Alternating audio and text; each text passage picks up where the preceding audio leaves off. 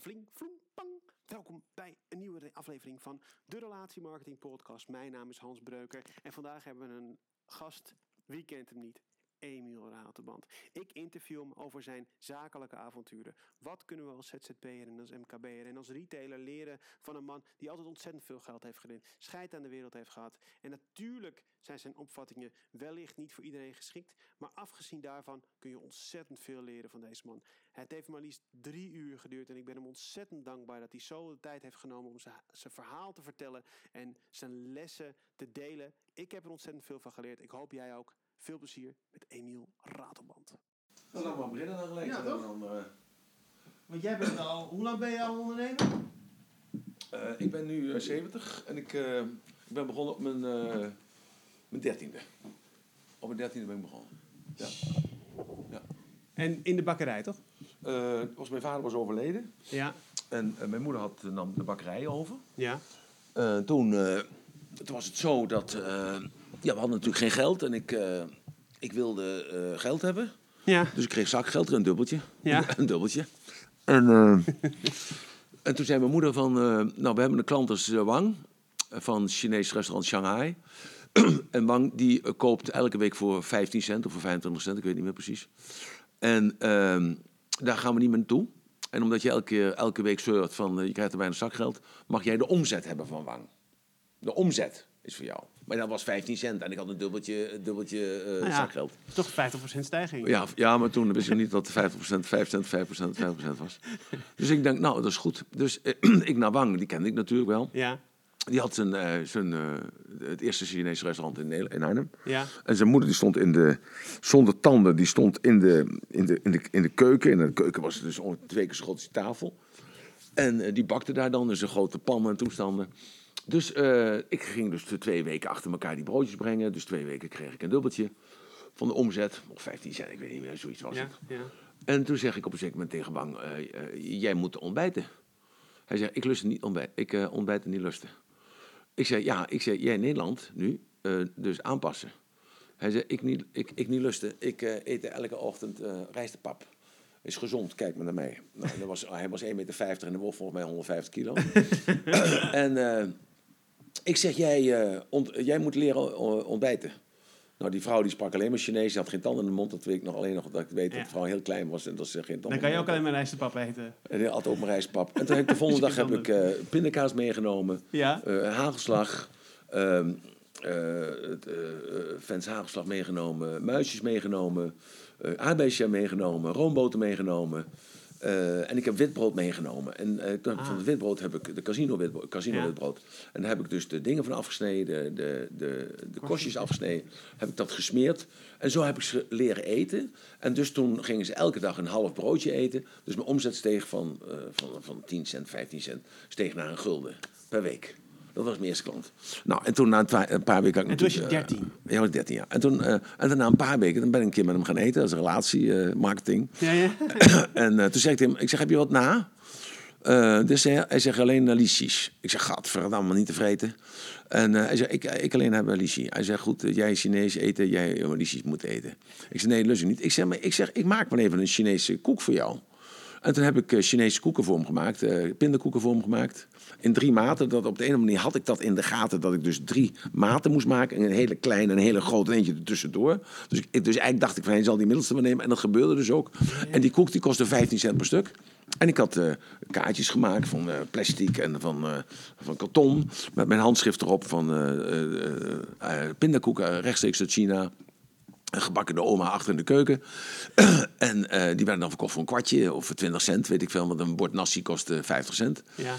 En, eh, en daar verkocht ik er 100 van in de week. Dus ik was in één keer was ik boven Jan. ik heb boven Jan. Ik had in één keer 25 gulden. 25 gulden in de week. En dat was in 1962. En heel veel geld. nou, en dan moet je je voorstellen, dat was een liter benzine kostte toen iets van, eh, van een kwartje. Een, een, eh, een pak sigaretten kostte een dubbeltje. Ja. Een auto kostte iets van geld. 3000 piek. Ja. Ja, een, hui- een huis kocht je voor 12.000 gulden. Dus even om je ja, ja, even een voorstelling van zaken te En geven. wat deed je met het geld? Ja, je door wijven versieren natuurlijk. Ja, wij versieren. Dus ik kocht eerst een bromfiets natuurlijk. Ja? Maar ja, daar mocht ik natuurlijk niet op eh, rijden. Oh, nee, nee, ja. Daar mocht ik natuurlijk niet op rijden. En, Nee. eh, maar dat deed ik natuurlijk toch. want Ja. Scheid aan de wereld natuurlijk. Ja. Scheid aan de wereld. Nou, ik neukte me helemaal lam. Dat Ja? was eh, 14 jaar. Ja, 14 14 jaar, dat ga ik natuurlijk niet zeggen. Nee. En er waren veel vrouwen die meeluisteren. Ja. Ik neukte me helemaal lam. En ik was, nou, dus ik besloot eerst maar zo'n maandag niet meer naar school te gaan. Want ik had een beetje Ah. neukerij in Doesburg. Dat was 30 kilometer rijden. En dan kon ik dus pas om eh, 10 uur komen. Want die, die moeder ging werken om, om kwart over negen. Ja. Dus, ik, eh, dus ik, ik, ik, eh, ik spijbelde maandagmorgen. Dan ging ik lekker in Doesburg lekker neuken. en ja, dan ging ik eerst lekker neuken met haar. Ja. En daarna gingen we dan lekker eten. Dan gingen we lunchen. Ja, En daarna ging ik dan een keer nog een keer neuken. Want om vier uur kwam die moeder thuis. Dus dat was 14 jaar. Godverdomme. Schoft. Wat wereld. Schoft. Hey, Ja. En toen kreeg je de smaak te pakken natuurlijk. Ehm, eh, met het geld. En toen ging je... toen ben je toen, wel in die, in die eh, handel nee, blijven. Ja, nee, maar dat is wel een hele grote les geweest. toen eh, hoorde ik, omdat je een klein jongetje was, eh, hoorde je natuurlijk heel veel. Want mensen praten dan en die denken van die, die kinderen horen niks. En eh, toen hoorde ik van een bakker, die vertelde tegen iemand anders, eh, die leefde aan de politieschool. eh, en eh, die leefde aan de politieschool. En die zei, ik stop ermee. Maar ik moet een bakker hebben die het overneemt. Wie kan daarvoor betalen? En ik stond erbij als klein kereltje zijnde. En toen dacht ik, godverdomme. Oh, sorry, neem me kwalijk. Nee. En eh, ik dacht, dan, dat is non de jus. Eh, nou, ik ga er naartoe. Dus toen heb ik gebeld als jongetje van 13 jaar met de directeur van de politieschool in Arnhem. en toen zeg ik, ja, u spreekt hier met Ratelband en ik heb gehoord dat u een nieuwe bakker zoekt. Ja, ja, ja, dat klopt, dat klopt, dat klopt. Ik zei, ja, want bakker Riesmeijer, die stopt ermee, die gaat pens- met pen- pensioen. Maar wij hebben de beste bakkerij van Arnhem en ik wil graag eh, een prijsopgave komen geven. Hij zegt, nou, dat is goed, wanneer kun jij dan? Nou, ik kon alleen woensdagmiddag, want woensdagmiddag gaat vrij voor school. Dus ehm, eh, eh, woensdagmiddag, nou, dat komt goed uit. Eh, hij zegt, nou, hoe laat zullen we afspreken? Ik zeg, nou, twee uur dan? Ja, twee uur, dus twee uur. Nou, dus ik, niet nerveus, helemaal niks. Ik had een grote eierkist. En dat was aan het eind van de Velpenweg. En dat was ongeveer twee kilometer.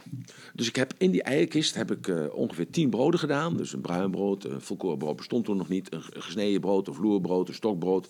De stokbrood bestond ook nog niet. Een Weense snijder, een paar bolletjes, een paar puntjes, eh, krentenbollen, krentenbrood, roggebrood. Bij elkaar genomen. En ik had dus, dus die, je moet voorstellen, ik had dus die fiets. Ja, Met daarachter op de bagagedrager. Ja. Daarop had ik dus die eier, eierdoos. ja. Dus die moest ik vasthouden en met die fiets rijden. Zo, Ja, ja, ja, ja. zo, dus ik kon niet rijden, moest lopen. En ondertussen, dus van huis, via de Steenstraat, eerst weer Surbisch Buitensingel, toen de Steenstraat, toen de Velpenweg. En aan het eind van de Velpenweg was de politieschool. In een oud klooster. En ik weet nog dat ik dacht mezelf, als ik hem die broden verkoop, dan verkoop ik hem dus eh, 150 broden in de week. 150 keer eh, 20 cent, dat is 30 gulden. En ik heb al 25 gulden, dan heb ik 55 gulden. Wat kan ik allemaal wel doen met die 55? Kan ik dit? Kan ik een auto kopen? Ik was 14 jaar. Kan ik een auto kopen? Kan ik nog een bomfietje bij kopen? Kan ik op vakantie gaan? Ik hoef nooit meer te werken, ik ben hartstikke rijk. En dus ik loop die twee kilometer zo, maar helemaal om me op te fokken van. Dus met andere woorden, ik had de cent al in de zak. Ja, ja. Zo, hè? Dus ik kom daar aan, en nou komt de les, nou komt echte les. Dus echte les. Ik kom daar aan, dus als snotaap, die helemaal gegroeid was in zijn rol, bij, het, Bij de poort. bij de poortje, bij, de, eh, bij zo'n klootzak die daar zit, weet je wel. Dus Ja. de portier. Ook een agent in opleiding. Dus ik kom daar aan, helemaal opgefokt. En ik zeg, ja, ik, eh Ratelband, ik heb een afspraak met eh, de directeur. Ben zijn naam kwijt. En, en die man die kijkt mij aan. En die zegt op een hele vernederende toon, zegt hij tegen mij... Snotneus, ik laat jou niet door. En dus in één keer was alle kracht was weg. Alleen maar doordat die- dat hij zei, snotneus, ik laat je niet door. Dus ik moest mezelf... Ja, je, je bent nu een kerel van lurven. 70 jaar, Ja, je ja. doet alles mee. Maar ik moest me als jongetje, ik weet dat nog precies, jongen. Ik, was, ik werd in één keer zo klein. Ja. En toen moest ik dus zeggen, ja, maar ik heb echt een afspraak met hem. En toen zegt hij, eh, nou, daar geloof ik niks van, maar eh, nou, ik zal hem wel even bellen. Dus die belde en zegt, ja, nee, ik heb een afspraak met meneer Ratelband. Ja, die staat hier een snotneus voor de poort. Nou, laat hem maar doorkomen. Nou, en toen moest ik dus met die, dus ik zette mijn fiets neer, ik pak die doos, zo'n grote doos. En ik loop dus door die, door die gang heen. Maar dat was een oud klooster, dat was dus hele hoge eh, plafonds met marmer op de vloer. en daar liepen dus die, op, die politieagenten opleiding in kolonne liepen daar langs. Dus ik werd steeds kleiner. Ja. Door dat geluid, door het kijken van die mensen, ik werd steeds kleiner. En toen stond ik dus voor de deur van de directeur. Ik scheet in mijn broek. Dus alle positieve energie, die was dus door die twee externe factoren, was die dus Helemaal verdwenen. En ik dacht mezelf, ja, ik durf niet meer. Ik, ik durf het niet, ik durf het niet. En dus ik zet die doos neer. En dus door die nou weet ik dus dat het komt door die beweging. Door die beweging kreeg ik een andere ademhaling. Ah. En dus een andere gedachte. En dacht ik bij mezelf, Let's go. nee. Ik zei tegen mezelf, wat kan me gebeuren? Aha. Hij kan schreeuwen. Hij kan vloeken. Hij kan me de deur uitwijzen. Hij kan me vernederen. Hij kan alles doen, maar hij zal me nooit slaan. Ik weet het nog, ik weet het nog als de dag van vandaag. En toen klopte ik aan. En toen kon ik binnenkomen. En ik heb gewoon mijn gesprek gedaan. Hij zei, nou, morgen bel ik u. Of je moeder bel ik dan. En dan eh, zal ik kijken of ik het doe of niet. En, en ik heb geen klant gemaakt. Maar de les was het grootste. Dat ik dus opgepompt kwam. En dus binnen één seconde weg was door die vent, door die conciërge. En je had dus zelf bedacht, ik neem allemaal producten mee om te laten Natuurlijk, testen. ja, om te, om te Ja. laten zien van... eh, Dit is mijn handelswaar. Dit is mijn handelswaar, ja, ja, ja. Maar dat heb je zelf bedacht. Ja, dat heb ik ja. bedacht, ja. Ja, want eh, mijn Niemand moeder, eh, niemand heeft dat gezegd. Maar ik had er dus al die ervaring met wang, Ja. weet je wel. Dus ik had met mezelf al, eh, dus ik had al, ik was een man en bonus. Ik had de centen in de zak en de toestanden. Maar ik had dus natuurlijk geen opleiding. Nee. Dus maar dat maakt ook niet uit. Je doet maar wat, het is altijd goed. En dat ging dan niet door. En wat was dan je volgende? Hoe ging je, hoe ging je dan te werk? Want je was dan 13. Heb je, heb je eigenlijk school, heb je naar school geweest? Ja, ik heb toen wel een school afgemaakt. Eh, toen heb ik... eh, eh, mijn vader had altijd gezegd, je moet een vak leren. Je moet of bakker worden, want brood blijven ze altijd eten. Of je moet fietsenmaker worden, want fietsen blijven ze altijd rijden. nou, dat was de wijze les die hij meegegeven had. Nou ja, ze zegt wel En er zit, ja, er zit heel veel in. En toen, nou ja, dus wat gebeurde er toen? Toen ben ik eigenlijk me verhuurd aan mijn moeder. Eh, dus toen heb ik eigenlijk, eh, ik heb wel de MULO afgemaakt, uiteindelijk. En toen heb ik eh, dus eigenlijk, s s'morgens ging ik naar school. 's smiddags, dat, dat, dat was toen eh, tot s smiddags één uur was de school. Daarna moest je huiswerk maken. Ik zat op een huiswerkcursus, toen ging er gelijk achteraan. Dus ik was om drie uur klaar. En dan ging ik werken in de bakkerij van drie tot, tot vijf of tot zes of tot zeven. Ja, ja. Dus dat deed ik elke dag. En dan eh, werkte ik s'nachts mee, want ik kan, eh, ik kan goed s'nachts werken en dan eh, ontspannen en dan weer doorgaan de volgende dag. Weinig Dus, slaap nodig. heel weinig. Ik slaap drie, vier uur per nacht. Nog steeds. Dus eigenlijk altijd al. En toen, eh, dus ik heb geld verdiend en ik maakte klanten voor mijn moeder. Want die had het heel, we hadden het gewoon heel arm. Dus we hadden het heel arm. Maar goed, ik, ik had die 25 gulden van wang in mijn zak. Ja, ja. Elke week. Dat heb ik natuurlijk nog een beetje uitgebreid. En toen nog een paar andere dingen verkocht. Nou ja, en toen ben ik, eh, toen wilde ik wat van de, toen kwam ik uit eh, van school en toen wilde ik eh, wat van de wereld zien. Ja. En toen dacht ik, ja, ik heb geen poen, dus wat moet ik doen? Ik ga bij de KLM solliciteren als purser. Ja. Nou, dus ik gesolliciteerd bij de KLM als purser. Toen moest ik komen in Schiphol-Oost. Nou, daar werd ik dan gevraagd. En nou, ik kwam door de eerste ronde door. En toen kwam ik in de tweede ronde en dan moest ik in een team werken. Ja, daar ben ik niet voor geschikt. Ah, ben ik niet voor geschikt. toen, ben je, toen ben je gaan ondernemen. Eh, nou nee, eerst- nee. En oh. toen ben, ik, eh, toen ben ik teruggereden met de trein. Niet met de auto, maar met de trein teruggereden vanuit eh, Amsterdam terug naar Arnhem. En toen las ik in de krant, las ik in de Telegraaf, werden ze, vroegen ze een reisleider in Spanje. Van de Magneet, uit Alkmaar. en toen dacht ik, oh, dat is wat. Dus de trein stopte in Arnhem. Maar goed, toen was er geen zaktelefoon. Dus Nee. ze pakte up, een dubbeltje voor de telefooncentrale, telefoonbox. Ja. En eh, nou, dus dan heb ik meneer eh, gebeld van de magneet. En toen kreeg meneer Untiet aan de telefoon. En meneer Untiet zei tegen mij van... God, nou, eh, ik zie hem nog voor me. Hij zegt, god, wat leuk dat u belt. En wanneer zou u langs kunnen komen? Ik zei, ja, nu? Hij zegt, nou, dan spreken we nu af. Hij zegt, waar ben je? In Alkmaar. Ik zeg, ik ben in Arnhem. Hij zegt, ja, het is, tw- het is over twee uur pas. Ik zeg, ja, ik zeg, het is nou, ja, weet ik veel hoe Ja, het ja. was. Eh, ik zeg, dan ben ik er over twee uur. Hij zegt, nou, hartstikke fijn. Nou, dus ik, hup, weer in de trein, hup, terug naar Amsterdam, hup, naar Alkmaar. En, eh, dus ik eh, met de bus, of ik weet niet hoe ik er gekomen ben. En dan kwam bij meneer Untiet. En meneer Untiet zei tegen mij, en spreek je Frans? Ik zei, ja, wie? Wie? En hij zei, spreek je Engels? Ik zei, John Wayne took the lasso around the horse. Hij zei, nou, dat is ook goed, zegt hij. Hij en Duits? Ik zei, ja, ze zei, in, Arnhem spreek je weer goed Duits natuurlijk. Hè? Dat is natuurlijk logisch. Hij zegt, en Spaans? Ik zei, ja, poco, poco. En toen ging de telefoon. Dus hij nam mijn telefoon aan. Hij zegt, eh, je bent aangenomen. Ah. Ik zei, nou, dat is mooi. en eh, ik zei, wat moet ik doen? Hij zegt, 15 mei moet je gaan. Ik zeg, en het is nu eh, 30 april of zo. Weet je ja. Hij zegt, eh, ja, 15 mei moet je gaan. Hij zegt, maar je moet eerst een cursus volgen. Ik zeg, nou, ik zeg, eh, dat is goed. Hij zei, dan moet je het weekend moet je gaan naar Bergen aan Zee. En daar is dan de cursus van de reisleiders voor de Costa Brava. En dus voor Spanje. Ja. Dus daar ben je met een mannetje of twintig. Nou, ik zei, dat is goed. Dus ik eh, moest me daar vrijdag vervoegen. En ik zou de woensdag of de donderdag weggaan daarna. Dus ik kom daar. En er waren allemaal jongens die allemaal opleiding hadden gehad. Ja. Dus ze hadden allemaal of de HBS gehad, eh, waren student. Ja. eh, of hadden van eh E-graads de toeristenschool gehad. Ja, ja. Of kwamen van de hotelschool van. Maastricht. Dus allemaal, ja, allemaal geleerd volk. Ja. Ik niet natuurlijk, een domme lul natuurlijk. En, eh, nou, dus eh, ik moest daarin integreren. Ik moest dus eh, formulieren invullen. Nou, ik ben een beetje dyslectisch, dus dat, dat kon ik al niet. Mijn mijn Spaans werd overhoord. Ja, dat was natuurlijk ook nul. Niet, helemaal nul. Dus dat was ook al... En ik, ik kon gelijk met de chef niet overweg. Dat, dat was gewoon... Ook, ook een lul. ja, Ah, ja. nou ja, voor mij wel. Maar ja, goed. Dus dat was zo'n gestudeerde intellectueel. Dus dat, dat werkt helemaal niet. Nee. Nou, dus toen... Geen, eh, klik in ieder geval. Geen reisleider geworden. Jawel, ja, natuurlijk wel. Ja, nee, ik laat me toch niet meer Nee. tegenhouden. En eh, ik kreeg duizend, gul- duizend gulden in de maand. En dat werd gestort op een Zwitserse bankrekening. Want de magneet, dan hoefden ze geen sociale last over te betalen. Ah. Nou, dus ik noemde dat zwart. Maar goed, dat was het voor, voor hen was het niet zwart. Dus, nou goed, dus ik stond in de loonlijst in Zwitserland. Ik kreeg duizend piek, dus dat was heel veel geld. Ja. Dan moest je heel hard werken. Maar goed, werken ben ik niet vies van. En toen, er was de, dus ik, eh, ik moest slapen in een hotel, in hotel Mathilde in Blanes. Eh, ik kreeg een heel klein kamertje, de, de helft van de tafel. en toen kon ik net in. Kon net in. Ja, zitten slapen. en toen, eh, toen zei ik gelijk tegen de chef, ik zeg, ik wil alle excursies mee, meelopen. Ja. Want ik eh, moet ze verko- moeten verkopen.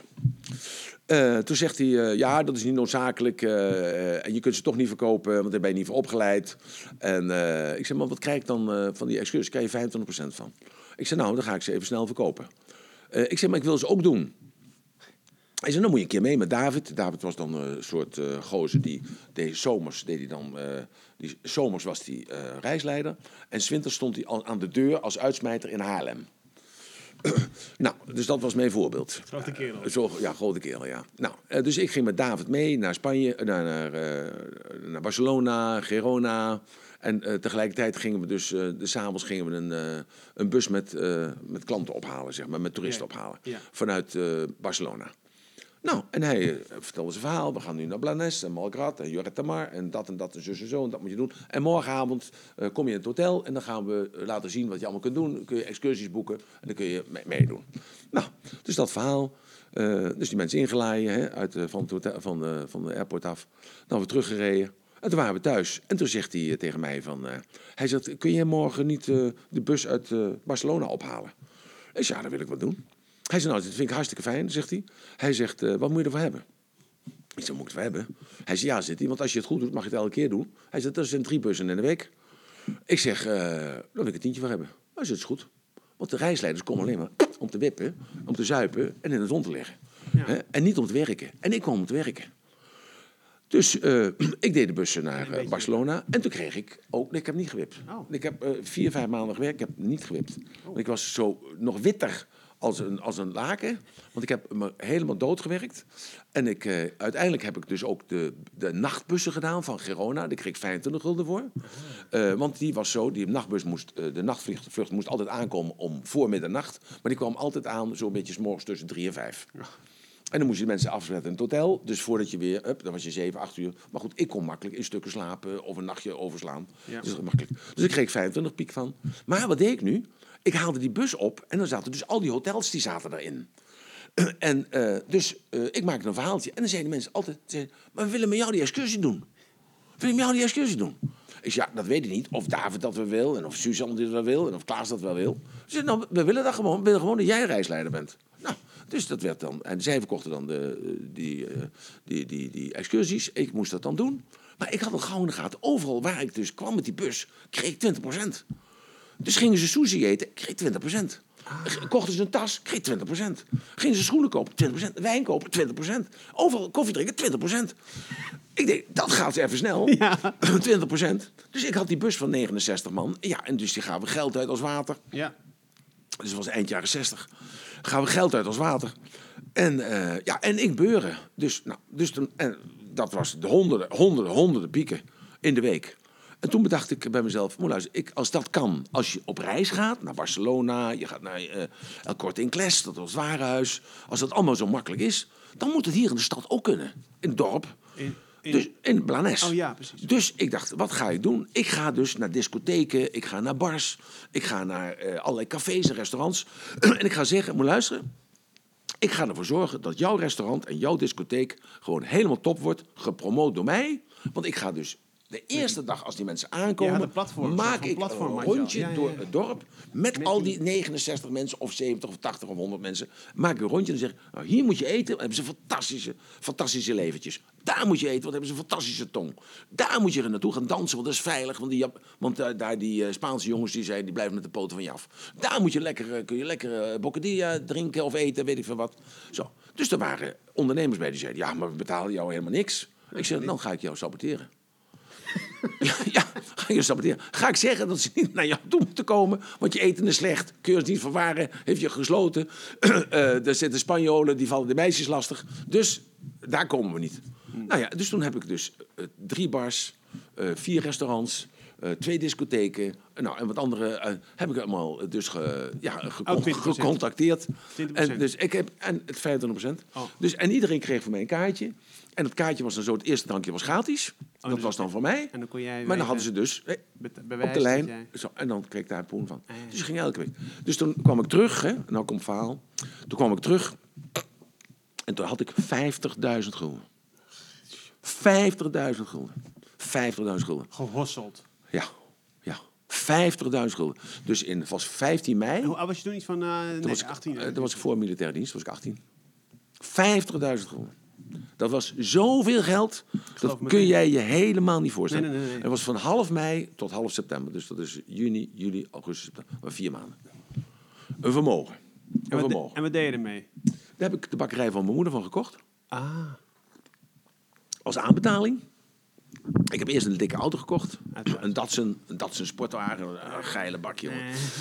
Auto's was mijn hobby. Ja. En eh, een hele geile bak. Ja. En eh, daar heb ik eh, dus de aanbetaling gedaan. Dus ik had eh 40.000. Ik had, ik had gezegd, ik betaalde 30.000 gulden aan. Ik had die auto gekocht voor 12 mil. En ik 7.500 euro had ik nodig om te investeren. ja. En ik, ik kreeg verkering met Jenny. Jenny was de dochter van de groenteboer. Ik was de zoon van de bakker. En eh, toen zijn we dus met die bakkerij begonnen. We hadden een omzet van 1.635 gulden in de week. Nou, dat was best wel veel. Hoe weet je nou dat? Hoe weet je dat nog? Ik weet het precies. Ik weet, 1635. ik weet het nog precies. Want ik weet de, af, ik weet het, de kassaafslag en ik weet precies eh, de omzet, hoe dat was. Een 1635 gulden in de week. En eh, nou, kijk wat ik overhield. Ik hield er heel veel geld aan over. Want vroeger waren de salarissen laag. Gaslicht en water kostte niks. Ja. Huur hoefde ik, bij, hoefde, ja, hoefde ik niet te betalen. Want ik had mijn moeder aanbetaald. Ik moest haar alleen eh, een paar duizend euro betalen in de, per, per maand. eh, voor de overname van het hele zootje. Ja. En wat gebeurde er zes weken later? Viel ik neer bij de bakkerijmachine. En ik dacht, een sigaretje roken, een kopje koffie gaat wel weer over. En ik viel weer naar beneden. En eh, ik dacht, toen moest ik in één keer denken aan Braam. Want Braam was een bakker bij mijn vader, die was ook flauw gevallen en was in de deegmachine terechtgekomen terwijl die draaide. Oei. Dus die was eh, in stukjes gehakt. Ik denk, daar moet ik even voor oppassen dat mij dat niet overkomt. Dus ik moet naar de dokter toe. Dus ik naar de dokter toe, naar dokter Holslag in de Parkstraat, ook in Arnhem. Dus ik zei tegen dokter Holslag, ik zeg, god, maar luister, dat en dat is er gebeurd. Ah, die, hij zegt, ja, luister, je, eh, je bent eh 20 jaar en eh, er gebeurt helemaal niks met jou en eh, dat kan helemaal niet. En je steekt steek nog een sigaretje op en het komt allemaal goed met je. nou, dus ik luister natuurlijk naar die gozer. Dus ik terug, maar de volgende dag viel ik weer van mijn stokje af. Oh jee. Ik denk, ik ga naar de hartspecialist. Dus ik kom bij de hartspecialist. Die zei, ja, je moet een afspraak maken via de, via de, via de gezinsarts. Via de ja, huisarts. ja. Ik zei, ja, dat doe ik niet. Nou, er was nog een meisje die ik kende van, eh, van vroeger. Dus ik zei, nou, ik zeg, als ik nou even regel met een taart, ik zeg, eh douw mij er even tussendoor. Nou, dus ik werd er tussendoor gedouwd. Ehm, ik kreeg eh, gelijk, voordat ik bij de dokter moest komen, kreeg ik een EEG. Dus dat, Ja, is, ja, dat, dat moet je even nagecheckt worden, helemaal zo. Een EEG. Dus ik kom bij de dokter in de kamer en de dokter zei, gaat u even zitten, meneer Ratelband? Ik zei, even zitten. Ja, ga u zitten. En niet bewegen. Ik zei, even zitten, niet bewegen. Maar ik ben altijd nog een beetje bewegelijk. Echt, ja? En eh, even rustig blijven. Want u moet opgenomen worden. U moet onmiddellijk opgenomen worden. Oh. Zei, moet opgenomen worden. Moet onmiddellijk... Ja, zitten. Ja, ja, ja, ja, ja. Want eh, u heeft iets heel ernstigs. U heeft heel ernstig, iets ernstigs. Ik zeg, wat heb ik dan? Ik zeg, eh, eh, want ik ben alleen een paar keer flauwgevallen, is morgens vroeg. Nee, nee, nee, nee. De sinusknoop en dit, nou, allemaal, allemaal woorden. U moet gelijk opgenomen worden. Ik zeg, ja, ik, zeg, maar ik kan niet gelijk opgenomen worden. Ik zeg, ik heb een soort zijzenbroodje achter in de oven staan. Of uh, zijzenbroodje in de, in, de, in de auto staan, tompoes in de auto staan. dus die moeten allemaal gebracht worden. ze zegt, u moet onmiddellijk opgenomen worden. Ik laat, bel nu de ziekenwagen. Ik zeg, nou, ik zeg, spijt me wel, dokter eh, eh, Melle, Melle, hoe heet ze geloof ik? Pelle, Pelle, dokter Pelle, dokter Pelle. Eh, sorry, dokter Pelle, ik zeg, moet toch weg. Nee, ja, nee, eh, verantwoordelijkheid, het is mijn verantwoordelijkheid. Ik zeg, nee, oké, klaar, boem, weg. Toch weggegaan. En toen heb ik me s'avonds gemeld met het ziekenhuis, was, de, was de gemeente ziekenhuis. Hebben ze me geprobeerd om alles te doen. En dat is niks, kwamen ze niet achter. Toen moest ik opgenomen worden hier in Amsterdam, in het Wilhelmina Gasthuis Ja. Bij professor Durrer. En als je dat vandaag de dag zegt tegen een, eh, een, een arts, Ja. professor Durrer, dan, nou, dan maakt hij een buiging, want dat was toen de tijd en nog steeds een autoriteit. Dus ik werd door eh, professor Durrer werd ik onderzocht en ik was de eerste in Nederland die een karakterisatie kreeg. Dat doe je nu gewoon even met twee vingers in de neus en oké, doe je dat zo. Maar eh, dat was toen was dat heel wat. Je lag op een stalen tafel en dat- wat is een karakterisatie? Dat gingen ze met een draad door je hier, Ja. onder je eh, oksel. Of eh, bij je piemel, eh, werd je kaal geschoren. En dan in je lies In je ging lies, dat ja. dus een draad naar je hart. En dan konden ze dus kijken en luisteren. En dan spoten ze je vol met rotzooi. Konden maken ze een foto en dan konden ze zien wat je mankeerde. Ik hoop dat bij jou bij de Oksel was of niet? Wat zeg? Bij de Oksel hoop Nee, dat ben je met Oh. piemel. En eh, ik weet alleen nog die zuster die me kaal schoor. Oh ja. En voor de rest weet ik er niks meer van. Nee. En eh, nou, dus op die tafel liggen. En, eh, nou, en, en ik had een bromfiets gehad, een Kreitler. En eh, in die Kreitler, dat, ja, ja, je bent een stuk jonger dan ik. En die Kreitler, die had dus, eh, die- d- daar loopt een, een kabeltje, van een remkabeltje en een gaskabeltje. En ik had daar dus een soort hoesjes omheen. Dat waren toen de tijd wit-zwart of eh, rood-zwart. En dat, en dat was een soort eh, beveiligingsdraad, maar dat was dan blitz. Dat stond, dat stond Ja, wel mooi. ja. Maar als die draad geknapte, dan moest je dus die, die draad eroverheen, die hoest, moest je aftrekken. Ja. En dat ging altijd... Zo. Dus toen ze die draad uit mijn lies trokken, Was ook zo. dat die associatie, ja. Ik heb het in mijn neus gehad. Dat was helemaal, en dan trokken ze het er zo uit. Nou ja, nou, exact. Nou goed. Dus ik moet elke keer daaraan denken. En, En toen was het zei weer goed. En toen zei, nee, toen zei Oh. professor Deur, moest naar de kamer toe. Hij zegt, we nemen je op in intensive care, want je hebt nog maximaal twee jaar te leven. Tering. Ik zei, ja, ik zei, dokter, eh, ja, ik had nog niet zo grote mond als nu hoor, laat ik dat even opzeggen. Dus zegt hij de dokter, ja, maar hoe zit dat dan? Hij zegt, ja, hij, je moet mij maar vertrouwen. Dan vroeger, second Ja, ja. opinion bestond helemaal nee, niet. Het woord kende ik ook Nee. niet. Zeg, dus ik werd eh, opgenomen in het intensive care. Werd dus bewaakt, er zat een juffrouw zat er achter het glas. En naast mij lag eh, meneer Slavenburg, de eigenaar, oprichter van de Slavenburgbank. En aan de andere kant lag Jopie Goudeketting, een marktkoopman van de Albert Kuip. en ik lag middenin.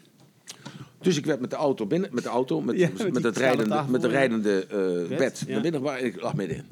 En meneer Slavenburg was een gentleman. Meneer Slavenburg lag dus in zijn pyjama, pyjama, lag hij dus in bed. Maar onder zijn pyjama had hij dus een gelietje, zoals ik dat ook aan heb.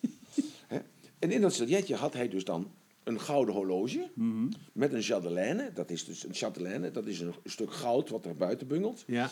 En Jopie, die vertelde geile moppen. en ik moest natuurlijk vreselijk lachen. Maar meneer Slavenburg mocht natuurlijk niet lachen. En elke keer als hij wilde lachen, dan durfde hij niet te lachen. Mocht hij niet lachen, pakte hij zijn horloge en keek hoe laat het was. nou. en zo werd het s'avonds laat. Ja. S'avonds laat om negen uur moest je slapen. Want 's morgens om vijf uur werd je de kont gewassen. En om zes uur of zeven uur kwam de professor op de zaal kijken Ja. naar je. Dus om negen uur gaan we slapen. Licht uit. Om ongeveer om een uur of twaalf, één gaat het alarm af. Dus draaien de cirkel. Allemaal knipperlichten. En de dokter komt binnen, stormen. De zusters komt binnen, stormen. Meneer Slavenburg overleden. Oh. Dus die wordt weggereden met, die, met, het, met het bed. Jopie maakt nog grapjes daarover. Ik zal ze niet herhalen hier, maar ik weet ze nog precies. Jopie maakt er nog grappen over. Dus we lagen alle twee schuddenbuingen te lachen eigenlijk. Schandalig. Meneer Slavenburg werd Is ook weggereden. spanning misschien. Ja, nou, dat is een mooie reframe. Nou, ja, goed, oké. Nou, dus, eh, nou, eh, dus we kregen alle twee nog een, een, een, een, eh, pilletje onder de tong om rustig te worden. Nou, ik heb hem uitgespuugd. Eh, volgens mij heeft Joopje hem wel genomen. In ieder geval, 's morgens om vier uur ging weer het alarm af. Was Joopje overleden. Oh, echt? Ja. Jeetje, Mina. Dus wat dacht. Ratelband, denk Ja, wegwezen. Wegwezen, ja. Precies. Nou, precies. Dus, nou, dus ik denk, eh, dus, maar ik heb me aangekleed. Dus toen de zuster kwam om vijf uur om mijn kont te wassen, stond ik aangekleed en wel om eh, weg te lopen. Toen zegt ze, ja, wat gaan we doen? Ik zeg, ik ga naar huis. Toen zei ze, ja, maar dat kan zomaar niet. Ik zeg, ik ga naar huis. Ja, ze dat kan zomaar niet. Ik zeg, ik ga naar huis. Ik zeg, want professor Durrer heeft tegen mij gezegd dat dit de meest veilige plek van de wereld is. Ja. Ik zeg, ik heb nog nooit mensen dood zien gaan. Ik zeg, en al binnen twaalf uur zijn er twee dood gegaan. Dus, eh, weet je wat je doet? Ik ga naar huis. Toen zegt ze, u blijft hier. Ik zeg, ik ga naar huis. Toen zegt ze, u wacht tot de professor er is. Ik zeg, maak allemaal niks uit. Ik ga naar huis. Nou ja, toen kwam de professor erbij met dokter Liem. Dat was een co-assistent toen de tijd. Dat was een Chinese man, dus daar voel ik me wel tot aangetrokken... omdat ik zelf ook een halve blauw ben. En eh, nou, dus professor Liem zei, ja, rustig blijven en u moet gaan liggen... en eh, u wint zich te veel op. En toen is het allemaal zo. Ik zeg, ik ga naar huis. Ja, zei professor, u kunt niet gaan. Ik zeg, ik ga naar huis. Ja, we, zeggen, we doen de deur dicht. Ik zeg, ik kom door de wc-raam. Ik zeg, ik ga door de raam heen. Ik zeg, maakt allemaal niet uit. Ik zeg, ik ga in de pyjama gewoon naar buiten. Ik zeg, ik ga naar huis. Nou, toen zegt hij, ja, dan moet u tekenen dat uw eigen verantwoordelijkheid is. Weer een les. Hè? Dus je tekent voor je eigen verantwoordelijkheid. Je hebt natuurlijk altijd je eigen verantwoordelijkheid, maar daar moet je dus alleen maar dat is afdekken. Dat je Ja, ze afdekt. ja. Dus niks voor je eigen verantwoordelijkheid. Het is gewoon een kwestie dat je een quitclaim, dat je ze niet aan kan klagen of wat dan ook. Ja. Dus ik ben in de auto, eh, niet in de auto zitten, ik ben met de trein naar huis gegaan, wederom met de trein. Niet dat ik zo'n eh, zo openbaar vervoer fan ben hoor, maar het was verstandig om niet met de auto te gaan. toen kon niet anders. Nee. Zo, dus ik zit in de trein en ik denk bij mezelf, nou, als ik nou nog twee jaar te leven heb, wat moet ik nou in die twee jaar doen? Ik denk, nou, ik eh, wilde gaan reizen, dan hebben ze me niet aangenomen. Eh, ik, eh, ik wil wat van de wereld zien.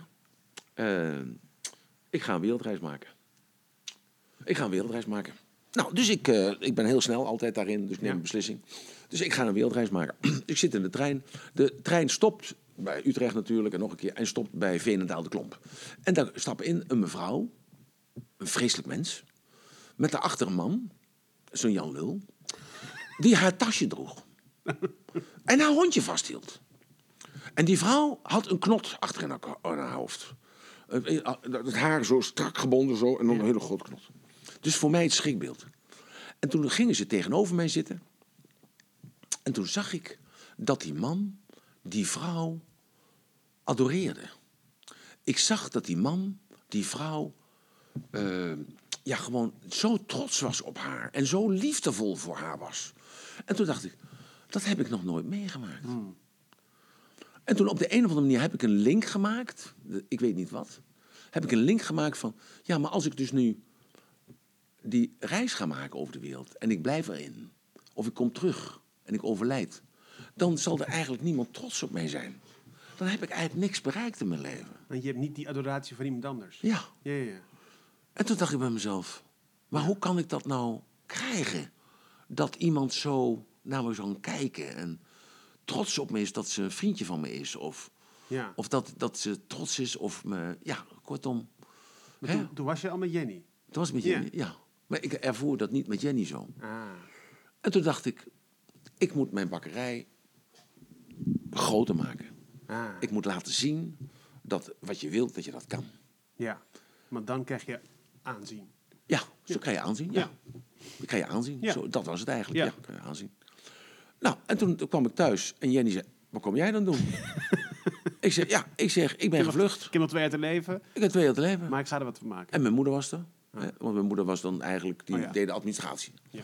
Ze zei, ja, maar jong, je kunt toch met zo niet weglopen het ziekenhuis? Ik zeg, ik ben wel weggelopen, want dat is, dat is er gebeurd. Dus toen zegt eh, mijn moeder, ja, en nu? Ik zeg, ik heb in de trein gezeten. Ik zeg, bij, bij Veenendaal de Klomp, er kwam een mevrouw meneer binnen. Ik zeg, nou, net zo'n type als Tante Co en ome, Piet. Ik zeg, en toen dacht ik bij mezelf, ik wil dat. Dus wij gaan van onze bakkerij, de grootste bakkerij van Arnhem, een omgeving maken. En zo is het gebeurd. En binnen zes maanden had ik een omzet, niet meer van 1635 gulden, maar een omzet van 40.000 piek. En hoe deed je dat? Want dit is de podcast voor de Ja. ZZP's en MKB's die willen groeien. Marketing. Hoe, hoe, hoe Een beslissing nemen. Wat, een- wat, ja. Een beslissing nemen. Oké, maar afgezien van dat... Maar, dat Nee, een, ja. nee, Oké, ja. een beslissing nemen. Dat is... Een beslissing nemen. Ja. Essentieel. Essentieel is een beslissing nemen. Wat wil ik? Kijk, het bedrijf dat ik net getraind heb, is van met bruto winst van eh 32 miljoen naar 65 miljoen gegaan. En, waar, en hetzelfde product, hetzelfde aantal mensen, dezelfde klanten. En hoe hebben ze dat gedaan? Door enkel het geloof te krijgen in datgene wat er moet gebeuren. Wat zij zelf voor kiezen om te moeten gebeuren. Want daar gaat het om. Want namelijk kansen liggen op de grond. Het geld ligt op de grond. De meeste mensen kijken niet naar de grond, daar heb je het al. En als ze het zien liggen, dan zeggen ze... eh, Oh, jee, het, is is maar, het- het is maar een cent. Is het, is maar een is kwartje. het- Is het dan voor mij? Ja, En dus ze schamen zich ervoor Ja, ja, om ja. zich te bukken. Al ligt er een cent op de grond, dan pak ik hem op. Maar het gaat erom dat de kansen zijn overal. De kansen zijn overal. Maar hoe Maar- deed je dat met die bakkerij dan? Hoe kan je dat nou... Want het- die bakkerij, die is sta- dat, vind, dat lijkt Ja. mij het lastige van een, een, een retailzaak. Nee. Je moet wachten tot mensen naar je toe komen. Nee, Maar dat deed nee je gaat naar de mensen toe. Ja. Je gaat naar de mensen toe. Dus wat deed ik? Wij hadden dus toen de tijd in Arnhem waren ongeveer een stuk of 70 bakkers. Er zijn er nu nog maar 15 of Ja. 12. Ja. Maar toen waren er dus een stuk of 60 of weet ik weer, weet niet. Maar giga, giga. En die hadden dus een bakkerijvereniging. Nou, ik was er ook lid van, maar ik kwam er natuurlijk nooit, want ik had me niks te melden. En ik had hun niks te melden, want dat was een beetje een buitenbeentje. En toen dacht ik bij mezelf, ik ga een bakkerijtje beginnen. Ik ga een winkeltje erbij beginnen. Ik ga naar de mensen toe. ik dacht, ja, waar? En toen ben ik door Arnhem heen gereden. En toen heb ik een eh, pandje gehuurd voor 30 gulden in de maand op de, in de Alexanderstraat.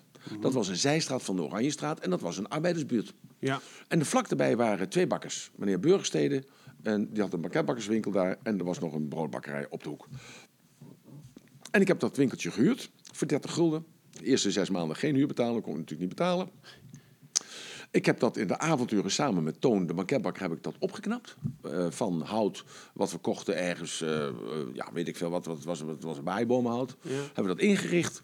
Eh, dat winkeltje was zo klein dat dus de juffrouw die achter de toonbank stond, was geen ruimte voor een deurtje. Dus die moest onder de toonbank door klauteren om achter, achter de toonbank te kunnen komen. En daar hadden we dan broodtrekker gemaakt van hout. en eh, dus toen eh, zijn we open gegaan. Natuurlijk allemaal met veel bombarie. Eerst bakte je alleen maar brood. Ik bakte, ik bakte Voor- brood. ik bakte brood voor mijn eigen winkel. Ja, en toen ging je een tweede open. En toen ging ik het tweede winkeltje openen. Ah, En dat winkel was dus eh vlakbij twee andere bakkers. Ja. Maar ik was dus de eerste warme bakker. Ik noemde hem ook de warme bakker. Hè? in En- plaats van... In de plaats van de bakker, de brood en de. Want je was vroeger brood- en banketbakker. Of je was banketbakker. Maar broodbakker alleen bestond niet. Dus Oh. ik was de eerste warme bakker. En eh, dus we zijn open gegaan. En ik had een heel klein meisje achter de toonbank staan. Die kon net met het hoofd boven de toonbank. Nel heette ze, Nelletje heette ze. Ze is helaas overleden. En eh, die stond achter de toonbank. Die kwam uit dat wijk. Ja. Dus die sprak ook die taal. Ja, ja, ja. Ik had de broodprijs naar beneden gedaan. Niet te ver, want er was toen de tijd was er een verplichte broodprijs. Aanbiedingen gemaakt. En de eerste week hadden we een omzet van 3000 gulden. Met een huur van 30 gulden.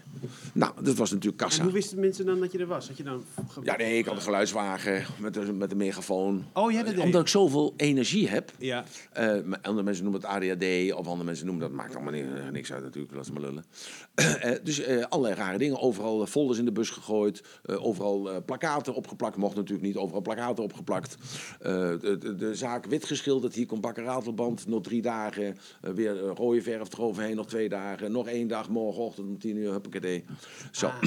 Zo, dus aandacht, aandacht, aandacht vragen. Je Ja, moet precies. opvallen, je moet opvallen, je moet opvallen. Juist. Zo, en je, je kunt niet opvallen. Kijk, je bent timmerman, of je bent eh hypotheekverkoper, of je bent bakker, of je bent. Kijk, je product is net zo goed als je van je buurman. Alleen, je moet de illusie wekken dat, je, dat het product beter is. Of anders, of opvallende... Het moet Ja. anders zijn. Ja. En mensen houden ervan om te lullen. Ja. En vooral om slecht te lullen Ja. hè, over de mensen. Dus als je ze dus iets aanbiedt om over te praten, dan gaan ze reclame maken voor je.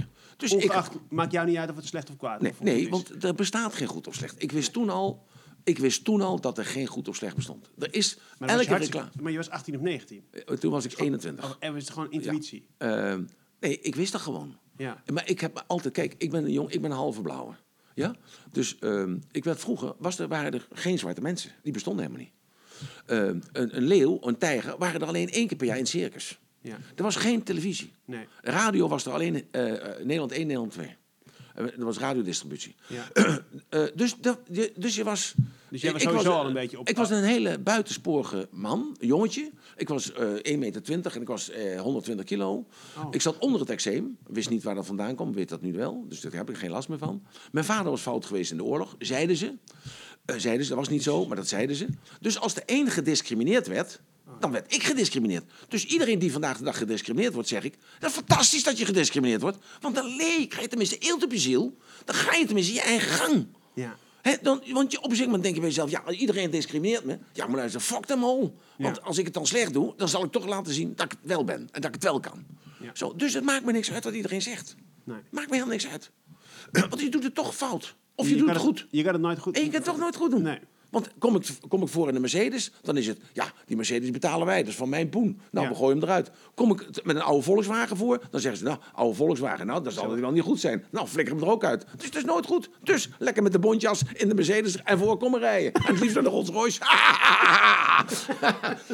ja, zo Ja. is het. Nou, En, zo- en, en, en zo heb ik dat uitgebouwd. Dus ik, ik had binnen een zeker moment had ik acht winkels overal. hallo, maar je bent geen, je bent geen manager type.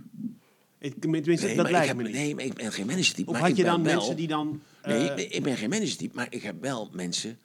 Ik vertrouw mensen. ah, En dat is iets, dat voelen mensen. ja, Dus eh, ze proberen natuurlijk allemaal te grappen van je. ja. Dus dat is logisch, dat begrijp ik ook wel. Ja, nee, dat begrijp, dat begrijp ik gewoon. Dat begrijp Ja. ik gewoon. Want ja, die kregen toen de tijd al ze 85 gulden schoon in de week. Natuurlijk proberen ze natuurlijk een, knaak te grappen, of een piek te grappen, of een tientje te grappen. Maar ik had een controlesysteem, ik had een perfect controlesysteem.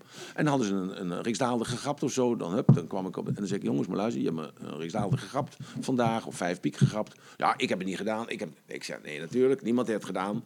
Ik zeg, maar luister, met één waarschuwing en dan eruit. ja. Hè? En als je vindt dat je te weinig verdient, dat begrijp ik ook. Maar dan gaan we nu op commissie werken. Oh, Of we gaan nu werken op klanttevredenheid. Of we gaan, dus uit de nood zorg je ervoor dat er iets anders voor in de plaats komt. Zodat het je niet extra kost, maar dat ze het zelf gaan verdienen. ja. En dan zie je dus de scheiding der geesten. Dat er mensen zijn die zeggen, ja, die interesseert het helemaal niks. Nee, Nou, dat is niet mijn bier. Nee. Want ik, ik creëer mijn eigen klanten. Ja. Dus mijn klanten, dat zijn heel andere klanten als van Benninga. Als motivator. Ja. Als je bij mij in de zaal zit, dan zijn andere jongens... "Hup, De go, de go, de go. Want die gaat allemaal, dat is hartstikke gek. Ja. Dus jij herkent je daarin. En je denkt, hoe doet die gozer dat? Ja. Zo. Maar andere mensen zeggen, ja, rustig aan. Liever Eerst iets. over nadenken. Ja. Moet even vrouwelijk zijn. Moet eventjes overleggen. Even invoelen. Houd toch op met dat gelul, dat man. niks invoelen. Gewoon gaan met die banaan. Heb je het idee dat het toen eh, makkelijker was eh, om dat soort dingen te doen? Allemaal kleskoek. Allemaal kleskoek. Niks moeilijker, niks makkelijker. Het is vandaag de dag gewoon hetzelfde. Ja. Gewoon helemaal hetzelfde. Je hebt nu iets meer mogelijkheden met online of maak het ook. Maakt allemaal niks uit. Maakt niks uit. Want dat is, vroeger was het ook online. Dat was gewoon eh, person to person. Hè, het was een klein dorp. Arnhem, toen was er 100.000 mensen, iedereen kende elkaar. Nu is Arnhem 150.000 mensen. Zoveel zijn er toch niet meer. Nou kent niemand elkaar meer. Maar vroeger had je sociale verbanden. Je ging naar de kerk. Ja. Of eh, je ging naar de kermis. Of je, ging naar de, je was lid van de biljartclub. Of van de carnavalsclub. Oh, ik was lid van alle clubben. En, ja, Ik- en sponsorde overal natuurlijk. Ja, en ik had, ja, ik heb natuurlijk een grote bek. Ik had het gehad natuurlijk. Overal lid. van. Ja, sorry eh, dames en heren. Eh, Hey, en en, en dat, eh, dat, dat deed je ook bewust. Overal alle clubjes lid. Nee, vond ik eh, leuk. Nee, ik vind het leuk om met mensen te zijn. Ja. Dus dat, eh, dus ik vind het leuk om mensen te zijn. maar je drinkt geen alcohol, toch? Nee, Toen moet, je- wel. moet je dan... Nee, nooit gedronken. Nooit gedronken. Nee, mijn vader dronk alcohol en er was te veel. En dan heb, ik, heb van, ik heb van alcohol nog nooit iets positiefs gezien. Hmm. ik heb van alcohol nog nooit iets meegemaakt waarvan ik denk... Nou, iemand krijgt er energie van, of iemand wordt er verstandiger van... of iemand gaat er leuker door worden, of mensen gaan... Of ze Ook, verstandiger... is ook origineel, want op die, al die netwerkborrels wordt alleen maar gesopen Nee, ik denk eh, al mijn hele leven water gedronken. Zo. En daarom word ik ook 97. Ja. Dus dan ga ik een cursusje geven. Hoe word je 97? Ja, Hey, en toen had je acht bakkerijen. ja toen had ik zeven bakkerijen. Oh, zeven bakkerijen. en met al die mensen. Ja. En toen? Eh, toen op een zeker moment kreeg ik een aanslag van de pensioenbond van 125.000 gulden. Ah, Dus toen heb ik eh, de pensioenbond gebeld en gezegd... Maar luister, eh, maar luister, die mensen krijgen allemaal salaris. Ik betaal loonbelasting, sociale lasten en een hele andere klotenzooi. Waar moet ik de 125.000 gulden voor betalen? En toen zei ze, ja, dat is voor het pensioen. Dus als die mensen allemaal 40, over 50 jaar... als ze dus 65 zijn, dan krijgen ze zoveel geld. Ik zei, nou, daar heb ik niet zoveel zin in. Om dat te betalen. en toen zei ze, ja, dat moet u toch gaan betalen. Ik zei, ja, ik zei, daar heb ik niet zoveel zin in. nou, en toen zei ze, ja, dat moet toch. Dus toen kwamen ze het halen. En want zo gaat dat dan. Ja. En toen kwamen ze het halen. En toen dacht ik, hier heb ik geen trek in. En eh, toen heb ik mijn tent verkocht aan mijn personeel. ah, Want een Joods spreekwoord zegt, ik gun je veel personeel. precies. Maar ik heb nooit dat Joodse spreekwoord ge- geheiligd. Alleen toen die 125.000 schulden kwam, toen dacht ik, ja, maar luister, daar heb ik helemaal geen trek in. Het was over een aantal jaren weliswaar. Heb ik helemaal geen zin in. Dus toen heb ik de, mijn tent eh, verkocht aan, eh, aan een bakker, een broodbakker en een baguettebakker.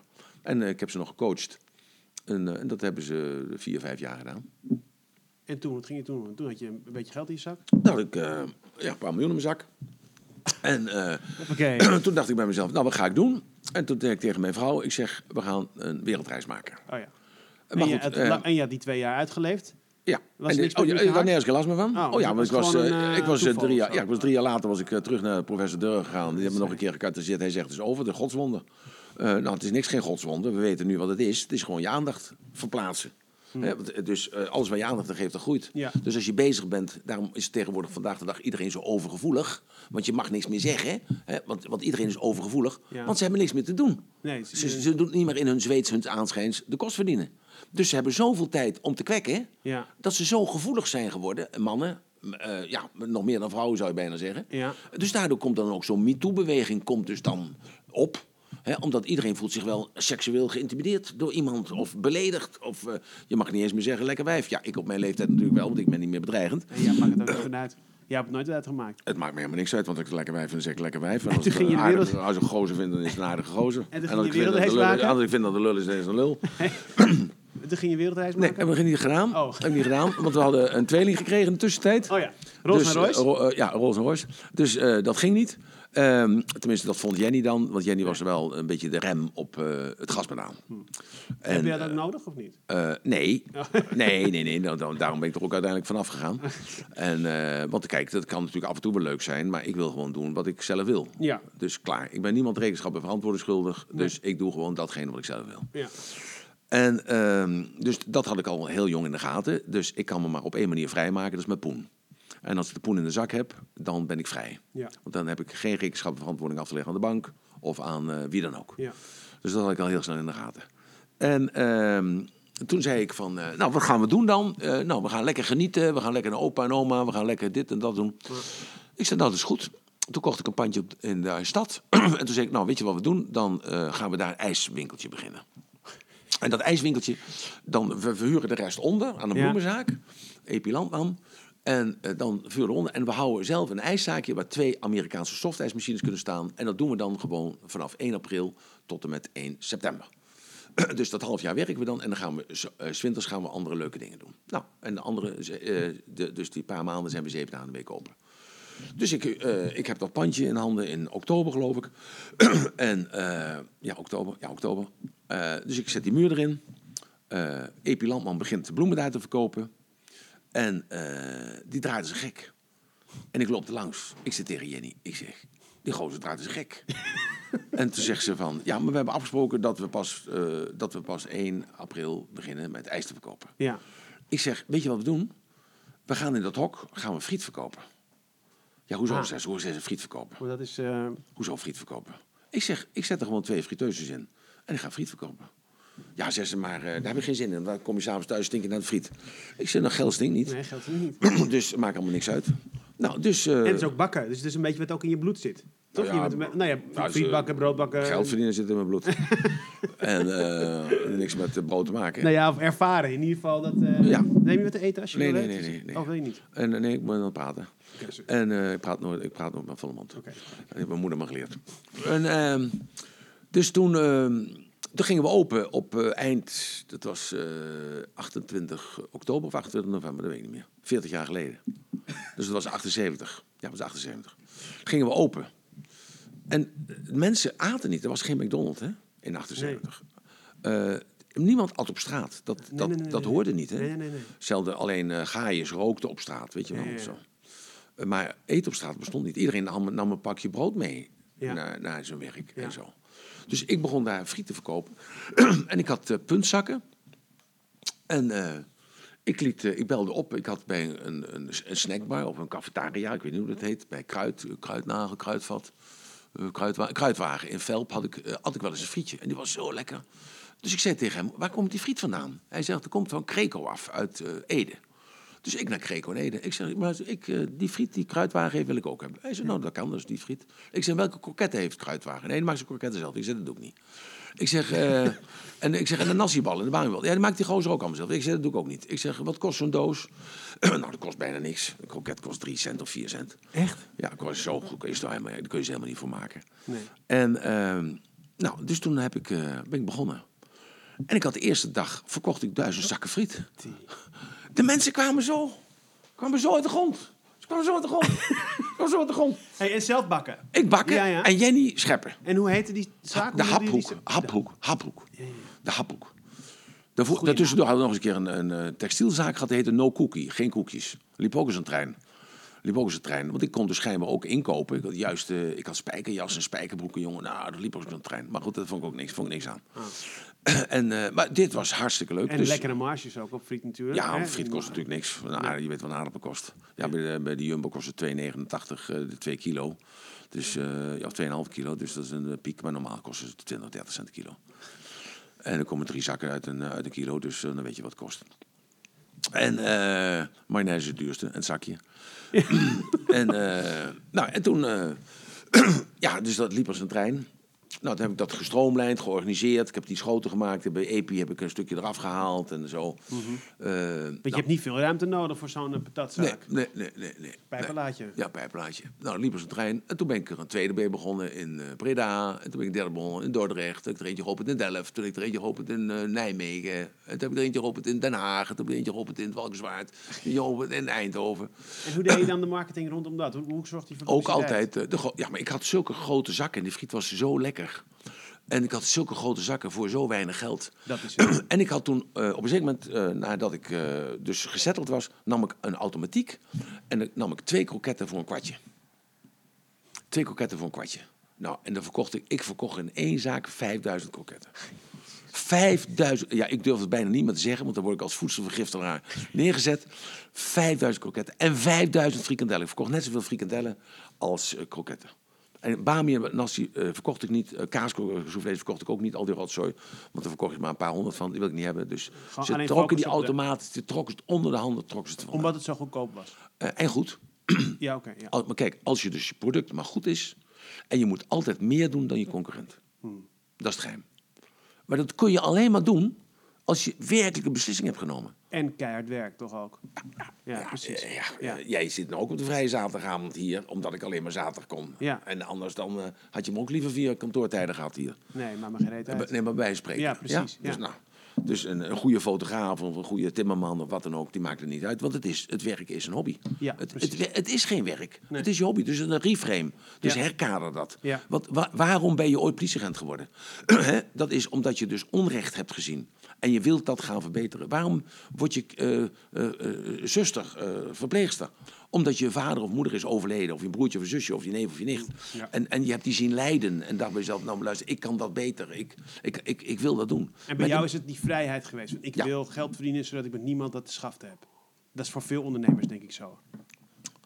Denk Ja, maar het is vandaag de dag wat dat betreft natuurlijk anders. Omdat er zoveel mensen die niks kunnen en niks, eh, en niks werken op je rug zitten.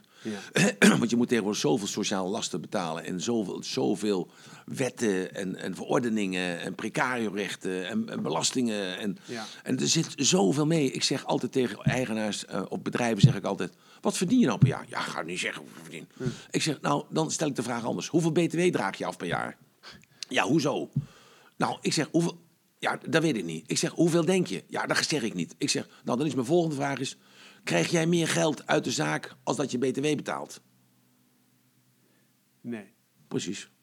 Nou, dan weet je toch. Dus je draagt meer btw af als dat je dus zelf eruit haalt. Dus geen wonder dat die Rutte zegt... er moeten meer ondernemers komen. Want we zijn gewoon allemaal slaven. Heb je er al zo naar gekeken? Dus je werkt voor de overheid. Maar daar mag je niet uit op zeggen, hè? Nee. Want dan ben je dus een, een, vijand van de overheid. Dan ben ik maar een vijand van de overheid. Dus dat is ook bewustzijn. Dus bewustzijn is dat Maar je ik, mensen... ben liever, ik ben liever een slaaf van de overheid dan een slaaf van een, van een baas.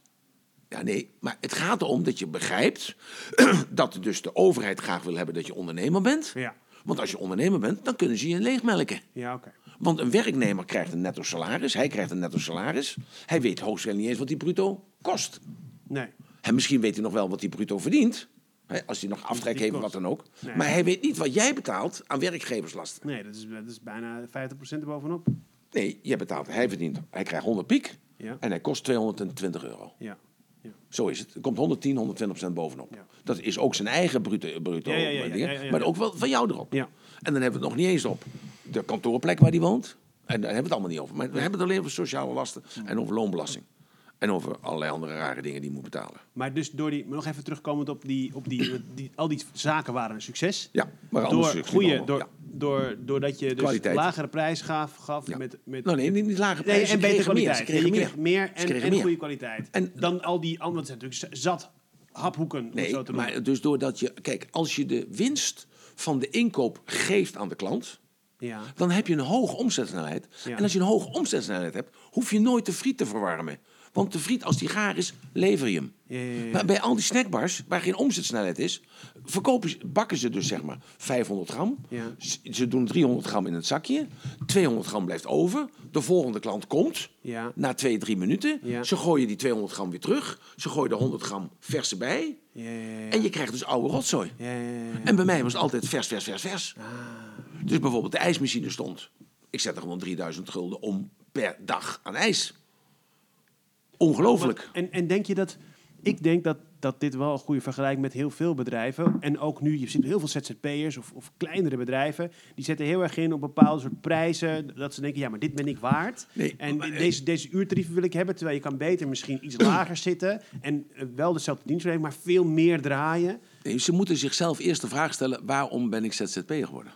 Dat is de eerste vraag. Ja, oké. Waarom ben ik ZZP'er geworden? Is dat voor de vrijheid? Is dat gewoon omdat ik meer geld wil verdienen? Is dat omdat ik dan cashflow krijg en daaruit kan leven? Is het gewoon omdat ik eh, een eigen wagen wil hebben waar mijn eigen naam op staat? Ik krijg een dikke lul van. Eh, is het omdat ik dan mijn dochtertje van drie mee kan nemen naar mijn klanten en gewoon eh, kan doen en laten wat ik zelf wil? Uit kan slapen of juist niet uit kan slapen? Ja. Dus je moet eerst weten, waarom ben ik nou ondernemer geworden? Ja. Nou, en dan moet je jezelf afvragen, ben ik dan wel een ondernemer? Want een ondernemer als ZZP'er of als middenstander, MKB-bedrijf, dan moet je dus een duizendpoot zijn. Ja. Want je moet kunnen inkopen, dus je moet Ja. een verkoper afknijpen. Ja. Eh, je moet iemand kunnen ontslaan, dus dat is heel vervelend. Want ja, die, die andere persoon doe je pijn. Ja. Eh, je moet eh, de prijs kunnen maken, je moet de rekening sturen. Als die klant niet betaalt, dan moet je ook nog met de vuist op tafel slaan. Heel vervelend allemaal. Ja, je moet je afspraken nakomen, je moet risico's lopen. Ja, en ben je daar wel voor geschikt? Hoe denk je dat het nu zit met een miljoen ZZP'ers? Denk je dat ze er allemaal... eh, Nou, kijk, ik vind het natuurlijk fantastisch dat die mensen dat allemaal doen. Eh, maar ik stel je die vraag. Ja. En ik zou voorstellen, voorstellen van aan die mensen die nu allemaal luisteren. Stel jezelf nou eerst die vraag. Waarom ben ik nou ZZP'er geworden? Ja. En, en als ze dan zeggen, ja maar luister, dat komt omdat ik wil meer geld verdienen. Net als jij ratelband. Ja oké, maar nu? Hoe krijg jij je klanten? Ja. Hoe doe jij je boekhouding? Ja. Hoe doe je je inkopen? Hoe doe je, hoe doe je de opvolging? En hoe hoe, kan je je service? beste, hoe kan je het beste klanten krijgen als je dienstverlening... Bij 80% van de, van, van de ZZP's zit in de dienstverlenende eh, sector. Ja. Bijna iedereen dienstverlenend. Dus daar kun je eigenlijk best wel kort over zijn. Ja. Dienstverlenen is, eh, nou ja, van alles van, van... Ik ben ook een dienstverlener. Ik doe wat ik... Mijn, mijn grootste eh, handel is eigenlijk e-mails verkopen aan mensen. Dus dat ze elke maand een nieuwsbrief schrijven. Heeft niemand zin in, doe ik voor je. Ja, En ik doe een beetje hetzelfde als wat jij doet. Ja. Hè? Ik doe het voor 225 euro, dat is geen Ja. geld. Maar hè, veel eh, omzet- hoge omzetsnelheid. ja. Dus en hoe, zou, hoe, zou, hoe zou je mij adviseren om eh vertienvoudigen in, eh, in de omzet? Vind ik dan... Ja, eh, dan moet je marketing doen. Ja. Dus marketing doen. En dan denk jij gelijk in geld. Maar goed, daar ging mijn eerste boek Chaka over. Dat je dus geen geld nodig hebt. Nee. Hè? Want het is een kwestie van, je moet gewoon zorgen dat je goed bent. En je moet zorgen dat je opvalt. Nou, jij doet die podcast. Ja. Dus dat is al een kwestie. Dan onderscheid jij je dus al van andere bedrijven. Nou, je maakt ondertussen even reclame. En Ja. dat je dat voor 250 piek doet. Heeft niemand in de gaten. Ondertussen noem je het wel even. Zo, dus voor 250 piek. doe je dat? 225.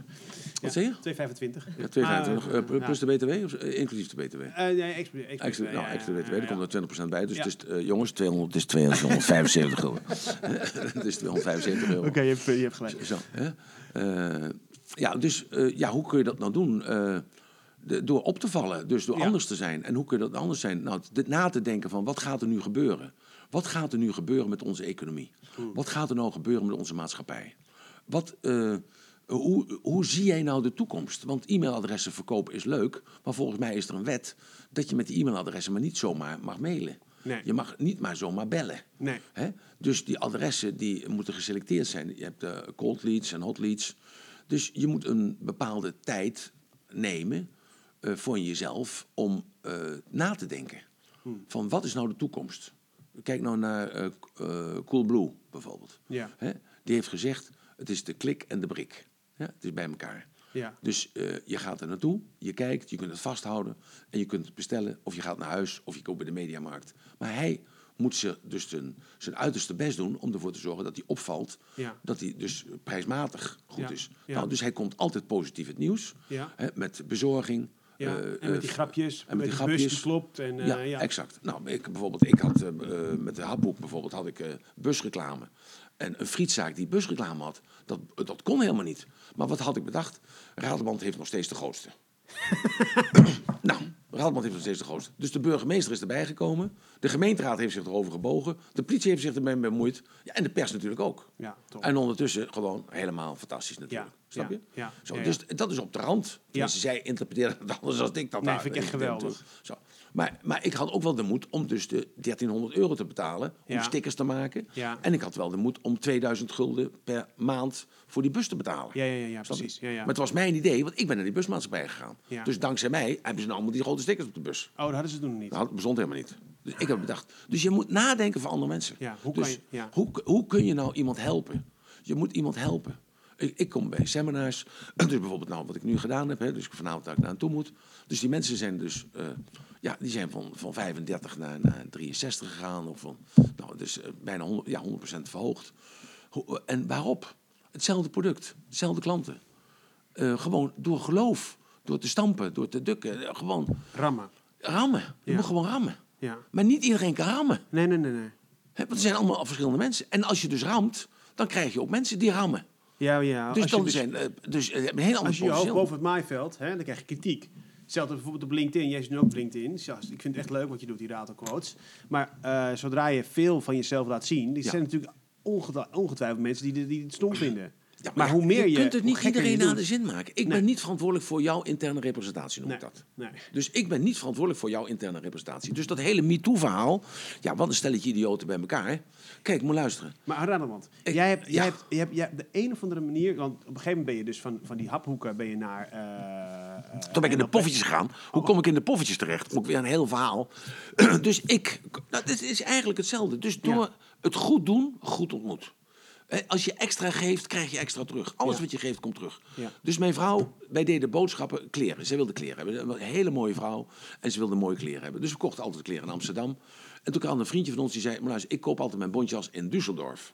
Want in Düsseldorf hebben ze meer keus. En, want die moffen, die hebben natuurlijk veel meer betere smaak dan wij Nederlanders. mag je natuurlijk niet zeggen, maar dat is natuurlijk zo. en zeer zeker toen. Ja. Dus wij stapten in de auto naar Düsseldorf. Dus mensen zeiden, helemaal naar Düsseldorf. Maar van Arnhem naar Düsseldorf Ja, is 100 kilometer. ja. En van Arnhem naar Amsterdam is ook 100 Ja. kilometer. Dus maakt niks uit. Nee. Maar hele, gaat helemaal naar Düsseldorf. Voor een jas. Voor een jas. Maar anders gingen we naar Amsterdam voor een Ja. jas, snap je? Ja. Dus, nou, En daar leren we dan braadwoest eten enzovoort enzovoort. Sauerkraut. En Düsseldorf is een hele leuke stad. En, nou, een hele andere stad. Nou, dus wij lopen over die keu. Hartstikke leuk. Ze kocht een jas, nog een broek, nog dit, een andere bril op de kop. Enzovoort enzovoort. Allemaal. Dus je zag eruit. Ja, ik, maar luister, je, als kerel zijnde is je vrouw, je kinderen, je auto... is te laten zien hoe je rijk je bent. Ja. Hè? Want ik loop er altijd bij als een plebeer. Maar mijn vrouw moet altijd helemaal top lopen. Hè? Moet, moet eraf spitten. Af. je. Want daar je- moet je trots op zijn. Je vrouw, dat is niet jouw bezit. Dat mag je ook niet meer zeggen natuurlijk. Maar goed, dat is mijn uithangbord. Mag je ook niet meer zeggen. Je mag helemaal niks meer zeggen. Ik zeg het toch. Ja. Zo, dus eh, wij waren daar in Düsseldorf. En toen zegt mijn vrouw na een paar weken... Zegt, God, ik zou hier graag wel een winkeltje willen hebben. Want die wilde zich tussen die, in die mensen bewegen. Ik zei, nou, dan gaan we toch een winkeltje beginnen. Aan de Koningsallee. Aan de Koningsallee. Ja? Dus wij begonnen een, eh, een bistronette, heet dat. Dus een bistronette. Dus, eh, nou, dus eh, wij begonnen... Nou, jongen, het geld klotste tegen de... Weer, het geld klotste tegen de plint op. Alleen, was één ding vergeten. Ik moest 38.000 mark huur betalen per maand. 38.000. Ja, Koningsallee, hey, waar zit je dan ook? 38.000 mark. 38.000. En de markt was 2 gulden, 2,50? Mark was 1, 1 gulden 20. Oh, 1 gulden. Dus ja, maar, ja, 50, maar je zette om 50 in, ja, je zette om in mark, hè? Ja. Dus maakte niks uit. Oh Maar ja, oké. 38.000 D-mark in de maand, jongen. Dus nou, de geld klotste weg, maar het geld was zo snel weg, moest naar de huurbaas. Eh, Dus ik zei tegen Jenny, ik zei, maar luister, dan moeten we wat nieuws beginnen. Want we moeten hier dan toch naartoe rijden, dus we beginnen nog wat. Toen zijn we een pannenkoekenhuis begonnen. En tussen had ik in Arnhem had ik ook een pannenkoekenhuis, liep als een trein. En, eh, dus we zijn een pannenkoekenhuis begonnen in de Bolkerstrasse, dat is in de Altstad. Nou, dus allemaal alles voor elkaar gekregen. Allemaal eh, vergunningen, genehmigingen, enzovoort, enzovoort. Er was een Burger King, die ging failliet. Dus we hebben die Burger King gekocht. We hebben een pannenkoekhuis begonnen. Nou, toen begon de zomer. En daaronder zat een discotheek. en die discotheek, die bleek dus de, het terras te hebben. En dat terras stond dus bij ons voor de deur. Dus ik ging naar die jongens toe. Nou, het waren drie van die grote klerenkasten. En eh, ik vroeg me, nou, jongens, kunnen jullie dat terras even aan de kant zetten? Want er kunnen geen klanten bij ons binnenkomen. Daar werken niet aan mee. Dan bleek het de maffia te zijn. Oh. Ik naar de politie, politie zei, we doen er niks mee. Ik zei, ja, hoe nou? Nou, dus ik, binnen no time eh, was het einde verhaal. Eh, nou, in de tussentijd, wat gebeurde er? Eh, dus die Bristonetten, daar was altijd zaterdagmorgen kwamen her en vrouw Wieleke kwamen daar een koffie macchiato en een café uh, milch drinken. En hadden een, een croissant überbakken met kees en een stokbrood met, met, met schinken of zo. Dus op een zeker moment zei ik tegen die meiden die er werkten, zei ik, nou, vrouw, her en vrouw Mielke, kom heute morgen wieder om 10 uur daar. Uh, zorg ervoor dat het Zimmer, uh, dat dem uh, Tisch vrij is. Und, nou, dus dat die mensen ontvangen werden en dus een speciale, een speciale plaats hadden. Ja. Dus toen op een gegeven moment spreekt die Wilke mij aan en die zegt: oh, Jij bent zo enthousiast, zegt hij. En je bent zo'n vakman en je bent zo'n gastheer. En je bent er altijd. Je bent nooit te moe, altijd leuk. Abababam. Hij zegt: We moeten samen wat doen. Ik zeg: Ja, ik, zeg, ik ben geen teamspeler. Hij zei: Jawel, zegt, ben je wel. Ik zeg, maar wat doet u dan? Hij zei, nou, ik regel uh, veranstaltingen door kans Duitsland. Dat zijn dus beurzen, tentoonstellingen. Hmm. Hij zei, ik zeg, maar ja, zo, wie, wie, wie zal het dan zijn? Hij zegt, nou, hij zegt, ik doe bijvoorbeeld uh, de kinderbeurs uh, in Nuremberg. Ik, noem, ik doe de IAA, Internationale Auto-uitstelling, in Frankfurt. Ik, doe, uh, ik ben een van de grondleggers van de Oktoberfesten in München. Oh. ik doe in Mannheim doe ik dit en ik doe in Dresden doe ik dat. Dat was nog voor de wende, hè? dus dat was voordat uh, Oost en West bij elkaar kwamen. Ik zei, maar wat, hoe ziet u dat dan? Hij zei, je moet eh, richting het was Holländisch hebben. Maar toen de tijd gingen we op vakantie naar Duitsland. En die Duitsers kwamen op vakantie in Zandvoort. Ja. En in Valkenburg. Hè? Ja. Dus dat was allemaal was heel anders. Ik kan niet meer verder vergelijken nee. met vandaag.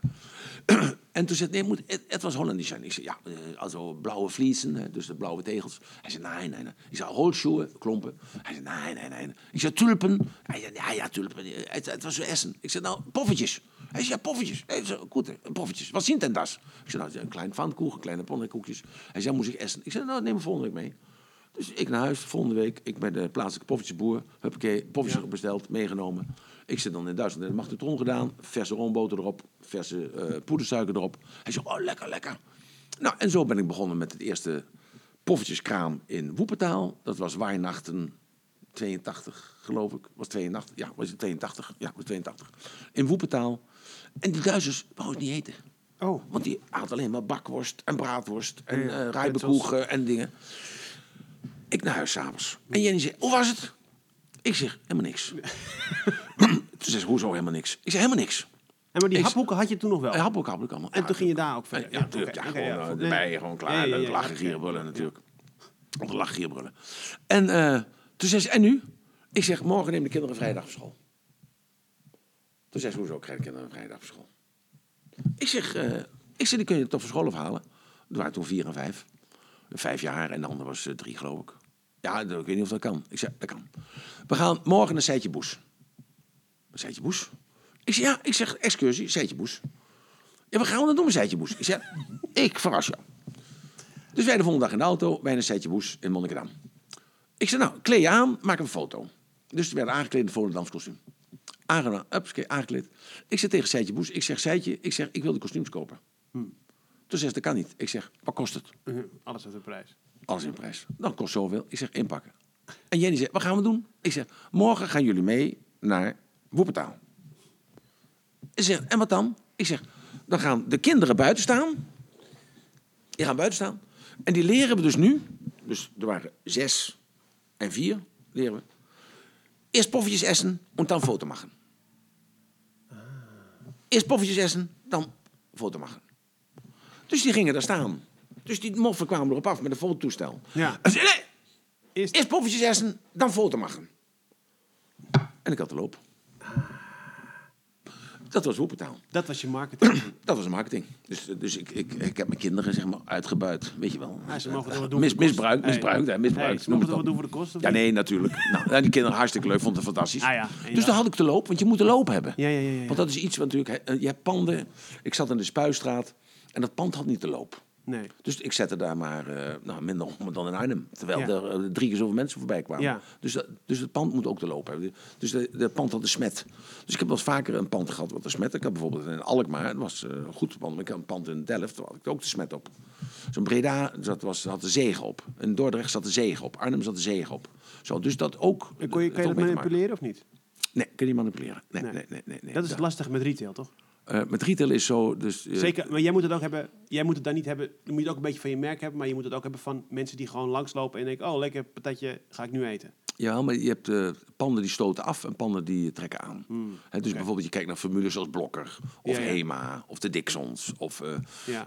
ja, noem ze allemaal maar op. H&M of zo. Dan, bepaalde panden lopen wel bij McDonald's hetzelfde laak en pak. Het heeft niet alleen met de ondernemer te maken, maar het heeft ook met het pand te maken. Eh, Hoe rij je binnen? Vroeger bij Van der Valk was het altijd hartstikke druk. Ja. Eh, Maar oma Gerrit heeft natuurlijk heel veel goeds gedaan. Maar die had altijd slocht met de vuist op tafel. Dat kon toen de tijd nog, de Ja. 80, 90, begin van deze eeuw.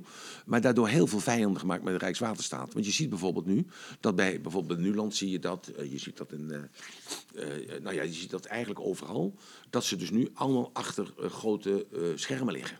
En er wordt, en er wordt geen aanduiding meer gedaan van de valk. Om de eh, afslag 33 is van de valk. Ja, ja. Of eh, is restaurant. Oh, dat mag niet meer. Heeft hij- Ah, nee, mag niet meer. Dat hebben ze Oh. dus. eh, dus dat heeft daarmee te maken. Want dat is, die ambtenaren zijn natuurlijk. Ja, vies volk is dat natuurlijk. Ja. De ambtenaren zijn natuurlijk. Die, die kennen niks en die vreten gewoon van jou en mij. Hey, en toen, toen had je die eh poevertjes, dat ging ook lopen. Dus eigenlijk alles ging wel lopen. Ja, en toen had ik poffertjes. dus toen deed ik dat. in de IAA deed ik dat. Dat was ongelooflijk, jongen. 40.000 mark op een dag. Ongelooflijk. Met vijf man. Ja. Eh, ik had helemaal uitslag, jongen. Om mijn, om mijn liezen, mijn benen. Uitslag van de hitte van de poffertjes eh voor huis. Oh ja. En toen, eh, en toen waren we in Nuremberg en daar en hier. En het liep, overal liep het als een trein. En toen kwam er een, een Italiaan, een Duitse Italiaan, een Italiaanse Duitser, kwam naar me toe. En dat was in de, dat was dan in de zomer van 83. Ja, de zomer van 83. en die zei, ik heb in zo'n öfters gezien. Eh, in, in Frankfurt, in Köln en in München. Eh, en ik heb eh 80 ijszaken door Duitsland heen. En ik heb dat altijd verhuurd aan eh kousenshops en t-shirt shops. Maar dan gaat de loop weg. Hij zegt, en ik denk dat als ik die winkels aan jou verhuur, dat de loop blijft. Je moet je voorstellen, hè? kijk, jij doet je boodschappen altijd bij, eh, Ja. bij Albert Heijn, Ja. of bij de Jumbo, Ja. of bij de Spar of zo. Ja. En om de loop weg te halen, is heel moeilijk. Ja, ja, ja. Zo, want het is jouw vertrouwde loopje. Ja, ja, ja. ja, ja. Dus, en dat is hetzelfde met, met een leverancier. Je hebt een leverancier en je weet wel dat hij iets te duur is, maar je denkt toch van, Ja, je gunt aardige het hem. gozer, je gun het hem. Ja. En hij, hij, hij komt toch wel. je hij- gaat niet zo snel weg. Tenzij, niet zo snel weg. tenzij die een keertje opfokt en dat je dan die, en dan die concurrent En dan nog, als je een nette vent bent, Ja. Als je je bent geen prijzenkoper, en je, je bijt hem niet zo strot af, dan geef je hem nog weer een kans. ja. Zo. Zo. Dus dat had die Italiaan goed gezien. Toen zei hij van, hij zei, moet, luisteren, hij zei, moet je die 80 winkels moet je bevoorraden, dan moet je daar met poffertjes staan. Ik zei, ja, maar wat moet je dan? Eh, Een operatie natuurlijk. Maar ik ben nergens bang voor. Nee. Dus eh, energie zat. Dus eh, wat dat betreft. En niet overleggen, ook makkelijk hè. Ik overleg nooit met mijn vrouw. Want mijn vrouw zegt altijd dat niet kan. Dus dat is alleen maar de motivatie om het wel te doen. Dus dat brengt, het brengt, niks, brengt niks toe. Zo. Dus daarom heb ik nu een soort vrouw die dus gewoon... ja, die zeg ik ook helemaal niks. Dus, maar dat, eh, als je dat wil weten, zeg ik er wel even uitleggen. Nou, dus ik had 80. Dus van de ene dag op de Ja, maar oh ja, nee, ho, ho. Dus ik, ik rook natuurlijk iets. Dus ik zeg tegen die gozer, ik zeg tegen hem, ik zeg ja, ik zeg maar wat is dan de huur? Hij zegt, ja, daar moeten we nog even over praten. Hij zegt, maar als je nou begint, kom het later wel uit. Ik zeg, ja, maar dat doe ik niet. Ik zeg, want ik moet investeren in fornuizen, ik moet investeren in personeel, ik moet dit en dat. Want ik ben natuurlijk niet achterlijk, hè. Kon je wel makkelijk personeel krijgen altijd. Altijd makkelijk, tot de dag van vandaag, ik kan altijd makkelijk personeel krijgen. Waarom? Omdat ik ben een heel makkelijke man. Ik ben een makkelijk man tot op een zeker moment. We maken afspraken, moet je aan afspraken houden. Ik hou aan afspraken, jij moet je ook aan afspraken houden. Ja. Dus ik, eh, hoe heb ik dat gedaan? Dus toen op een zeker moment eh, ben ik gaan zitten met die Italiaan. Die Italiaan die dronk heel veel Chianti. Dan weer een voorbeeld. Hè? Die dronk heel veel Chianti. Ik dronk alleen maar water. En aan het eind zei hij van, eh, nou je mag ze gratis hebben. Ik zei maar even, vertraag mag hem. Mag hem hier gelijk. Nou, dat heeft hij gemaakt. Heeft er ook nooit geen spijt van gehad. Dus ik ben begonnen. Dus ik, eh, mijn eerste was in Frankfurt. eh, er was er nog eentje in Frankfurt, altijd twee. Eh, daarna moest ik naar Münster. Daarna was ik Keulen. En Zo. deed je dan ook, eh, als je zo'n winkel opende, deed je dan ook een soort van openingsactie? Ja. Of, eh, Ja, want het was nieuw. Dus Ja. meteen een, een Hollandse vrouw Antje had je toen de tijd. Vrouw Antje. Ik had voor de Grune Woche had ik, eh, met, met Wielke had ik een keer de grootste pannenkoek van de wereld gebakken. Dus ik had dus dat fornuis had ik ge, gedupliceerd. Het was een heel groot fornuis. Was 1,80 meter doorsnee. En dan zag en, je de pers op. en dan zocht ik de En pers op. belde je dan gewoon? Eh, Zei je van, nee, of hoe... nou, ze kwamen eigenlijk allemaal vanzelf, omdat het dus heel raar was. Ja, ja, ja. Dat het dus een poffertjeskraam was. Want ze wisten niet wat poffertjes was. Oh ja, en dan En kwam dan kwam kijken. vrouw Antje en dan was er weer de pui was dichtgeschilderd. Oh. Nog draaitagen, nog twee tagen. En Oh ja. dan fängt aan. Uh, Eh, never change en dan, winning team. Ja, en toen was het natuurlijk de tijd van Rudy Karel en Lou van den Burg. Linda de Mol bestond nog niet. En dus dat was allemaal, dus de Hollanders waren echt geliefd toen de tijd. Ah, Zo, en de Hollandse producten waren ook allemaal ook geliefd. geliefd. Oh, Ja, dus daar kon je een beetje op meeliften. Daar kon ik wel op meeliften. Daar kon ik me meeliften. En deed je dan ook in die zaken Hollandse vlag en dat soort uh, Ja, ongeheine... ja gewoon natuurlijk. Dus lekker- al die lulverhalen vandaag de dag. Ja, we moeten niet molen marketen of de, of de, de tulpen of de... Jongen, hou alsjeblieft op, jongen. Doen. Je komt Nederlandse zakenmensen tegen in Nepal, je komt ze tegen in Bhutan, je komt ze tegen in, eh, Ja. in Colombia. Of ze, dan kopen ze de kook misschien daar. En had je toen 80 poffertjeszaken? En toen had ik dus van de ene op de andere dag 80 poffertjeszaken. En die heb ik dus toen geopend binnen drie weken tijd. Binnen drie weken heb ik ze allemaal geopend. Ja, binnen drie weken, eh, ja, 21 dagen van maand, wat is het in ieder geval binnen no time geopend. En, eh, nog op en dat, en dat was dus een, dat was dus een operatie, was natuurlijk een giga-operatie, want ze moesten dus de mail maken. Dus ik, had weer in, de, in een, een ander winkeltje had ik weer een, eh, een mixerij, want, eh want eh, poffertjesmeel is een, een variatie van vier, vijf verschillende soorten meel en bloem. Oh. Zo, het ging natuurlijk om de boter. Het moet zoutloze boter zijn. Het, het gaat om het, het fornuis. Het moet van koper zijn.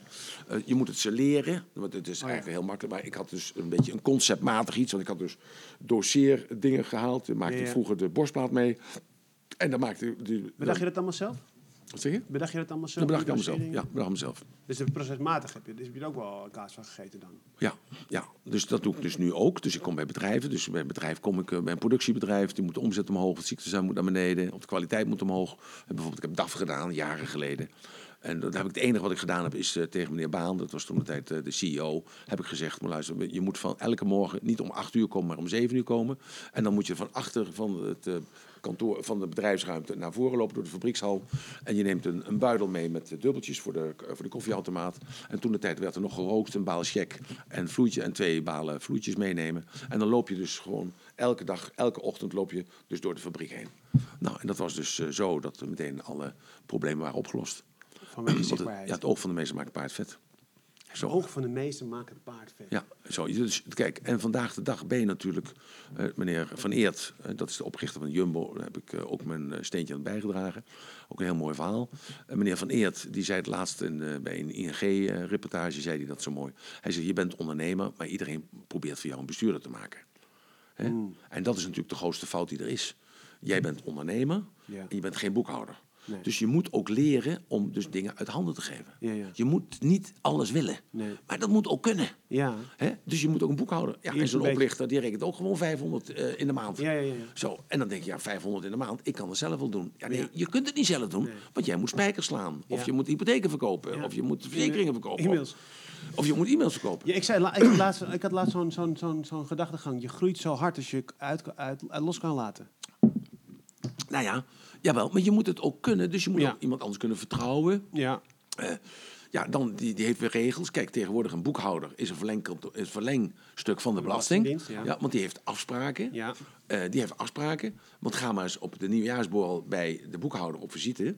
Dan zie je dus dat al die belastinginspecteurs daar komen. Hmm. Want de belasting is dus eigenlijk als het ware de, arbeid, de werkgever van dus de boekhoudkantoor. Maar als je dus... eh, Want jij krijgt geen controle meer, hij krijgt controle. Ja, ja, dus hij is gemotiveerd om het goed te Om doen. het zo goed te doen, ja. Ja. ja. dat, eh, ja. En dat is het, het kutte systeem. Nou ja, Dus het is je- fantastisch, want je moet het allemaal afdragen natuurlijk. En dat je 80, dat je 80 poffertjeszaken. Ja. En die gingen allemaal lopen. Dat ging allemaal lopen. Maar dat was voor een half jaar, hè? Dus Oh. dat was, dus, dat was alleen maar zomer, dat was alleen maar winters. Ah. Want daarna kwam Dus hij weer ijs. terug. En met ijs. Ijszaak. Dus dat heb ik drie jaar gedaan. dus hup, hij eruit. Dus ik eruit. Ja, hartstikke veel. Ja, 80, 80 zaken. daar, eh, de, altijd hartstikke, hartstikke veel geld verdiend. Altijd, mijn hele leven al. Ja. maar geld is, kijk, wat je erin stopt komt terug. Het is de energie. Het is de energie. Ja. Zo moet je het zeggen. Dus de kennis is energie. Je product is energie. Geld is energie. Het is energie. Dus het is wisselen van energie. Dus Ja. ik geef jou mijn kennis. Jij geeft mij andere energie terug. En dat kan ook zijn jouw kennis terug. Dat kan jouw daadkracht zijn. Dus ik doe bijvoorbeeld veel barteren. Hè, Dus mensen zeggen van, ik kan je niet betalen. Ja, maar wat kunt u dan? Wat, wat doet u dan? Ja, ik Ja, ja. ben een stucadoor. Nou, dan heb ik wel een vriendje, dan moet nog duizend meter gestuukt worden. Ja, maar ik ga niet voor een presentatie van jou duizend meter stukken. Ik zeg, ja, wat kost dan duizend meter stukken? Ja, dat kost duizend keer 35 piek. Dat kost 35.000 euro. Ik zeg, ja, nou, oké, eh, als je de helft erop smeert, wat kost het dan? Ja, eh, weet je, zo. Ja, Nou, ja, ja. En dan kom je altijd tot een. Ik heb voor IBM gewerkt, die konden me niet betalen. En die zeiden van: oké, nou dan eh, doen we uit drie potjes. Dus dat was eh, educatie, dat was entertainment en dat was eh, nog iets anders. En, eh, en toen konden ze het nog niet bij elkaar brengen. En toen hebben ze het hele kantoor met. eh, ik had toen de tijd 15 man op kantoor zitten. Hebben 15 computers geleverd met een hele mainframe en een hele toestand ingewerkt en zo. zo dus, zo die, dus dat je moet dus. Het is een spel ook, toch? Het is een ander spel. Ja, is leuk. Maar het is, ja, maar het is geen werk. Nee. Dus ik heb het nooit als werk gezien. Nee. Tot in 1985. Toen reed ik terug en ik, ik tankte altijd bij Hunske. Ik had, elk jaar kreeg ik, eh, ook ik kreeg natuurlijk niks. eh, Kocht ik een dikke Mercedes. Ja. Hè, want er was er kocht te weinig in Duitsland. Ik had de helft van de prijs. Ook natuurlijk heel raar, Ja. nog steeds. Nog steeds, ja. En, eh, dus, en in Hunske, dat was 50 kilometer voor de Nederlandse grens, tankte ik altijd diesel. Altijd vol. Brom, Vol. En toen keek ik dus, op Oudjaarsdag, keek ik op de teller. Toen had ik 180.000 kilometer gereden. En ik heb nooit de... de, eh, de ik, ik- toen het bestond geen telefoon in de auto. Nee. Eh, maar ik had nooit radio aan in de auto. Dus ik denk altijd in de auto. Denk na. Ik had altijd een bloknoot naast me liggen. Altijd alles opschrijven. en ik ben aan het rijden. En toen dacht ik bij mezelf, 180.000 kilometer. Dat is 3.500 kilometer in de week. Als je dan deelt door 80 kilometer. Dat is dus, verdomme, dat is gewoon eh, 43 uur. En iedereen die werkt tegenwoordig eh, 38 uur. En ik zit 43 uur in de auto. En daarnaast moet het dan nog werken. Ja, werken moet dan bezig zijn. Ja. Eh, controleren, tellen, tap, allemaal. Ik dacht, oh, ik ben hartstikke gek. Want ik moet dit betalen, dat betalen, zus betalen, zo betalen. Ik kap hem mee. Dus ik heb op 3 januari de hele zooi verkocht. zo, van de ene dag op de andere dag weg met zooi. En ik heb dus een, een kennis, eh, relatie, eh horecamakelaar, die bel ik. En zeg ik, eh, ik heb dat te koop. Hij zegt, nou, daar heb ik wel iemand voor. Nou, hup, oké, binnen 24 uur liggen aan de prijs natuurlijk, binnen 24 uur ben ik kwijt. En eh Haphoek had je toen nog wel? Nou, heb ik dat nog wel. Ja. Nou, en toen, eh, wat is er toen gegaan? Toen las ik in de krant. Daarvoor las ik een keer, toen was ik nog bakker. Las ik in de krant dat er een broodstaking was in Engeland. Ik denk, nou sla ik mijn slag. Ik ga met een vrachtwagen met brood naar Engeland. Dus nou met die brexit helemaal mooi natuurlijk. Heb ik honderdduizend broden laten bakken. In bakkerij overal. En ik had tien grote trucks van 17 meter lang. We zijn we dus via Hoek van Holland op de, op de ferry gegaan naar eh Harwich. Want ik zeg, die 100.000 broden verkoop ik daar. Ja. Ik kom met de 100.000 broden. We zitten, we, staan, we zitten dus op de ferry. Toen zegt dus een van de chauffeurs, was een Engelsman, die zegt... Hij zegt, wij zijn besmet. Ik zeg, hoezo, heb je aids dan? Bestond nog niet, maar goed. Ik zeg, heb je, dan, heb je ziekte dan? Hij zegt, nee, wij zijn besmet voor de unions, voor de vakbonden. Dus als wij er af gaan rijden, dan helpen dus... Daar staan lui die met zo'n bordje... Ik weet niet of je ooit wel eens op de ferry bent geweest. Staan een bordje, jij rijden, stoppen, een soort politieagenten. Ja. Hij zegt, maar wij- wij zijn besmet. Dus niemand helpt ons van de ferry af. Ik zeg, eh, laat me even achter het stuur. Hij zegt, ja, dat kan niet. Ik zeg, wie betaalt jou? Hij zegt, ja, u. Ik zeg, naast me zitten. Ik zeg, tegen al die chauffeurs, tegen die andere tien chauffeurs. Ik zeg, moet je luisteren, jongens. Ik zeg, ik geef gas. Ik zeg, en jullie rijden er allemaal achteraan. ja, maar we zijn besmet en zo. ik zeg, ja, ja. wie betaalt jullie? ik zeg, ik betaal jullie, dus ik betaal, dus ik bepaal. Ja? Zo, dat we doen. Dus de boot legt aan. Ik zit in de eerste auto. De ding gaat naar beneden. Zo, huppakee. Er staat zo'n gozer voor. Die wil een bordje opdoen dat je mag of niet mag. En ik gaf gas. Huppakee, ik eraf. En die andere huppakee er allemaal achteraan. Zo. Nou, dus toen komen we dus Met een broodgang. met, een- met een broodgang, ja. We komen dus met die tien vrachtwagens komen we dus in Londen. We rijden langs een bakkerszaak, die was open. We rijden nog langs een bakkerszaak, die was ook open. Oh, shit. Ik zeg, even stoppen. Even bij de supermarkt naar binnen. Was ook open. En eh, we verkochten brood. Ik naar binnen. Ik zeg, moet luisteren. Ik zeg, ik heb gehoord, er was, eh, Broodstaking. er was een bootstaking. Hoe zit dat hier? Ja, dat dreigt. Oh. Want de unions dit en de unions dat. En dat was dus toen de tijd in de jaren zeventig. Ja, was dat dus heel machtig toen Ja. de tijd. En toen heb ik via via heb ik contact gehad met de Trust House Ford hotels. TFH hotels. En die hebben die 100.000 broden, die, die, die 100.000 broden gekocht voor iets meer dan de kostprijs. En die, want elke dag telt natuurlijk bij. Ja, natuurlijk. Brood wordt oud. Ja, want ik dacht bij mezelf, oh, ik ga wel in Hyde Park staan, Nee, ik ga ze joh, verkopen. en zo. Maar nee, op een moment dacht ik, ja, maar luister, op een gegeven moment, want het was allemaal kinkhorn, dus dat, dat hield het nog wel lang vol. Maar daarna werd het gelijk groen, omdat er zoveel vet in zat. En eh, ik denk, daar hebben ze alle broden hebben we moeten brengen naar Birmingham. Daar is een hele grote vriescontainer gegaan. Ik kreeg maar heel weinig geld ervoor, maar ik- toch. Toen ben ik teruggereden met de jongens naar Londen. Heb ik me af laten zetten. Toen moest ik een halve dag wachten op een vliegtuig om terug te komen naar Nederland. En toen heb ik eerst een Rolls Royce gekocht. Van, de, van het verlies. Van het verlies heb ik de eerste Rolls Royce gekocht. Want die was zo goedkoop. Was daar in Londen. Die was zo goedkoop in Londen. Ik vergat natuurlijk dat ik BTW moest betalen en BPM moest betalen. Dat heette toen nog anders. Maar toen heb ik van het verlies en van de zagrijn... Nee, niet van de zagrijn. Maar wel gewoon van fuck it. Fuck it, ik koop een Rolls Royce. Daar heb ik de eerste Rolls Royce gekocht. Dus dat was in... Wat, wat voor Rolls Royce is dat? eh, Silver Cloud was dat. Ja.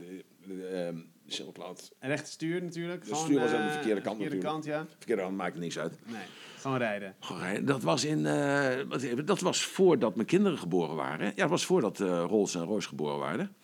Dus dat was voor 78, dat was iets in eh 76. Want eh, Frank Dale en Stepsons hebben toen nog de, de logo geleverd van de Emily. Dat is wat, eh, wat voor op mijn rol zit. Ja. En daar heb ik toen, toen nog, hebben we samen nog de Heb je altijd van- gereden vanaf dat moment? Of, eh, eh, ja, eerst Rolls gereden, dus jarenlang. en toen ben ik in begin jaren 90, eh, ben ik, toen werd de Rolls heel erg slecht. Hmm. En toen ben ik overgeschakeld naar Bentley. En, dus ik rijd nog steeds Bentley. En ik, heb maar Bentley is hartstikke goedkoop.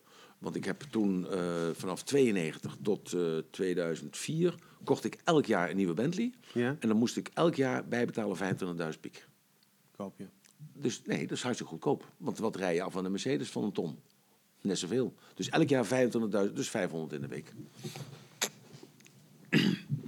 Ja, dus ja, Ja. 25.000 euro is... eh, Hey, en ehm, eh, dus, eh, toen, heb je, toen had je nog die haphoek. Oh ja, die haphoek. Londen, Rolls Royce. Oh ja, en toen, hoorde, ja, en toen stond ik, en toen was ik bij iemand en toen eh, hoorde ik dat er eh, de expo was. eh, meneer Spaar van de Hoek, de burgemeester van eh Koevoorde. Die ging naar Vancouver toe. Vancouver, Koevoorde, is dezelfde naam. Daar komt de naam Vancouver vandaan. Die ging het kasteel van Koevoorde bouwen in Vancouver. En dat, dat ging hij daar doen. En dat was dus de Expo 86. Dus dat is in 86. En, dat, en jij, jij leest veel kranten, neem ik aan. Ik lees, ja, ik lees eh, Volkskrant, NRC, ik lees de Telegraaf en het AD. Ja. Om, om dit soort dingen, om op de hoogte te Eh, zijn. nee, die lees ik gewoon. Lees ik nog elke keer, want ik, eh, gewoon, ik ben wel, eh, ik wil wel informatie hebben. Ja, precies. Met Zo. die informatie, daar handel je dan ook naar. Ja, want ik, Ja, want op seminars en dergelijke, ik haal informatie. Ik lees heel veel, ondanks dat ik dyslectisch ben. Dus ik begrijp niet wat ik lees, maar ik kan het wel toepassen. Dus dat is heel raar. Ja. Dus ik begrijp niet wat ik lees, maar ik kan het wel toepassen. Oké. Zo, daar komt mijn kreet ook vandaan. Je kunt alleen maar horen wat je weet. Ja. Zo, je kunt alleen maar horen wat je weet. Dus ik kan je wel wat vertellen, maar als dat niet in jouw systeem zit, op de een of andere manier, dan hoor je dat niet wat nee, ik zeg. dat is waar. Ik heb laatst een boek gelezen eh, van die Grant Cardone, ken je die Amerikaan? 10x, weet je, het zal jou Ja. ook wel aanspreken. Ja. Gewoon tien keer zoveel doen, altijd. En dat boek heb ik een anderhalf jaar geleden gelezen. En nu ben ik het weer aan het lezen. Ja. En nu zie ik hele andere Heel dingen dan ja, toen. Ja. Exact, ja. ja. Zo, dus dus dat, dat, dat is het een klein beetje. Dus je Ja. moet, kijk, in mijn optiek, en dat vertel ik op seminars ook altijd, het leven is een metafoor. Nou, en dan vraag ik, weet, je, weet iedereen wat een metafoor is? Dan steekt niemand zijn vinger op. Hè? En dan zeg ik, nou, een metafoor is dus eigenlijk, je kijkt naar iets en het heeft een bepaalde betekenis voor jou. Maar het heeft honderden andere betekenissen. Zo, dus als je medewerker bent en je staat bij, eh, bij de Jumbo, dan is dus die werkdag is een metafoor. Dus die klant die loopt te zeuren. Dat je de- vakken moet vullen is een metafoor. Dat, je dus, eh, dat het koud is, dat je er buiten vuil, vu- vuil- vuile was eh, binnen moet halen, is een metafoor. Want het heeft allemaal de betekenis die jij eraan geeft. En als je dus een doel hebt, en daarom zeg ik ook, waarom ben je ZZP'er geworden? Ja. Als je dus een doel hebt van, daarom ben ik dat geworden, dus daarom ook die- mijn- mijn cursus, hoe word ik 97 jaar? Dat Ja. is een doel. Hè? Dus hoe word ik dan? Dan krijg je dus uit al die metaforen om je heen bevestiging van hoe je het moet doen. Dus hij is disjockey, hij zit daar, hij is disjockey. Hij is geïnteresseerd in muziek. Waarom is hij disjockey? Hij zegt, ik vind het gewoon fantastisch. Hartstikke leuke muziek. Ik heb me misschien gespecialiseerd in dat en dat soort muziek. Ik, ik doe er tegenwoordig beeld bij, want ik vind het leuk om de flitsende, flitsende beelden te laten zien. En een beetje snijden, een beetje knippen, een beetje editen. Ja. Zo. Dan kijkt hij heel anders naar de televisie. Of hij gaat heel anders naar de bioscoop, naar de, eh, naar de joker. Als dat ik er als ja, Als Mens. gozer naar zit te kijken. ja. Want hij denkt, hé, hey, die gozer die danst met die sigaret in de mond van die trap af. Ja. Hoe doet hij dat? Hoe bewegingje maakt hij dat? Dat is leuk. Ik moet weer een sigaret in de mond hebben, want dat staat lekker cool, man. Want niemand rookt. Even, bijvoorbeeld. Ja, ja, ja, ja. Dus dat krijgt een heel andere betekenis. Dus dat kan alleen maar die betekenis krijgen, omdat hij daarin geïnteresseerd is. Want het is zijn hobby. Ja. En, en hij hoort in één keer een muziekje. Want hoe krijg je het verzonnen? Om dus een film in 2019 te maken met de muziek van Gary Glitter. Ja. En een dansje te maken met Gary Glitter. toch, niet, hè? Is Ja. toch, achteraf is het geniaal. Achteraf Ja. is het geniaal. Maar dus, ik zeg altijd, het product moet visueel, auditief, kinesthetisch aantrekkelijk zijn. Want er zijn mensen die representeren de wereld visueel, andere wereld auditief en andere kinesthetisch. Dus als je het Wat is product... kinesthetisch? Kinesthetisch gevoelsmatig. Oh, zei je. Zo. Dus er moet altijd gevoel in zijn. Maar hoe, kan je dat, maar hoe kan je dat zeg maar als dienst, als dienstenleverancier doen? Als dienst. Eh, je moet altijd een bepaald gevoel hebben. Dus de manier zoals je overkomt. Ja. Hè, dus eh, in je taalgebruik. Eh, Ja. nou, het voelt wel goed hier. En als ik om me heen kijk, dan hoor ik toch bepaalde geluiden die hier niet thuis horen. Dus ik zou dan toch eigenlijk, als ik het, het gevoel volg van u, meneer, zou ik het toch zo inkleden. Ah. Ziet u het voor u? Ja, ja, ja, ja, ja. Zo, dus dan hou je- gebruik je die drie modaliteiten. Ja, ja, ja, ja. Gebruik je dat? En dan hoor je vanzelf of die man dus visueel is. Want die zegt, ja, ik kijk om me heen en ik zie helemaal niks. En datgene wat jij me laat zien, ja, maar luister, dat, dat ziet er niet uit. Dat ja. het visueel is. Ah. Dus dan moet je alleen maar visueel praten. Maar dus een goede film is altijd auditief, visueel, kinesthetisch. Kijk bijvoorbeeld naar, eh, kijk naar eh, James Bond. Het is een klokfilm, weet je wel? Ja. Maar het is toch die luxe erbij. Ja. Dus visueel zo, ja, dat wil ik ook. Ik wil ook eh, hè? Ja. En, en zekerheid zo van, dat geeft een gevoel van, hij heeft altijd een Aston Martin. Ja. Hij heeft altijd een Rolex.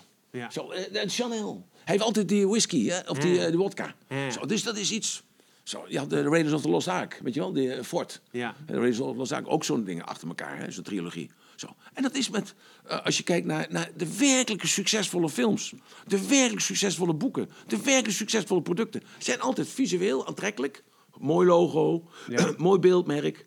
eh, eh, auditief, eh, altijd de juiste toon. eh, om, om de toon, c'est le ton qui fait la muziek. Ja. De toon is veel belangrijker dan het woord. Ja. Zo. En dan kinesthetisch, het geeft een gevoel. We Ja. leven in een, belevenis, eh, we leven Ja. in een beleveniswereld. Kijk, maar luister, de kaas die je bij Albert Heijn kost, is precies koopt, is dezelfde als kaas als bij de Jumbo. Ja. Alleen bij de Jumbo denk je, hé, de zeven zekerheden. Als er, als er drie man voor mij is, als er Ja. vier man voor me staat, dan krijg ik het gratis mee. Weet je? Ja. Dan beginnen ze nou daar weer over te piepen. Dat de een of andere vent in Veenendaal, eh, die had tegen zijn personeel gezegd dat ze zelf de boodschappen moeten betalen. Nou, dat is helemaal niet zo, want ik weet precies hoe het werkt met de Jumbo. Mm. Zo. Maar eh, die zeven zekerheden zijn dus ook zo opgebouwd. Ja, super slim. Super slim. Maar dat is, die man die was toen 17 jaar, 18 jaar, meneer Van Eert. Toen hij dat bedacht heeft. En daar heb ik aan mee mogen werken. Zo. Hey, en toen had je dus, eh, toen reed je in die Rolls Royce naar huis. Toen had je nog de haphoeken. En, Ja. en wat ging je toen doen? Nou, dat, dat was dus daarvoor nog, hè? Ja. Dus, en, eh, dus toen Duitsland verkocht. Ja. En eh, toen had ik dan even niks meer te doen. Ja, goed, maar, niks Ja. meer doen natuurlijk, wel ondeugend. En, eh, en, en toen hoorde ik van dus de meneer van Spa van de Hoek, het Koevoorde. Ja. Dus ik heb de meneer Spa van de Hoek gebeld. Ik zeg, meneer Spa van de Hoek, moet luisteren. Ik zeg, ik heb 80 poffertjeszaken gehad in Duitsland. Ik zeg, eh, poffertjes is toch Nederlands? U gaat naar de expo, Nederlandse, de Nederlandse afdeling. Daar, u gaat daar met de kasteel staan. Dus u moet mij in dat kasteel een plek geven om poffertjes te verkopen. Hij, zegt- hij, zegt, hij zegt, dat kan niet, want we hebben de ABN AMRO, we hebben de, gouden, de blauwe fles, eh, we hebben een of andere, het, het Rijksmuseum staat er met de dingen. En, eh, we wilden geen vieze, en Heineken is dat erbij. Ja. Dus we willen daar geen vieze poffertjesboer hebben. Ik zeg, ja, dit, dat, zo, zo. Ik lul als brugman, ik naar Koevoorde toe, ik praten met die vent. Nou jongen, dat, en mevrouw zegt, dat wordt niks, dat wordt niks. Zeg, Als jij je kop nou eens dicht houdt, als jij me nou eens even steunt. Ja. nou ja, die wijven worden natuurlijk ook helemaal gek van me natuurlijk. Maar goed, daarom verslijd ik ze ook zoveel. En eh, goed, ik knip dat er maar uit. en, eh, Nou ja, nou, dus, dus, iedereen- dus uiteindelijk, uiteindelijk, uiteindelijk, uiteindelijk, zei Spa van de Hoek.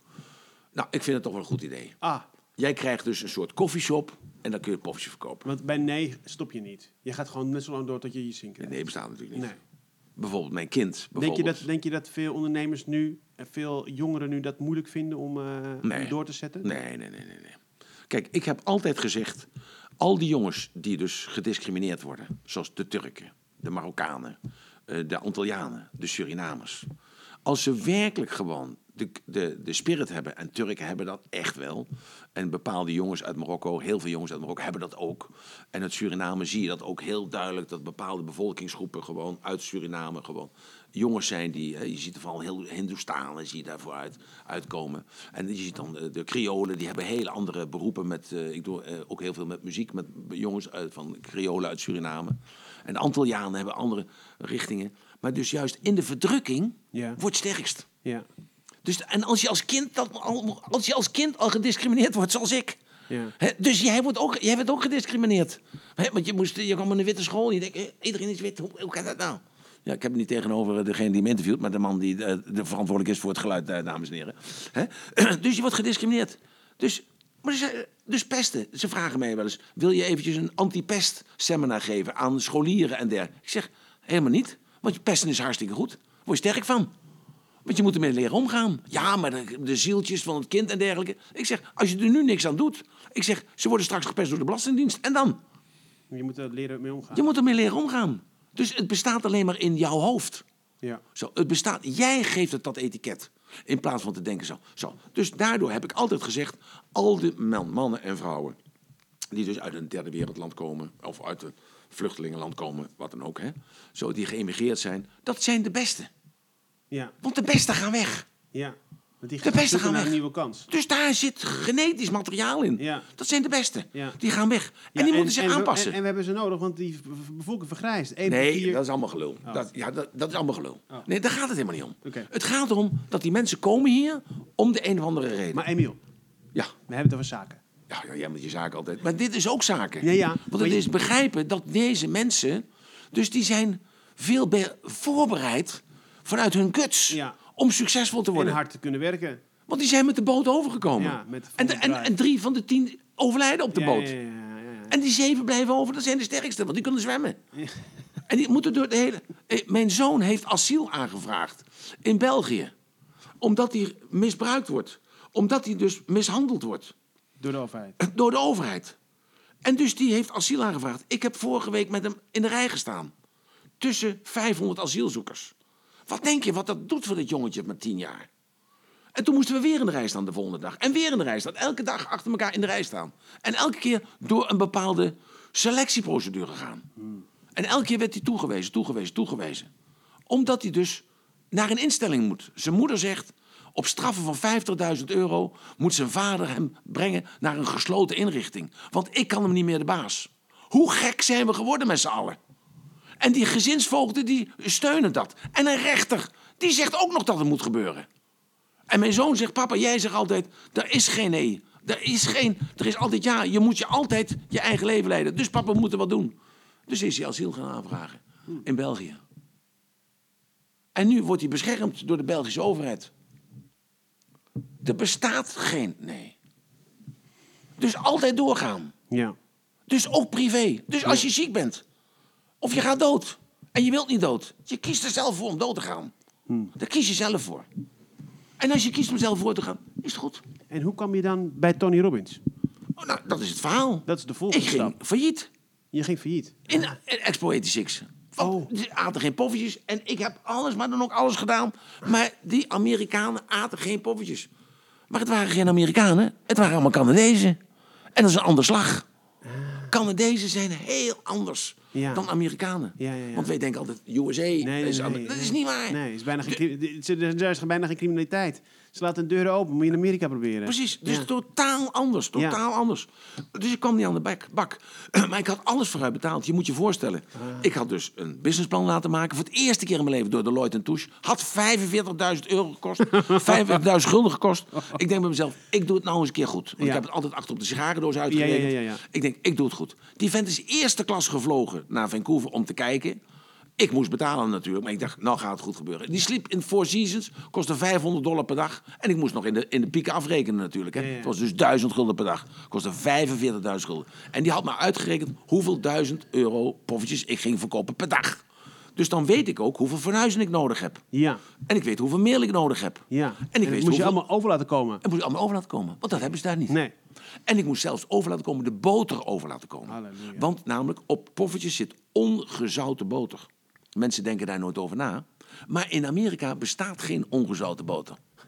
Dus ik moest een hele container met ongezouten boter met een koelcontainer laten Ja, komen. Ik, had, ik weet niet, drie containers vol met rijstmeel, boekwijdmeel en de hele andere klote zooi. Ik moest fornuizen laten maken. Ik had acht fornuizen nodig. Elk fornuis kostte 35.000 gulden. Namelijk een groot fornuis van 2,20 meter bij 80 centimeter. Zo, ik moest het om laten bouwen, want namelijk de LPG, dus de eh, Gas. propaangas in Nederland, is anders dan propaangas in Amerika. Maar ik was niet bang. Ik had poen zat. Ik stopte er alles in. Ja. Ik moest de huur vooruit betalen. 100.000 Amerikaanse dollar. was 360.000 gulden. Ik moest de huur van het huis vooruit betalen. was 55.000 Canadese dollars. was 120.000 gulden. Zo, dus ik moest alles... Ik zeg, maar ik ben niet bang. Wij gaan er naartoe. Dus we begonnen. En de eerste dag hadden we 369 euro, eh, dollar.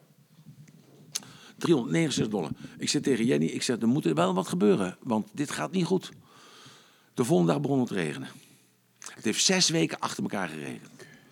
Seattle en Vancouver zijn de plaatsen waar de meeste zelfmoorden gebeuren. Over de hele wereld. Oh. Omdat het zo slecht weer is. Omdat het zo vaak regent. Er kwam geen hond.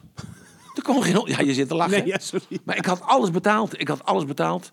Maar ik had geen piek meer in de zak. Halleluja. Dus we hebben daar vijf maanden gestaan. En gewoon, we gingen gewoon naar de kloten En toe. je voelde het Ja, na dus, dag twee al. ja, want gelukkig had ik alles betaald. Dus de omzet die we hadden, op moment hadden we helemaal geen personeel. Was winst? Ja, was winst. Maar nee, ja. ik moest de gas betalen. Oh. Ik moest dus thuis gas, licht en water betalen. Moest wat eten betalen. Nou, het was gewoon. Dus, nou, en toen was het, uiteindelijk was het zo. Dus in september was het afgelopen. nou, wij, wij waren dus helemaal eh einde verhaal. Ja, want niemand koopt toch die poffertjes eh, eh, dingen daar natuurlijk. Nee, want je, je, na- je kunt die fornuis ook niet Maar verkopen. na de regen werd het 40 graden in de schaduw. Dus dan eet niemand eh, poffertjes. Dus nou, nou goed, dus wat is er toen gebeurd? Toen eh, was het idee van Jenny, was het idee van Jenny. Die zei, maar luister, we nemen het kleinste poffertjes van huis. We, hebben, we hadden zo'n bak vol met kaarten van Amerikanen. Dus dat gaan we op de kaart laten we zien van, oké, daar leeft er een, daar leeft er een, daar leeft er een, daar leeft er een. En dan rijden we gewoon langs die mensen heen, rijden we naar Los Angeles. En Los Angeles gaan we dan op straat staan, dan gaan we daar poffertjes verkopen. Oké. Nou, dus zo gezegd, zo gedaan. We komen bij de eerste, ergens in Seattle. Hij zegt, eh, who the fuck are you? Ik zeg, I'm a radio band from the Poffertjes from eh, Vancouver. Hij zegt, oh ja, what are you coming to do? Ik zeg, you were so nice to us that you said, eh, kom, eh, kom, even, kom even langs. ja, zei die, ik zet er langs, moet je langs rijden. nou, dus was niks. Dus na vijf, vijf adressen aangegaan te zijn. Amerikanen zijn altijd zo joviaal. Ja. Weet je wel, kom aan, weet je wel. maar Maar als is, dat- bedoel, nee. dat- als het waar komt niet. nou, dus toen hebben we toch op de hoek van de straat bakten we poffertjes. Eh, we hadden weer 10 dollar, eh, 10 dollar benzine. Oké, de rest van de poffertjes aten we op. Dus we werden ook zeg, een beetje dikker en een beetje breder. nou, en dus uiteindelijk, na een, eh, week of, of na een maand of twee, kwamen we aan in Los Angeles. En stonden we dus eh poffertjes te bakken op de hoek van Venice Boulevard en Santa Monica. En toen sloeg het noodlot toe, politie. Do you have a green card? Oh. Green card. Do you have a health license? Health license. Do you have a permit? Do you have a permit? Die had ik natuurlijk helemaal niet. Nee. Toen zegt hij, I confiscate everything. Ik zeg, maar ik zeg, je kunt niet confiscaten. Ik zeg, want als je alles in beslag neemt. Hij zegt, hoe moet, zeg ik tegen die vent. Ik zeg, hoe moet dan terugkomen? Ja. Ik zeg, eh, dit is de enige manier om... eh, dus ik vertel me dit verhaal. Hij zegt, eh, want die Amerikaanse politieagenten die zijn gewoon... eh, Keihard. de keihard, hè? Robots. En eh, ja, precies. En eh, Robocop. En eh, nou, eh, hij zegt, je hebt niks mee te maken. Zegt ik, eh, ik bel nu op een vrachtwagen, moet komen. En toen had ik geluk. Wat gebeurde er? Ze waren Superman aan het draaien on the beach. En de regisseur, hoe heet het nou, ik ben zijn naam even kwijt. Die Avatar heeft hij ook gemaakt. Ja. Avatar heeft hij gemaakt en nog een paar andere hele goede films. En hij had Superman, maar draaide die op de beach, 86. en die komt naar ons toe. En die zegt tegen mij, I was make a movie over there on the beach. En hij was smelling poffertjes. Hij kende het. Ja, hij zegt, I thought I was crazy. But then the, the, the smell went away. So I thought it was in my head. Then I was turning around, I was uh, uh, with busy with uh, the script. And, I- and I, then again, I smelled again de, de poffertjes. Hij zegt, dus ik kom even kijken. Hij komt kijken. Hij zegt, hij zegt, ben van de zomer ben ik, heb ik geslapen in Krasnopolski in Amsterdam. En elke morgen heb ik in de poffertjeskraam op de Dam gegeten. Hij zegt, en ik heb tegen al mijn vriendjes gezegd, je moet poffertjes importeren. Het is zo delicious, het is zo fantastisch, het is zo great. Zo, hij zegt, en dan sta jij hier op de hoek. Hoe is het mogelijk? Ik zeg tegen hem, ik zeg, ja, ik zeg, het is voorbij. Ik zeg, want die agent, hij zegt, laat mij maar even. Oh. Dus hij, naar die agent, hij zegt tegen die agent, bla bla bla bla. Hij, zegt- hij zegt, oké, bam. Want hij was toen een autoriteit. Ja. Ik zeg, oh jongen, ik zeg, ik was verkeerd geweest. Hij zegt, kom eventjes naar de beach. Hij zegt, we dan draaien. Hij zegt, we hebben net lunch. En eh, ik zeg, ja, ik zeg, ik kan nou niet meer opbouwen, het is te laat. Hij zegt, nee, kom maar. eh, Nou, we hebben meegegeven. Dus voor de eerste keer sinds zes weken kregen we normaal te eten. Eten? Oh. Op de beach. En toen zeg ik tegen hem, dus dat heb je het weer, hè? Tien keer meer doen. Ja. Hè, dankbaar zijn. Ja. Hè, dus altijd nederig zijn eigenlijk in wezen. Ondanks dat mensen dat niet zien. Nederig zijn. Toen zei ik tegen hem. Ik zeg, moet luisteren. Ik zeg, ik ben zo dankbaar dat je ons gered hebt. Ik wil morgen eigenlijk poffertjes komen bakken hier bij jou eh, Ja. op het strand. Hij zegt, nou zit- morgen zijn we in de Burbank Studios. Hij zegt, dus kom, dan moet je naar de Burbank Studios komen. Hij zegt, maar ik zal het wel fantastisch vinden. Ik zeg, wij komen morgen. Ja. Nou, dus zo gezegd, zo gedaan. Wij hadden een, eh, een tent in Malibu staan. Dus ik keek op de kaart. Dat is Malibu naar Hollywood. Dat is ongeveer een uurtje of drie, vier rijden. Dus we moesten dus morgens om acht uur zijn. Dus morgens om vier uur moesten we er naartoe. Nou, zo alles in de auto gelaaien, uit de tent. Wij er naartoe. Je sliep in een tent. We een tent? Ja, we hadden geen poen. Nee. Dus eh, we hadden een, een station wagon van 125 eh, dollar. En daar, daar had, zag de rotzooi op een aanhangertje met de mail en met de fornuis. En, eh, en, en de kinderen erachterin. En moeder en ik erin. En voor de rest niks. Oh, de kinderen waren ook mee, joh. De kinderen waren ook mee. Ja, dus hoe denk je als vader voelt? Ja, dat je met drie kinderen hebt en dan... eh, En je was eerst daar. ja, en, was je daar. eh, Precies. Nou. En ik was vergeten wat ik kon. Want namelijk, dat is hetzelfde verhaal als wat ik vertel. Met die, toen je aanklopte bij die... Bij aanklopte bij dus dat die conciërge, die klootzak, eh, wat eigenlijk het minste van het minste, Ja. eventjes, hè? Ja, ja, ja. Dus dat, wie is hij om over mij te oordelen? Dus dat hij me dus alleen met een blik en een toon dus de grond in kon boren. Ja, was natuurlijk toen eh, daar gebeurd. Want ik was gewoon eh, de man. Ik had geen piek meer in de zak. Ik had alles geïnvesteerd daar. Want ik wist, want Deloitte en Toes had tegen mij gezegd... je gaat zoveel omzetten, komt helemaal goed. nou, dus eh, die vent heb ik later wel op aangesproken natuurlijk. En Ja. ik had een enkeltje gekocht. Want toen de tijd kostte dus een, een retourtje kostte 3.500 gulden. Ja. En een enkeltje kostte toen iets van 1800 gulden. Maar ik had, ik had geen geld. Nee, dus ik, alles was op. ik- alles was op. Nou, dus wij de volgende dag naar de Burg Studios. En mijn vrouw die zei, ja, je komt er niet in. En weet je dan nog dit en dat. En allemaal zit je tegen. En ik heb nog zo tegen gezegd, je moet niet naar Amerika gaan met poffertjes verkopen. Ik zei, het was jouw idee om naar Amerika te gaan. Ja, maar jouw idee om naar Canada te gaan. Dan kregen we ruzie in die auto. Nou, jongen, en die kinderen achterin. Vreselijk, vreselijk, vreselijk. Nou, dus ik zeg, hou je de kop dicht. Nou, dus we komen bij die slagboom van de Burbank Studios. Er komt dus zo'n vent met zijn witte pen toe. Ze je komt er toch niet in, je komt er toch niet in. ik zeg, nou, als je je bek nou je niet dicht houdt, dan ben je dan grof, hè? Dus eh, fout natuurlijk, maar goed. Emotie. Ik stap eruit. Dus ik sta half twee meter voor die auto met die vent. Er bestond nog geen computer, bestond helemaal niks. Die had een grote lijst. Ik zeg, eh, Ik kom hier voor die ik, regisseur. eh, I'm here, I'm uh, Mr. Ratelband from Holland. En hij kijkt op de lijst, hij zegt, uh, Ratelband, I don't see a Ratelband. Ik zeg, Ratelband met een A, van Antwerp. Hij zegt, eh, ik zie ook geen, geen reet, eh, I don't see a Ratelband. Hij zegt, eh, voor wie komt u? Ik zeg, ik kom voor die en die. Hij zegt, hoe laat dan? Ja, zo. Hij zegt, er staat helemaal niks op, dus u kunt weer gaan. Ik denk, shit man. Ik zeg, ik zeg, maar misschien heeft u mijn naam verkeerd geschreven. Ik zeg, ik ben Emiel. Hij kijkt, oh ja, zit. Hij zegt, Emiel staat erop. En ik kijk naar mevrouw. Yeah! Zo. ja. Dus wij rennen naar binnen toe, rotsje opgebouwd. Die kinderen natuurlijk helemaal fantastisch natuurlijk. Hè. Mickey Spillane liep er, Jane Fonda liep er, eh, eh, Sylvester Stallone liep er. Ja, Eh, allemaal, dus van die corvée liepen er allemaal. Gewoon tussen de filmsets door allemaal. Nou, we begonnen die poffertjes te bakken. En nou, binnen no time was het druk. Dus je kreeg het allemaal gratis, weliswaar. Maar goed, Ja. oh, binnen no time kwam iedereen ruiken. God, lekker. Nog een keer poffertjes halen. En toen kwam Michael Jackson. Ja, maar ja, maar Michael Jackson. Ja, dus in, we hebben het over 1986. Hè? Ja, dus Michael Jackson. Dus, dus, en mijn kinderen waren toen acht jaar. Ja, maar die, die kenden Michael Jackson al. Die deed, eh, volgens mij was Thriller al. Ja, weet je wel? kunnen, ja. maar in ieder geval Michael Jackson. Ja, dus, nou, Ja. dus die kwam met een heel klein mannetje. Heel klein mannetje. Heel klein, man, heel klein mager man. Heel klein mager mannetje. Dus die nam eh, twee poffertjes. Dus niet een, een, een blaadje, maar die nam twee poffertjes. Dus die was met helemaal bodyguards bij zich en allemaal jongens om zich heen. Allemaal van die zware, dikke negers allemaal. Ja. En geen blanken eromheen. En nou, dus die gingen weg zo. Dus die- liepen weg. Nou ja, dus kinderen op de foto natuurlijk met hem. Dat mocht dan natuurlijk even net. En eh, fantastisch, dus die liep weg. En toen eh, kwam er één terug. Nou, we, het, eh, nog wat weg. we- we- boom. Zo. En toen zegt hij... hij zegt, I'm a business manager van Michael, Mr. Jackson. Mr. Jackson want to buy the, the concept. Ik zeg, what do you mean? Hij zegt, Mr. Jackson wants to buy the concept. Because the, uh, Mr. Jackson is very health conscious. Hè, dus heel eh, gezondheid, Ja. altijd met gezondheid bezig geweest. Ja, ja. Hij zegt, en, eh, voor mij was eh, Michael eh, ook een avatar. Hè? Je weet wat een avatar is? Hè, dus eh, voor, mij was, voor mij was hij een avatar. Eh, Eh, als je dus luistert naar zijn muziek en je, luistert, en je ziet naar hem als persoon. Hè? Dus eh, ik zei, ja, maar hoezo dan? Hij zei, nou, he's very healthy conscious. And he wants to start a, a healthy conscious shop chain through the States. Dus een, een tegenovergestelde van de McDonald's, zeg maar, als het ware. Ja, ja, ja. Hij zegt, and he has tasted this. Hij zegt, and this can be the carrier. Dus eh, de hamburger is ook wel een carrier Mm. Van McDonald's. Hè? Dus je koopt McNuggets daarnaast, koffie daarnaast, een hele klote zooi. Zo, dus hij had die visie. ik zeg, ja, ik zeg, eh, maar how much you going to pay for the concept? Dus ik kreeg een schoppen tegen, tegen mijn schenen aan van mevrouw. Die had al genoeg genomen met duizend piek bij spreken. Hij zegt, eh what do you want? Ik zeg, ja, ik zeg, eh, dan moet je even voor gaan zitten. Dus, eh, nou, dus ik zeg, eh my wife can clean the stuff. And uh, we are going to sit in the, in the next door uh, coffee shop and uh, to drink a cup of coffee. Dus ik praatte met die vent. Ik zeg, maar wat zijn dan de condities? Wat wilt u dan? Hij zei, "Nou, I want to have your knowledge. And uh, we want to have uh, the recipe.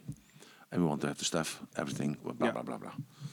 Ik zeg, staan nog, staan nog een paar. ik zeg, heeft u, zelf dan, heeft u zelf dan een idee?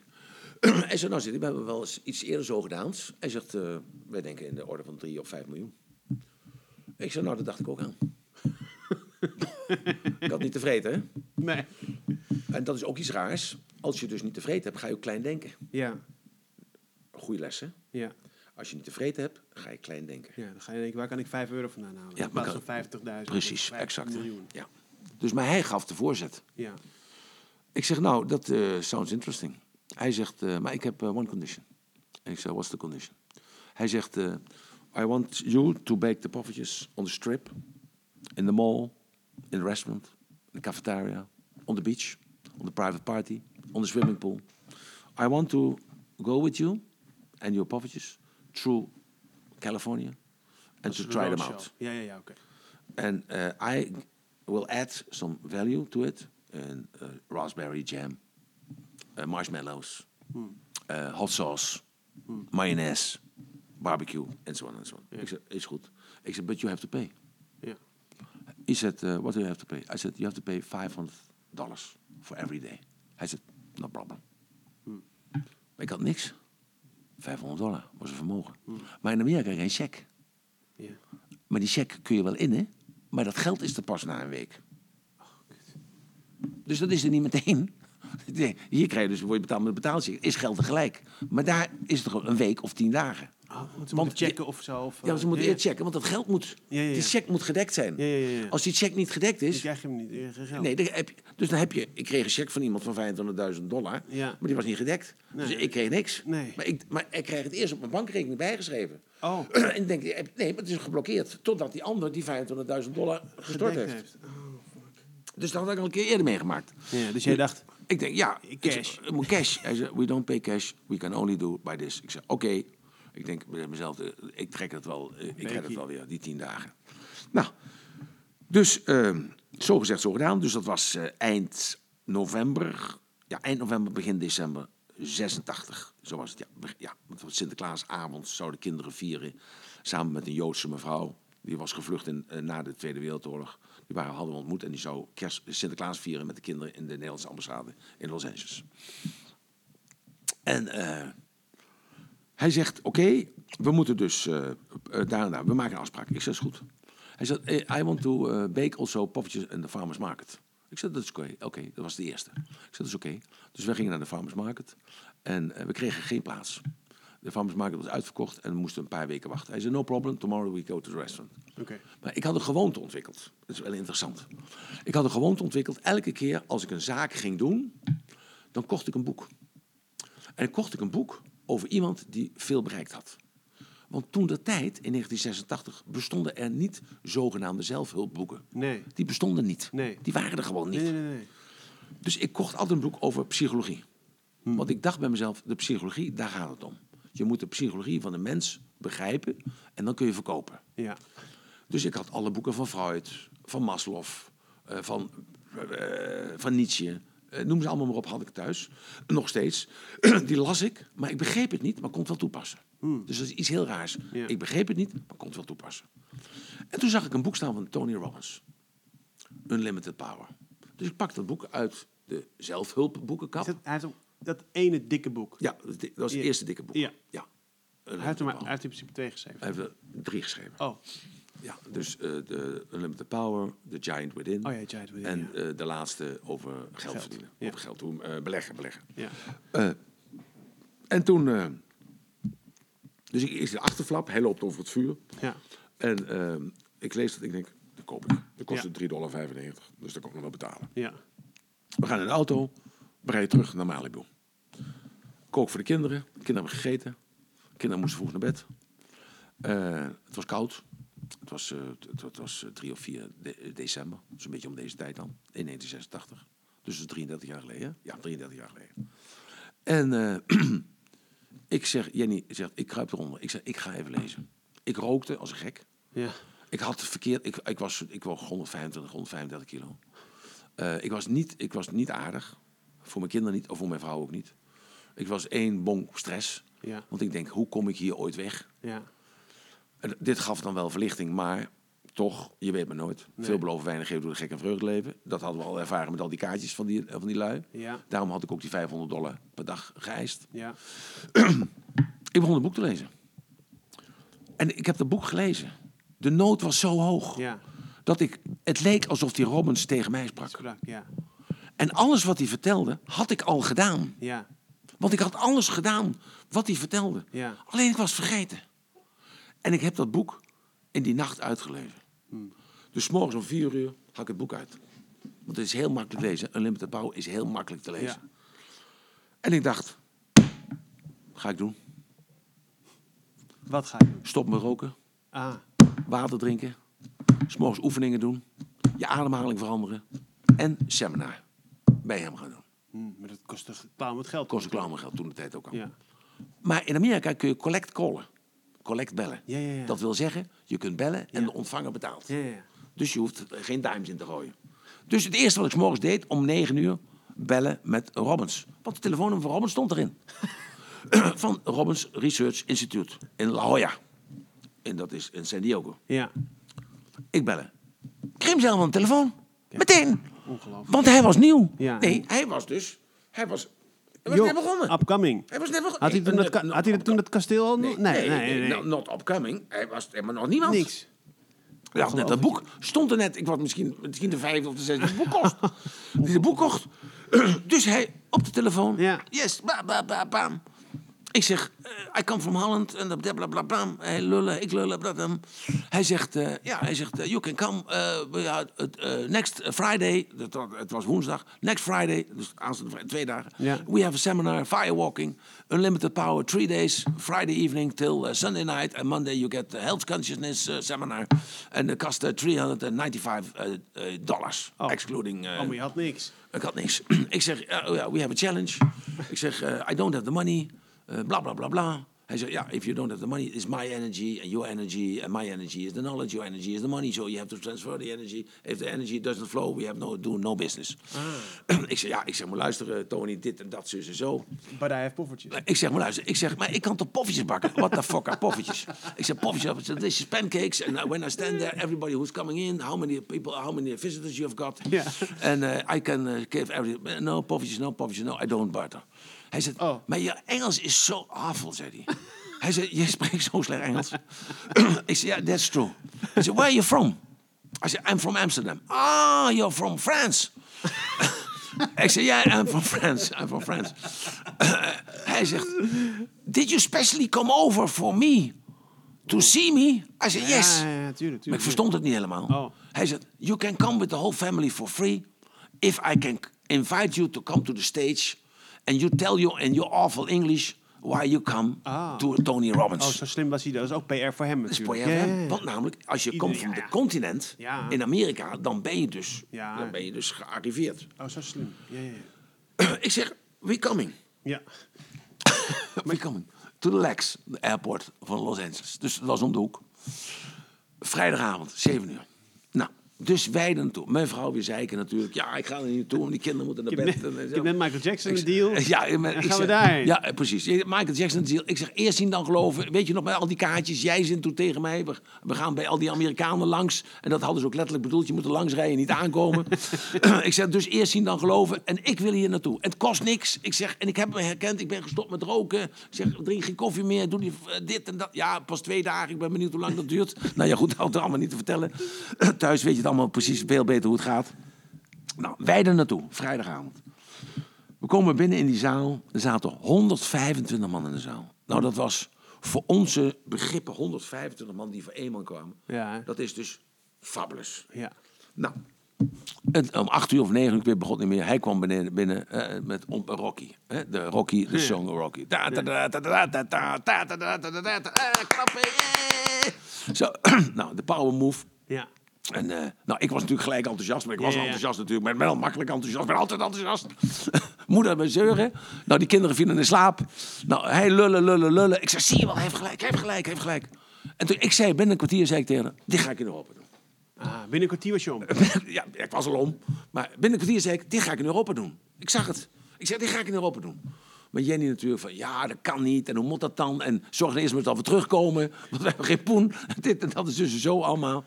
Ik zeg, kom helemaal voor elkaar. Ik zeg, ik ga dit doen. Maar toen was s'nachts om één uur was de vuurloop. Moest de vuur lopen. Ja. Dus hij had ge- gepompt, hè, dit moet je doen en dat moet je doen en zo en zo. Allemaal het hele verhaal natuurlijk. Nou, dus ik eh, de schoenen uit, de sokken uit, wij naar buiten. Jenny zei, ik loop niet. Ik zei, ik ook niet. Oh, Ik zei ook niet. Ja, waarom, waarom zijn we hier dan? Ik zei, ja, kijk hoe die anderen de poten verbranden. Dat gaat natuurlijk nooit goed gaan. Dat kan natuurlijk niet. Het is 1400 graden Celsius. En we stonden bij dat vuur. Nou jongens, scheet helemaal de bagger, man. Ja, ja, Ik denk, heel vreselijk, vreselijk. En, eh, dus we stonden te kijken en eh, ik zei, een beetje weg, want dat vuur was heet, jongen. Was een straling in. In één keer zien we Minou lopen, mijn dochter van acht. ga weg. Die liep er zo overheen. Ik zeg, Minou, Minou, Minou. Ik had nog niet gezegd over Rols. Ik zeg, Rols loopt er overheen. En wij dachten dat ze lagen te slapen onder de stoelen. Ze er zo overheen. Ik zeg, ja, wat verdomme. Dan kan ik het ook. Ik zeg, dan kan ik het ook. Nou, dus ik er ook overheen gelopen. Yeah! Nou, zij er ook over. Yeah! Nou, helemaal fantastisch. Nou, dus, en de volgende dag, eh, zaterdagmorgen, was het om tien uur begonnen. Het weer, huppakee. Toen is ze thuis gebleven met de kinderen. Dus zaterdag gedaan. Zondag gedaan. Maandagavond gedaan. Ik heb me gelijk ingeschreven voor certification. Dat was twee weken in Palm Desert. Dat was eh, in juni. Ja, goed, ik had geen piek, maar ik schreef gewoon in. Klaar is Kees, kostte 10.000 dollar toen de tijd. Maar maakt niks uit. Ik had ingeschreven. Ik denk, wat er ook gebeurt, die 10.000 dollar. Moet ik- maar, ik maar- moet ik iemand de kop afslaan met die 10.000 dollar? Krijg bij elkaar. Krijg bij elkaar. Wat er ook gebeurt. Nou, dus eh, ja, het geluk was met mij. Hè? Het geluk was met mij. Dus Michael Jackson kocht de hele klote zo voor, 5000, voor 5 miljoen dollar. En, eh, Echt? Ja, ja, dus we vlogen eerste klas vlogen terug. Rot op. echt. Ja, ik had de hele zooi voor 5 miljoen. Dus ik heb de poen ook een beetje daar laten staan natuurlijk. En eh, wat meegenomen. En eh, nou, we zijn teruggegaan. Dat was in 1986. Dat was kerstmis. eh, Michael kerst... Jackson heeft die Ja, poffertjes. een poffertje gekocht. Ja, vijf ja, miljoen Ja, ja, ja. voor 5 miljoen. Voor 5 dollar, American dollar. En toen was de dollar was dus 3, 3 gulden, 3 gulden 60 op 340, Jezus, wat een 380. verhaal. Nou, dus toen eh, wij terug, eerste klas teruggevlogen. Ja. Met kerstmis, tweede, Ja. eerste, tweede kerstdag. Dus kerstmis gevierd in de KLM Boeing. Eh, dus geland. Ik heb natuurlijk die 10.000 dollar overgemaakt eh voor de seminar. Ja, wat een nou, wij dus thuis de boel op eh, orde op zaken gesteld. En, eh, Had je toen nog wel een huis in, in Nederland? ja, dat had ik allemaal nog Oh, wel. oké. Dat, allemaal, dus dat had mijn moeder allemaal voor gezorgd, picobello allemaal. Dus we kwamen thuis. En ehm, nou, ik ben helemaal klaargemaakt voor de- het event in Palm Desert. Ja. In juni was dat, in juni was dat. Ja, in juni was dat. En dat was in 87. Dus ik daar naartoe. Eh, ik zei tegen Jenny, ga je mee? Nee, ik ga niet mee. Ik zei, nou, dan ga ik alleen. Nou, dat duurde dan eh, twee weken plus een dag of zo, de 15, 16 dagen. Ik er naartoe gevlogen, dus inchecken. Nou, dat begon het feest natuurlijk, hè. Dus dat is echt cranking, hè. Dus echt gewoon van 's ochtends vroeg 10 uur tot elke dag, tot elke morgen gewoon 4, 5 uur, hè. Door, door, door, door, door, hè. en dan eh, echt bewegen, al de oefeningen doen en dergelijke. Nou ja, dat heb ik dus allemaal gedaan. Ik was de eerste buitenlander die er was. Er, waren- er waren alleen maar Amerikanen. En er waren toen de tijd eh, iets van 250 man. Ja, 250, misschien 300 man. Of het waren er 200, weet ik Ja. niet. Dat was één grote familie. En al die jongens die nog, die nog steeds om zich heen hebben, die waren daar ook. Ja, ja, is eh, John McLendon, hè, nummer twee, toen, eh, Mr. Two, dus die was daar toen ook al. En eh, Mary Mellon en Michael, Sam George, Sam George. Al, allemaal jongens die dus in die eerste certification, wat was zijn eerste certification, zaten. die, die zijn bij hem blijven hangen allemaal. Ja. Nou, dus ik heb de certification gedaan. En de laatste opdracht was dus, eh, kreeg je een kwartje, een dime voor de telefoon. En een appel kreeg je mee. en dan moest je dus zo ver mogelijk zien te komen. Je moest zo ver mogelijk zien te komen door waarde toe te voegen aan mensen om je heen. En dan eh, zo ver mogelijk, en dan moest je bellen waar je was. En dan moest je weer zien om je terug moest komen. Zo, dus zo, zo ver Je, gewoon, gewoon Ja, fysiek. Je moest ja, gewoon... fysiek, ja, gaan, gaan. Maar alleen Met een door, waar- kwartje. door- met een kwartje. En door waarde toe te voegen. Dus je moest een therapie geven, eh, je moest een liedje zingen, je moest een toneelspeeltje spelen. Zo. zo. Dus, eh, en er zijn mensen tot Ant- Antarctica gekomen. Hè? Ze zijn met private jets gekomen. Mensen met, eh, met, die kwamen terug met, met stretch limo's. Fantastisch, fantastisch, fantastisch. Omdat je, dus als je uit zo'n seminar komt, dan, dan zweef je. Hè? Dan ben je dus helemaal zo geladen en zoveel kennis en zo toepasbare kennis. Dat er gewoon, er is geen probleem meer. Er is only, only challenges en er is, alle, oh, er is altijd een oplossing voor. Ja. En ik heb eh, dus die drie dagen heb ik, eh, ben ik naar, eh, dus dat was in Palm Desert, ben ik naar Los Angeles gegaan. En ik heb drie dagen gewerkt in een, een, een abused house. Dus mensen die verkracht waren eh, enzovoort enzovoort. En ik heb daar alleen maar therapie gegeven. Dus eh, wat toen was NLP, was toen helemaal onbekend, bestond Ja. helemaal niet. Nee. En dus met het NLP helemaal mensen uit dat thuis kunnen krijgen. Dat heb ik toen met Mary Mellon gedaan. Dat is mijn soulmate gebleven eigenlijk tot de dag van vandaag. Ja. nou, toen zijn we teruggegaan. Met allerlei dingen hebben we een auto kunnen krijgen. Een dikke stretchlimo zijn we teruggegaan naar Palm Desert. Nou, en dat, dat was het einde dan. En toen heb ik tegen Tony gezegd van... eh, ja, maar luister, ik, ik was een beest, hè. Want ik was dus morgens vroeg... eh, ik was een kwartier te vroeg. En ik was s s'avonds een half uur hielp ik met opruimen en dergelijke. Toen ben ik naar huis gegaan. En toen was ik echt een, een beest, een NLP-beest. Ja. En dus iedereen die bij me was, ik, ja, je hebt to change yourself, je hebt je allemaal veranderen, moet luisteren, je kunt. Maar hoe, kan, hoe kon je dan in Nederland ook nog eh, meteen eh, die, die omschakeling... Had je toen, die haphokken had je nog? Ja, de hapboeken had ik dus nog. Ik had nog één of twee hapboeken, En, ja. toen ging je, en toen ging je meteen... Maar ik had de centen in de zak. Ja, ging meteen, maar ik was dus... Ik, ik, was je doel, was Maar je ik, had dat, ik heb dat als kind zijnde gedaan. dus dat hele NLP had ik als kind zijnde gedaan. Ja, ja, ja. Dus ik had mezelf met modaliteiten veranderd. Ja, ja, ja. Ik had dus de toekomst al geschetst. Ja, ja, ja. Ik wist al dat als ik een droom had, dat ik het kon bereiken.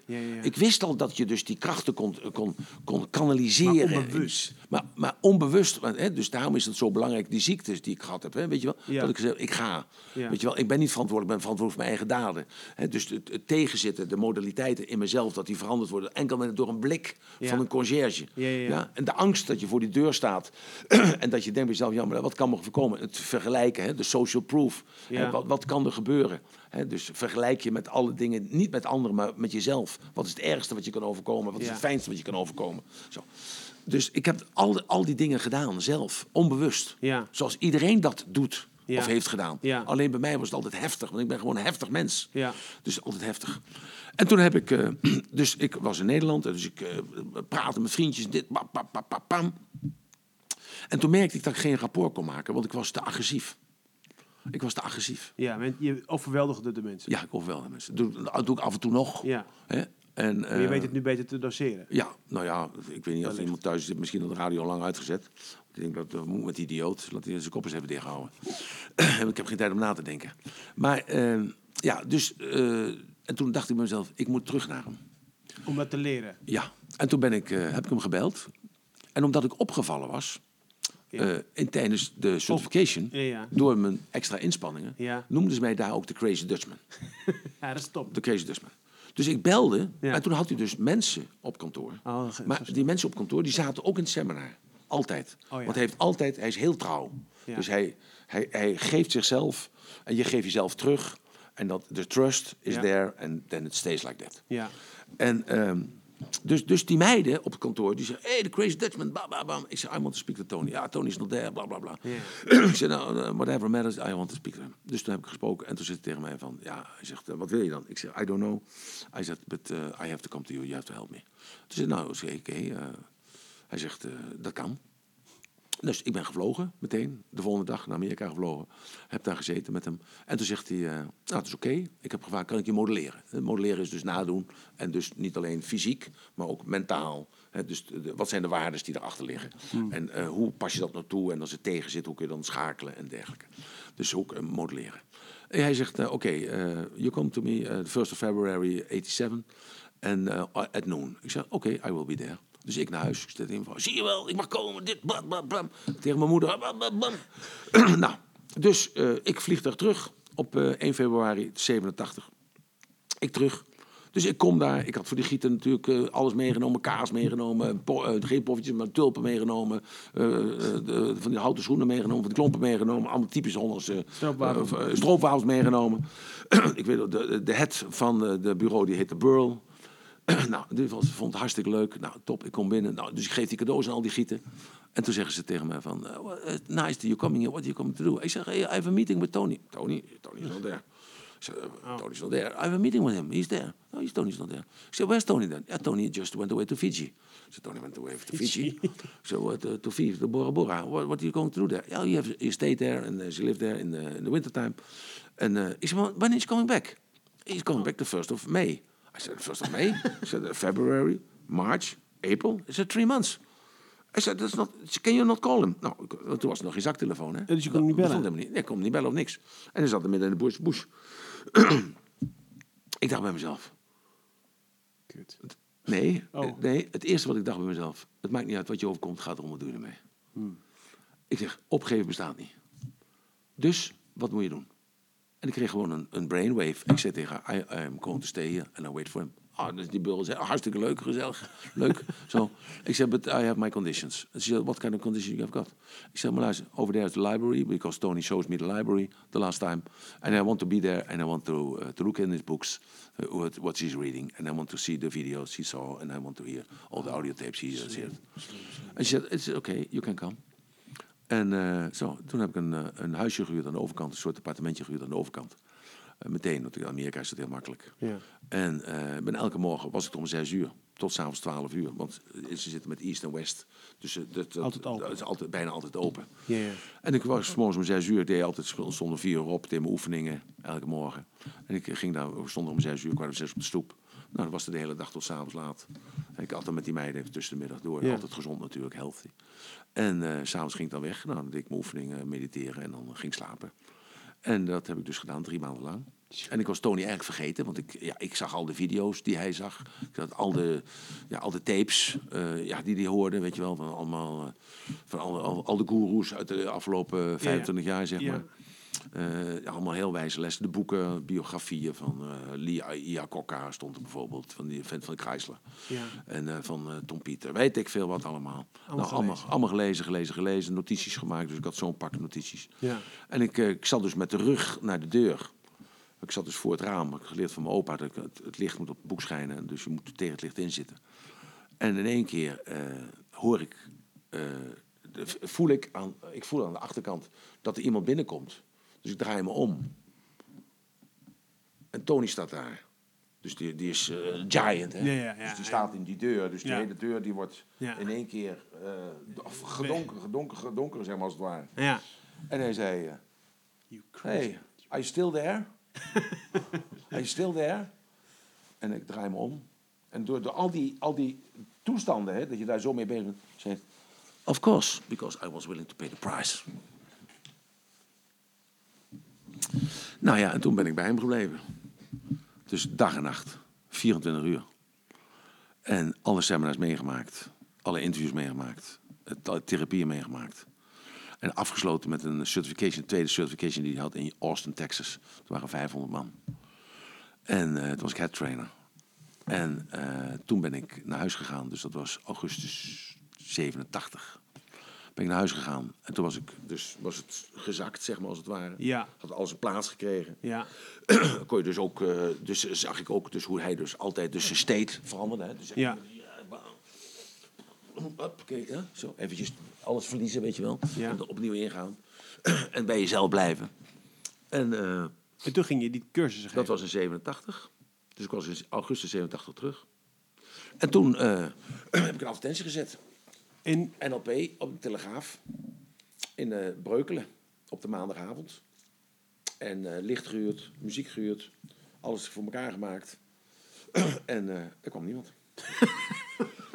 ik dacht bij mezelf van... ja, maandagavond, ja, dan zit iedereen natuurlijk lekker thuis na het weekend. Ik denk, ik moet het op woensdagavond doen. Dus ik advertentie in de Telegraaf gezet. En eh altijd weer muziek ingehuurd, geluid ingehuurd, eh, licht ingeluid. helemaal klaar. En er kwam weer een hond. Ik denk, ja, dat is natuurlijk op woensdagavond voetballen. Ik denk, ja, Breukelen is misschien niet goed. Ik moet dus bij Van der Valk en Tiel gaan. Dus ik heb Van der Valk gehuurd in Tiel en vrijdagavond kwam weer hond. En daarom zeg ik ook altijd, kijk, als je weet waar je mee bezig bent, krijg je vanzelf het signaal. Ja, als je maar door blijft gaan. Als je maar door blijft gaan. Dus je krijgt vanzelf de ingeving. Ja. Want je bent daarop gefocust. Ja. Zo is het met elk doel. Dus als je Ja. 97 wil worden, word je ook 97. Omdat je dus dat doel gesteld hebt. En ondertussen kom je allerlei signalen tegen die passen in dat hoofd. Hetzelfde dus met geluid of met muziek of met interview of wat dan ook. Ja. Dus ik loop door de stad in Arnhem. En daar staat een orgel. En er staat een hele nette vent achter. En daarboven stond een bord.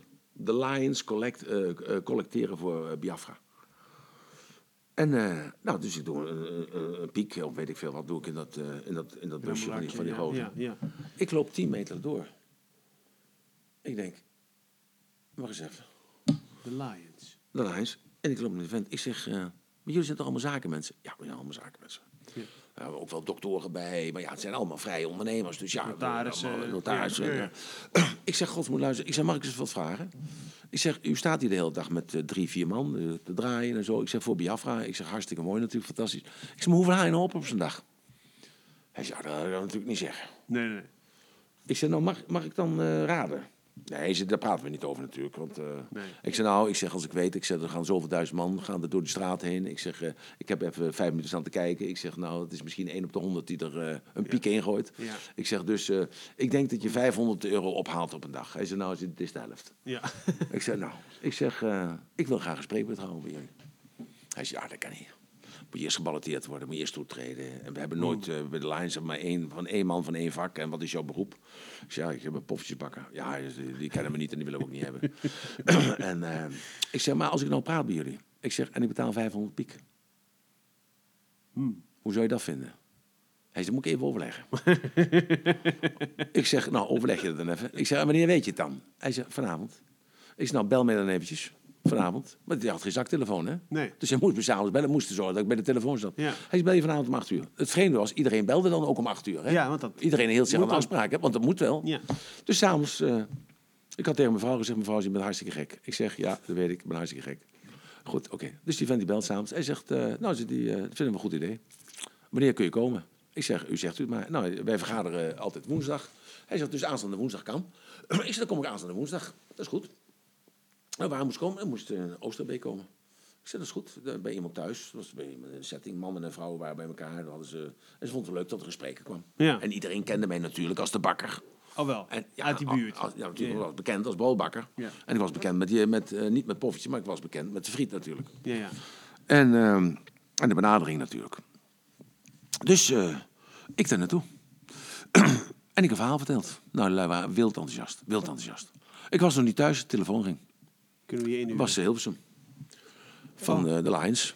Ja, we worden net gebeld door D&D, de Lions in, uh, in Oosterbeek. En dat was zo'n fantastisch verhaal. En je betaalt ook nog 500 piek. God, wil je komen in Hilversum? Ik zei, ja, ik wil komen in Hilversum. Maar wanneer kan het dan? Ja, we wil, meteen, we maken tijd voor je. Zo fantastisch. Nou, oké. Okay. En weer betalen? En weer betalen. Nou, dan heb ik er 4, 5, 6 gehad. Dan heb ik allemaal 500 piek betaald. Mijn telefoon stond rood gloeiend. dus ik zei bij de zesde of de zevende, ik weet niet meer. Bij, in Veenendaal, weet ik nog wel. In Veen, uh, nee, niet in Veenendaal, in, uh, aan de grens. Uh, nou, laat maar even zitten. In Twente ergens. Uh, waar is de grens overgaan? Toen zei je, het kost 500? Nee, toen zei ik van, ik kom gratis. Oh, oké. Okay. Zei, nou, maakt niet uit, gaat de band. Want luister, het is schoolgoed. Ja, kom gratis. Nou, dus ik nog een keer vijf keer gedaan gratis. En toen was de, de 11 of de 12 of de 13, ik weet niet eens meer. En toen zei ik tegen die vent, ik zeg, ja, maar, maar mijn vrouw, mijn zeuren natuurlijk, hè. Ja, Want ik moest er naartoe en uh, oh. ik moest er naartoe rijden. En ik was niet thuis en ik, uh, ik uh, deed niks aan de zaak. En zo. Ik zei, oh, nee, maar ik ben, ik ben, mijn passie aan het vullen. Ik ben allemaal leuke dingen aan het doen. Fantastisch, ja. ja. maar het gaat ten koste van de familie en ten koste van het gezin. En ga je bemoeien met de kinderen, ga eens mee met voetballen met je zoon. Dus ja, daar vind ik niks aan. Dat doe ik niet. Dat kun jij doen. En nou, dus, toen was het dus de twaalfde of zo. En toen zei ik tegen hem, ik zei, wil we komen? Ik zei, maar dat kost 500. Nou, zei dat is goed. Dat is goed. Dat is goed. Ik zei, nou, dankjewel.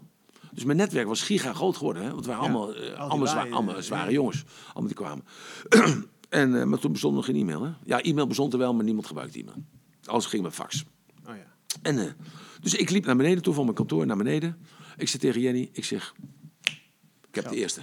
Duizend piek. Toen zei ze, ik heb meegeluisterd. Het is 500. Het is maar 500. Oh. Ik zeg, wat ben je toch ook een vervelend wijf.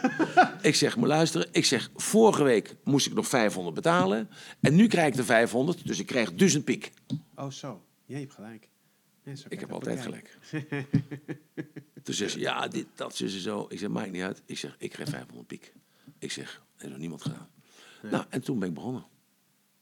Super slim. Ik was dus de eerste public speaker in Nederland. Ik was de eerste public speaker in Nederland. Dat bestond dus helemaal niet, hè? Nee. Bestond dus niet, hè? Nee. Bestond dus niet. Be bestond dus gewoon niet. Nee. Dus ik kwam een bedrijf. of ik kwam gewoon, uh, ik werd ergens uitgenodigd. En dan moest ik dus een verhaal vertellen over NLP, wat NLP was. En toen kwam ik dus, uh, ik had mijn eerste klant, dat was Beafar. Beafar, die maakt uh, vlooienbanden voor honden. Ja. en ik zei tegen die man, meneer A, ik zei tegen meneer A, ik zeg, ik zeg doe no Q, no pay. Ik zeg, ik wil zoveel procent van de omzet hebben. Ik zeg, dus u betaalt me aan het eind van het jaar. Dat komt uitzingen. U betaalt me aan het eind van het jaar. Dus ik nam de hele fabriek onder handen. En in die fabriek zat een nichtje van Catharine Keil. Van de Vijf Uur Show. Ja. En dus ik had die fabriek bij elkaar, met 350 man. En de verkopers. Zij, was je toen al, zei je toen al Chaka? Of, uh, nee, was het nee, nee, dat was geen Chaka. Nee. En uh, dus toen, toen belde Catharine Keil. En die zegt, god, ik heb van jou gehoord, kun je niet een keer in de vijf uur show komen? Want jij zegt dus, iedereen die een uitdaging heeft, kun je helpen. Ik zeg, iedereen. Ik zeg, binnen maximaal zeven minuten. Ik zeg, is het probleem opgelost. Wat er ook gebeurt. Dat is ook zo, hè? Tony Robbins zegt het ook. Hè? Ja, dat is, is, ook zo. Doe ik ook, hè? Binnen vijf minuten, binnen zeven minuten maximaal, is het opgelost. dus ze, ik, vind het, ik, vind het, ik heb het verhaal gehoord, zegt ze, ik vind het zo fascinerend, kun je komen? Hmm. Dus ik kom. Toen zegt ze, nou, ik moest verhaal vertellen. Toen zegt ze, ik heb een mevrouw uit Hardenberg. Uit Hardenberg, ik weet nog precies. Uit Hardenberg. en die is, acht jaar geleden is haar dochter geëmigreerd naar Florida. En ze heeft vliegangst. Ah. En jij zegt dat jij die vrouw van die vliegangst af kan helpen. Ik zeg, daar kan, help ik er vanaf. Binnen zeven minuten. Toen zegt ze, als jij dat kan, betalen wij de ticket voor die mevrouw uit Hardenberg naar Florida. Ik zeg, Mooi dat doen we. Dat doen we. Nou, dat heb ik gedaan. En vijf uur show had miljoenen publiek. Toch? Want iedereen keek die vijf uur show. Voor vijf uur show was, ja, was, was, was was nummer één. Was ja, nummer één. ja. Dus, ik doe dat. Dus, hocus pocus pilatus pas. Veranderde Ja. de modaliteiten, veranderde dus de fysiek. Die vrouw kwam aanlopen, ik zag het al. ik, ik zag al wat er aan de hand was. Dat zie je. Je ziet het, je hoort het, je voelt het. Zo, dus die vrouw die kwam. En ze zei, ja, ik ga nooit een vliegtuig. Ik ga nooit een vliegtuig. Ik zeg, stelt u zich eens voor als u wel in het vliegtuig zou gaan. Nee, ik ga nooit het vliegtuig. Ik zeg, als u de vraag nou eens verandert aan uzelf. Hoe zou het zijn als u wel in het vliegtuig zou stappen? Nee, ik stap nooit in het vliegtuig. Ik zeg, ik begrijp dat u nooit in het vliegtuig stapt. Maar stelt u zich nou eens voor dat u wel in het vliegtuig zou stappen. En ik stap nooit in het vliegtuig. Zo ging dat vier, vijf keer, zes keer door. Toen kon ik dus die vraagstellingen veranderen. Toen gaf ze me antwoord. Ik zeg, en als u dan in het vliegtuig zit. En u landt dan. En u kunt dan uw kleindochter in uw handen. In uw, uh, in uw, in uw in armen sluiten. En u kunt uw dochter, die u acht jaar of twaalf jaar niet meer gezien heeft, kunt u dan welkom heten. Hoe zullen ze bij ons te huilen? Hap, had ik. Ik kon zo positief ankeren. Bom. Ik zeg, en als ik nou tegen u zeg dat u morgen mee zou kunnen? Ja, morgen? Oh, ja, maar ik kan het niet en ik durf niet. Zo. ik zeg, maar als u zich nou voorstelt hoe het zou zijn als u uw kleindochter en uw kleinzoon in de armen zou sluiten. Als u uw dochter gewoon in de armen zou sluiten, heeft u die acht jaar of twaalf jaar niet meer gezien. Hoe zou dat dan zijn? Ja, oh, ik, ik, weet niet meer hoe ik moet leven. Ik spring wel van de trein als ik het niet durf. Zo. Ik zeg, als ik nou met u garandeer, als ik nou met u meega, ja, zou je dan mee willen gaan? Zou je mijn hand willen vasthouden als het omhoog gaat? Ik zeg, ja, je hand zal omhoog gaan. ja, dan doe ik het, dan doe ik het. Ik zeg, oké, okay. nou, fantastische televisie natuurlijk. Ja. En de volgende dag in Schiphol, camera erbij, brrr, camera erbij. Toen zeg ik, nou, ik had het een beetje sterker gemaakt, vlak voor de gate. Ik heb het net binnengebracht. Ik zeg, ik zeg, de werkelijke uitdaging is nu alleen gaan. Dat je alleen gaat. Ik zeg, want hoe zal het zijn als je daar landt en je dochter staat daar met je kleinzoon en je kleindochter. En jij komt die trap uit. En ze weten dat jij gewoon acht of twaalf, ik weet niet meer of het acht of twaalf jaar was, dat je acht of twaalf jaar lang, dat je dat niet had durven doen. Ja, zegt ze. En ze ging. En ze ging. Ja, fantastisch, fantastische televisie natuurlijk. En toen was je ster. Nou ja, en toen, zei, ja en, toen, en toen zei Katrien tegen mij, nou, dus toen zei Katrien tegen mij, ja, dit, is helemaal, dit is echt fantastisch, dit is echt zo, zo super. Ja. Toen zegt ze, maar je moet het visualiseren. Je moet het de mensen meer laten zien dat ze kunnen veranderen. En toen ben ik op die slang en die spinnen terechtgekomen. Ah, Dus dankzij Catharine Keil. Dus Catharine Keil heeft me dit... En toen, ben ik met, en toen dacht ik, ja, dat is waar. Want iedereen is bang voor slangen, of vies voor spinnen, of Ja, ja. vies voor ratten, of schorpioenen Ja. of zo. En toen dacht ik, nou, dat kan ik doen. Dus, dus elk veranderingsproces werd dus toen entertainment. ja. Maar ik noemde dat entertainment. Ja, ja, ja, ja. Zo, entertainment. Ja. Zo, en dus dat vuurlopen ging ik doen. En dat vonden mensen fantastisch natuurlijk. Door het gas lopen. Vaak ging het fout. Vaak ging het goed. Weet je wel, gas lopen. Want het Ja. is een kwestie van hoe het staat en dergelijke. Ja, zo, en dat moet je kunnen. Een bril op je kop natuurlijk. En eh, nou, dus ik heb dat toegevoegd eh, in het ijs zitten. Vijf minuten in het ijs zitten van Wim Hofland, weet je wel. Ja, ja, ja, Dus van de ijsdingen. Dus je zit vijf minuten in het ijs. Ja. Dus dat concentratie, dat is om te laten zien dat je focus moet houden. Want als je focus niet houdt, dan, dan Wat? bevries je. Ja. Bevries je echt letterlijk, hè? Ja. En dat is met het, met vuurlopen is dat ook zo. Dus ook concentratie, focus houden. Ja. Want als je je kop er niet bij houdt, ja, dan brand je je voeten. Ja. En ik heb dan tegenwoordig heb ik een bak met 200 muizen. Dus dan eh, een, glazen bak, camera erbij. Hoeveel, hoeveel, eh, hoeveel seminars ging je toen doen? Toen was, toen was je ster echt... Eh, nou, ja, bam, en toen ben ik begonnen met, eh, eh, toen ben ik begonnen met in, in eh, Slot Doddendaal bij Nijmegen. Om eh, twee keer in de maand een seminar te geven zoals Tony dat deed. En Ah. dat begon eh, vrijdagmorgen begon dat ja. om eh 9 uur. Tot zaterdagmorgen 4 uur. Toen hoefde je geen- Zaterdagmorgen 10 uur. toen tot, kwamen ze wel. Tot zondagmorgen 4 uur. En dan eh, en zondagmorgen weer om 10 uur tot s'avonds En hoe, 10 liet, uur. hoe deed je daar dan de marketing voor? Liet je dat, hoe hoe communiceerde je dat dan? toen? De, eh, daar kwamen mensen kwamen uit zichzelf de- vanuit de televisie, dat was één. Ja. En twee, ik eh, had een, eh, in de, eh, op de voorpagina van de Telegraaf altijd één advertentie staan. Het kostte bakken met geld. Nee, dat, kostte, dat waren drie prijzen. Dat was dus, eh, als je de vrijdag alleen deed, er waren nieuwe denktechnieken. Dat ging dan over... Nee, ik eh, bedoel die advertenties oh, in de ja, Telegraaf. ja, maakt niks uit. Gaat voor de kosten, voor de baat uit. Ja, oké. En eh, dat kostte, eh, dus die advertentie kostte geloof ik iets van 10.000 piek of zo. Ja, ja. En dan kwamen dan eh, vrijdag overdag waren nieuwe denktechnieken. Dat waren dus selecte, selecte groep. Ja. Dat waren dan altijd een mannetje of 20, 25. Dan s'avonds was het vuurlopen. dan gingen die 20, 25 man gingen door naar dat s'avonds vuurlopen. Dat begon dan na het eten, s'avonds om 8 uur tot de volgende morgen 4 uur. En dan eh, de volgende morgen eh, kon je dan ook inschrijven. Dus je kon drie dingen doen. Je kon dus alle drie doen. Ja. Overtuigingstechnieken, vuurloop en dan nieuwe denktechnieken. En eh, je kon ze dus ook apart doen. Maar iedereen deed eigenlijk De alles bij elkaar. Alle Ja. drie bij En, elkaar. want je denkt, ik ga toch, dus... En dat zijn, eigenlijk, dit, dit zijn net die pindakakoeken, toch?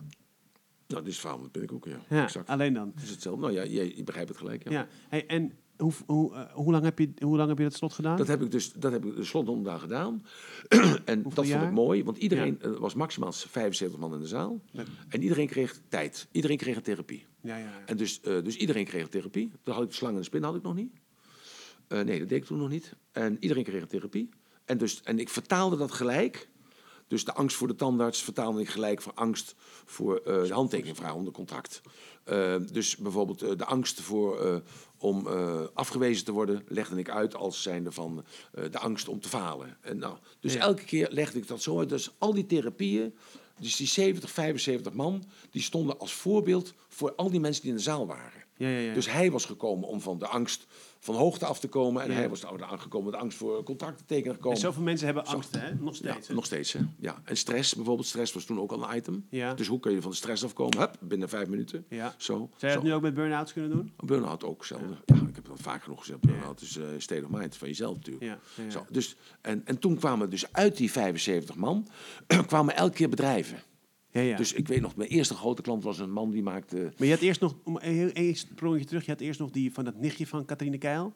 Toen zei je, doe no cure no Ja, pay. dat was je eerste ja, bedrijf. ja. Maar dit was je zelf overtuigd van jezelf, ik ga dit Ja. bedrijf gewoon... Ja, eh, ja. En wat, wat, hey, om eventjes- die- en- en wat, wat, wat verdien je dan zo En na niets, eind van het jaar? Daar heb ik dus heel veel tijd in gestopt en toen Oh. kreeg ik niks. Oh. Want de omzet was dus niet gestegen. Oh, En toen zei meneer A tegen mij, Ja. ja, zegt hij, want ik heb je bij je ballen bij. ja.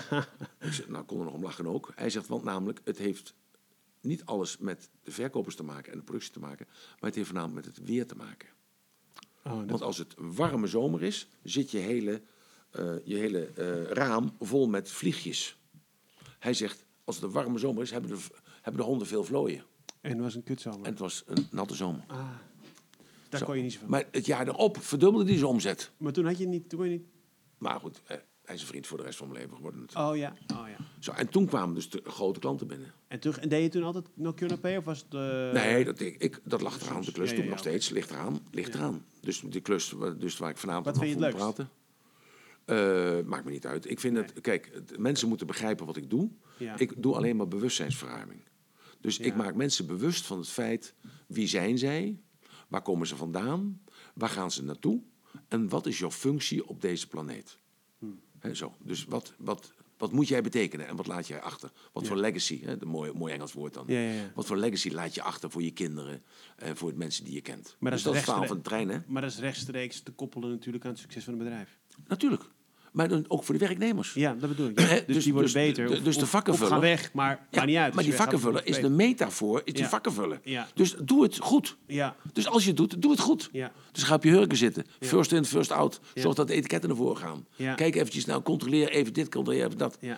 Doe een voorstel aan je baas van... zouden de pindakaas niet naar links doen en de, en de ketchup naar rechts doen? ja. Zo. Want mensen kijken zo en zo en zo. Ja, want je bent van de werkvloer. De werkvloer heb je altijd meer verstand als de man die dus eh, naar En, boven maar, en sindsdien, en wanneer kwam dan... eh, want toen was je bij de Catharine Keil show geweest, de Ja. vijf uur show. Ja. En sindsdien ben je eigenlijk niet meer weg te denken van de Nee. televisie. ja, en toen heb ik fout gemaakt. Ja, toen heb ik de fout gemaakt. Eh, namelijk, toen heb ik een doel gesteld. ja. En ik heb het doel gesteld om bekende Nederlander te worden. Ah, En dat heb ik fout gedaan. ja? Dat heb ik fout gedaan. Ja. Dus toen ben ik bekende Nederlander geworden. Maar ik heb met het mechanisme geen rekening gehouden. Want namelijk het mechanisme is... Kijk, Dre Hazes is nu aan de beurt. Ja. Ja? Die is eerst opgeschreven, Ja. opgeschreven, opgeschreven, opgeschreven. Dan wordt hij kapot geschreven. Oh, dat is het mechanisme. Dat is het mechanisme. Ja, ja, ja. Dus de, want je, ze, je bent gewoon een soort eh ja, Je melkkoe. bent bezit, bezit. Dus ze schrijven, Ja, je schrijft je eerst omhoog. Ja, ja. En dan, En dan schrijven ze je kapot. ja, en dan weer... En dan schrijven ze weer omhoog. Ja, ja. Alleen, je moet er tegen kunnen, als je dus kapot geschreven bent, Ja, om dat toch door te gaan. ja, ja. ja. Want dan moet je gecoacht worden. En, oh ja. En om weer terug te komen. Want de meeste mensen kunnen natuurlijk Ja, wel een compliment hebben. Dat is Ja, makkelijk. Maar dan, als ze kapot geschreven worden, Hmm. dan zakken ze in het aan. Dan gaan mensen, loopt die over straat en dan, ja, luister, wat een klootzak, dit of dat, zo. Ja, ja. Hoe, kan, hoe kan die? Hoe, Ja, hoe kan? Ja. Zo. En dat is moeilijk. En dat is het moeilijkste. Ja, dus ja, je tuurlijk. omhoog, dan beneden. Zo, en ik heb dat al een paar keer meegemaakt. Omhoog. hup. En dan is er weer wat, of ik doe weer wat. Hè, zoals ik nu met die 97 jaar doe. Ja. ja, dus nu komen ze weer naar me toe en zeggen... ja, maar luister, we willen een televisieprogramma over maken. Dat jij zegt dat je 97 jaar kunt worden. Ja. Ik zeg, ja, maar wat is daar interessant aan? Ja, wat doe je dan met die mensen? Dat die mensen binnenkomen en dat die mensen gaan geloven dat je 97 wordt. Ik zeg, maar daar begint het al mee. Dat je gaat geloven dat je 97 wordt. Ja. ja maar hoe overtuig je ze daarvan? Dan komen mensen binnen met kanker. Dan komen mensen binnen die hebben nog twee jaar te leven. Ik zeg, ik heb het er ook meegemaakt. Dus als ik het kan, kun jij het ook. Het is een kwestie van aandacht. Hmm. Ja, nee, maar zo werkt het niet. Ik zeg, zo werkt het wel. Mind over matter. Ja. Mind over matter. Zo. Dus, en daar heb ik dus, eh, ja, ik heb Heb je dan, maar is het niet, denk je niet dat, dat, dat doordat je, want ik, eh, ik heb jou uitgenodigd Ja. hier, omdat, je, omdat ik je ken eh, van het de bekende. Nederlander gebeuren Ja. En, de, en de maar ehm, eh, nog steeds ben je nog steeds super bekend. Iedereen kent je, dus het heeft ook wel heel veel voordelen, denk ik, of niet? Wat voor voordelen geeft het dan? te wij, nou ja, Je, hoe bekender je bent, hoe moeilijker het wordt. ja toch wel? Want iedereen heeft een oordeel. Ja, Dus een bedrijf nodigt mij uit. ja. Dan zeggen vrouwen, zeggen, ja, maar hij heeft zijn vrouw geslagen. Oh ja, Weet je die wel? willen niet. Dan. Die willen we niet. Oh ja, Dan zeg ik, mag ik even mijn verhaal vertellen? ja oké. Mag ik even mijn verhaal vertellen? Dus als je het over zou doen, zou dat, zou dat het enige zijn wat je anders zou doen? Niet bekend Uit de pers worden. blijven. Uit de pers blijven, toch? Uit de pers blijven. Ik zou juist denken... Juist Ja. Nee, want juist- zakelijk, kijk, ik, ik heb de allergrootste getraind. Ja, Maar ik kan nu zeggen, ik heb Philips getraind. ja, Weet je wel? Want dat heeft in de pers gestaan. ja. Want heeft de pers gestaan. Dus ik heb ze voor ontslag laten tekenen. En dus z- ze- eh, 63 van de 70 hebben getekend voor ontslag. En die 7 hebben niet getekend, stonden binnen drie weken op straat. En daardoor hebben ze wel de target gehaald. Ze is van verlies naar winst gegaan. Zo, maar ik, ik doorzie dat heel snel. Zo. Ik heb bij Jumbo gewerkt, heel veel. Aan het begin vanaf 92 af. Ja, Zo. Dus daar ben ik heel dankbaar voor. ja, Maar ik heb ook bij Albert Heijn gewerkt. Ik heb de cultuurclash gemaakt van, eh, van ABN en AMRO bij elkaar. Want je moet voorstellen, die komen bij elkaar. Wie moet eruit? ja. Hoe gaat dat dan? Hoe, wat denken mensen? Dat gaat mijn baan kosten. En je wordt nog steeds gevraagd door bedrijven. ja, natuurlijk. Want ik, maar ja, dus dat, dat, dat, is dan wel, dat is dan wel desondanks de pers. Nee, omdat ik zo goed ben. Ja. Want ik creëer resultaat. Ja. Wat denk je nou dat bedrijf wat omhoog gegaan is? Ja. Van 30 naar 60 miljoen. ja, die gaat het weer tegen zijn vriendjes vertellen natuurlijk ook. Dus eh, ik had er eentje bij die zei... Hij zei, ja, zei die, maar jij hebt toen eh 25 jaar geleden... heb ik jou al een keer gehad bij mandenmakers. Had ik mandenmakers keukens gedaan. Ah. Hij zei, ja, jongen, fantastisch. Dus hij zei tegen al die verkopers... Zei hij, ja, wat gaat dit nog, gaat dat nog, zus en zo doen? Maar hij was de beste verkoper van mandenmakers geworden... dankzij mij, zei Ja, hij. ja. Hij heeft het natuurlijk zelf gedaan. Ja, Maar, en nu was hij bij deze club... door die Hij- bewustzijnverruiming. ja, maar doordat hij was altijd zo getarget. Altijd focus, focus, focus. En ik ga ervoor. En ik, eh, oké, want ik had bij Mandenmakers ook gezegd. Die- die, had, eh, die had toen nog eens iets van, eh, van 300 keukens in de week. En die wilde naar 600 keukens in de week. Ja. Oké, wat dat moet je dan doen. Zo en zo, dat en dat. En dan moest hij op, in- dus meneer Ben, Mandenmakers, moest erop investeren. Ja. Zo, dus die moest op investeren in autootjes, in productie, bla bla bla. maar die omzet ging omhoog. Bam, bam, bam, bam. En hoe doe je dat met eh, de keuken- keukenconcurrent en met Brugman en zo? Hoe breng je differentiatie aan? Ja, nee, maar ik ben natuurlijk niet... eh, en ik, ik heb 30 jaar ervaring. Ja.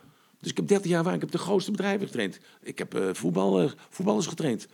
dus eh, ik heb eh, toen de tijd Nederlands elftal getraind tegen Noorwegen.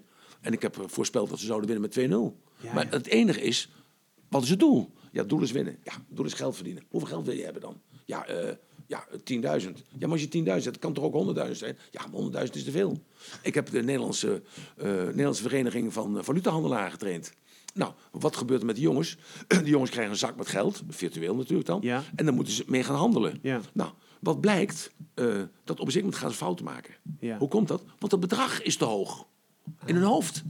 Zo. En dat heb ik dus gevisualiseerd. Heb ik gevisualiseerd door te maken een eh 10 meter lang planken, een plank, en dan moesten ze stappen op die planken.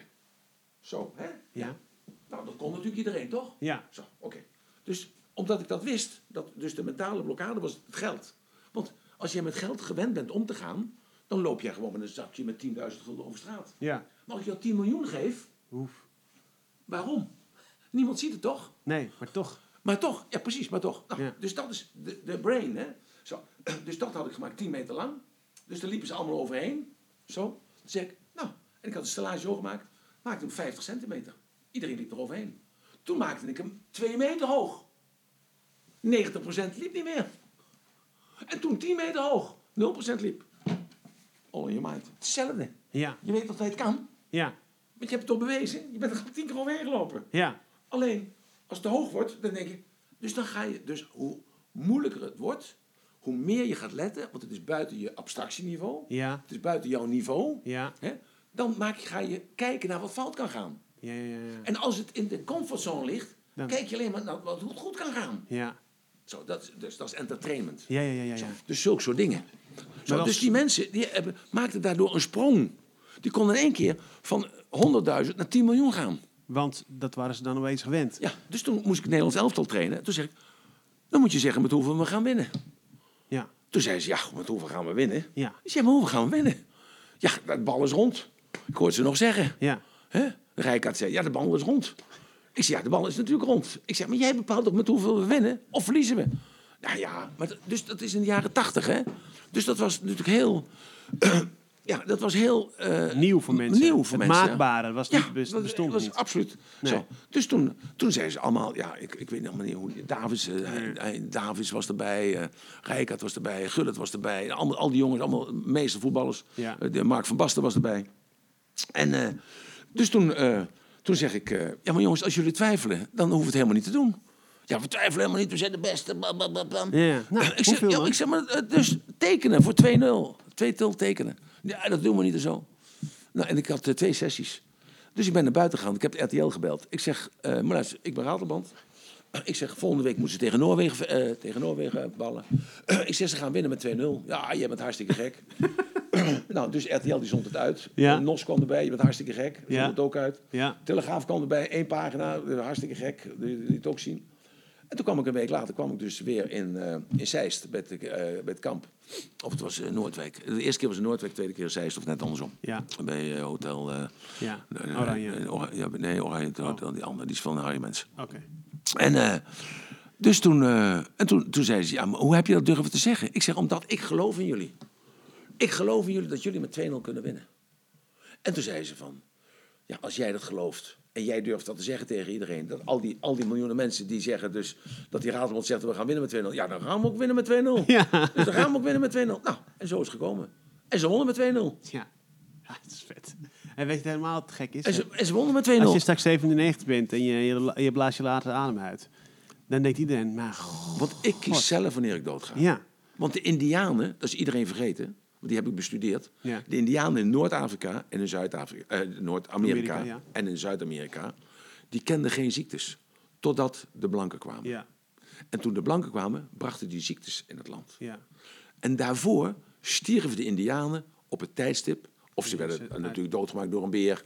Of ze werden eh, door, een, eh, door een gevecht met de Sioux tussen de Apache. Ja. Maar normaal gesproken bepaalden zij zelf wanneer ze klaar waren. Zo. Interessant. En dan, ze stierven dus, want dan draaiden ze de ademhaling om. Dat is een techniek.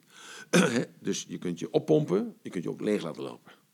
Zo, dus het een soort omgekeerde hyperventilatie. Ja, ja, ja. En dan En, is het einde. zo, en dan is het einde. Dus dan, dan zak je weg en dan verdwijn je naar de eeuwige jachtvelden. Hmm. Zo.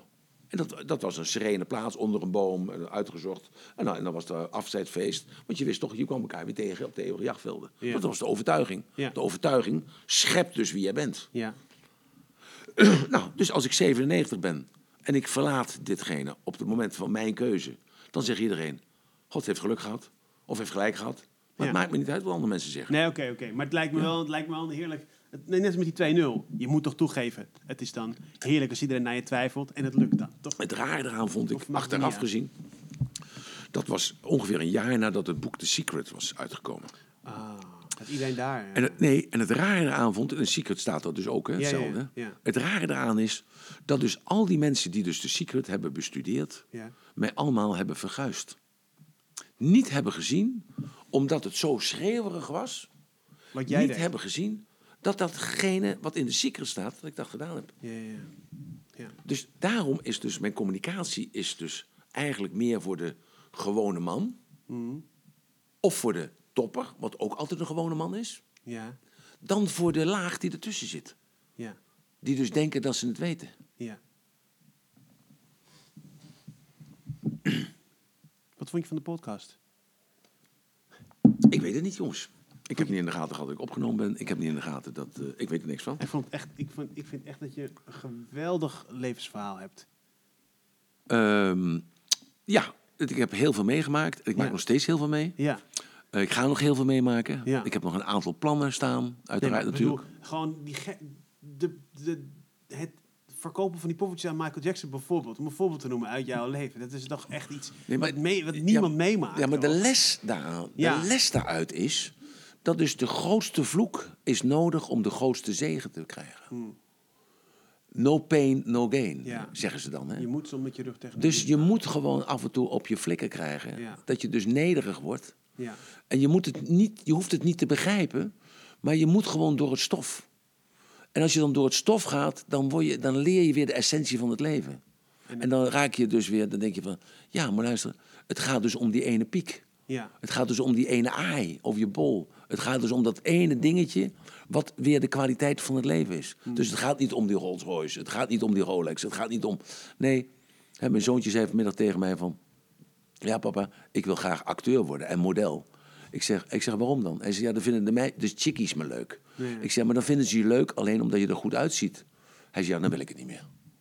Ik zeg, en als je dat nou weet, kun je het rustig worden. Ja, ja, ja.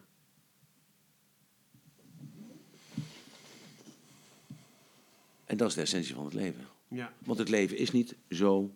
Nee. Het leven is niet zo. Als je jezelf initiatief neemt, dan gaat het leven Zo. zo. Ja. Maar uiteindelijk is het grootste dieptepunt is ongeveer het hoogste punt wat je hebt meegemaakt tien jaar of vijftien jaar geleden. Ja, ja, ja. Zo, en als je zo kan kijken, dan stap je even uit deze werkelijkheid als NLP. Je stapt even uit deze werkelijkheid. En dan kijk je even naar jezelf. En je stapt eh, daarna in de circle of excellence van jezelf om te presteren. Op wat voor gebied dan ook. En dan heb je weer die kracht.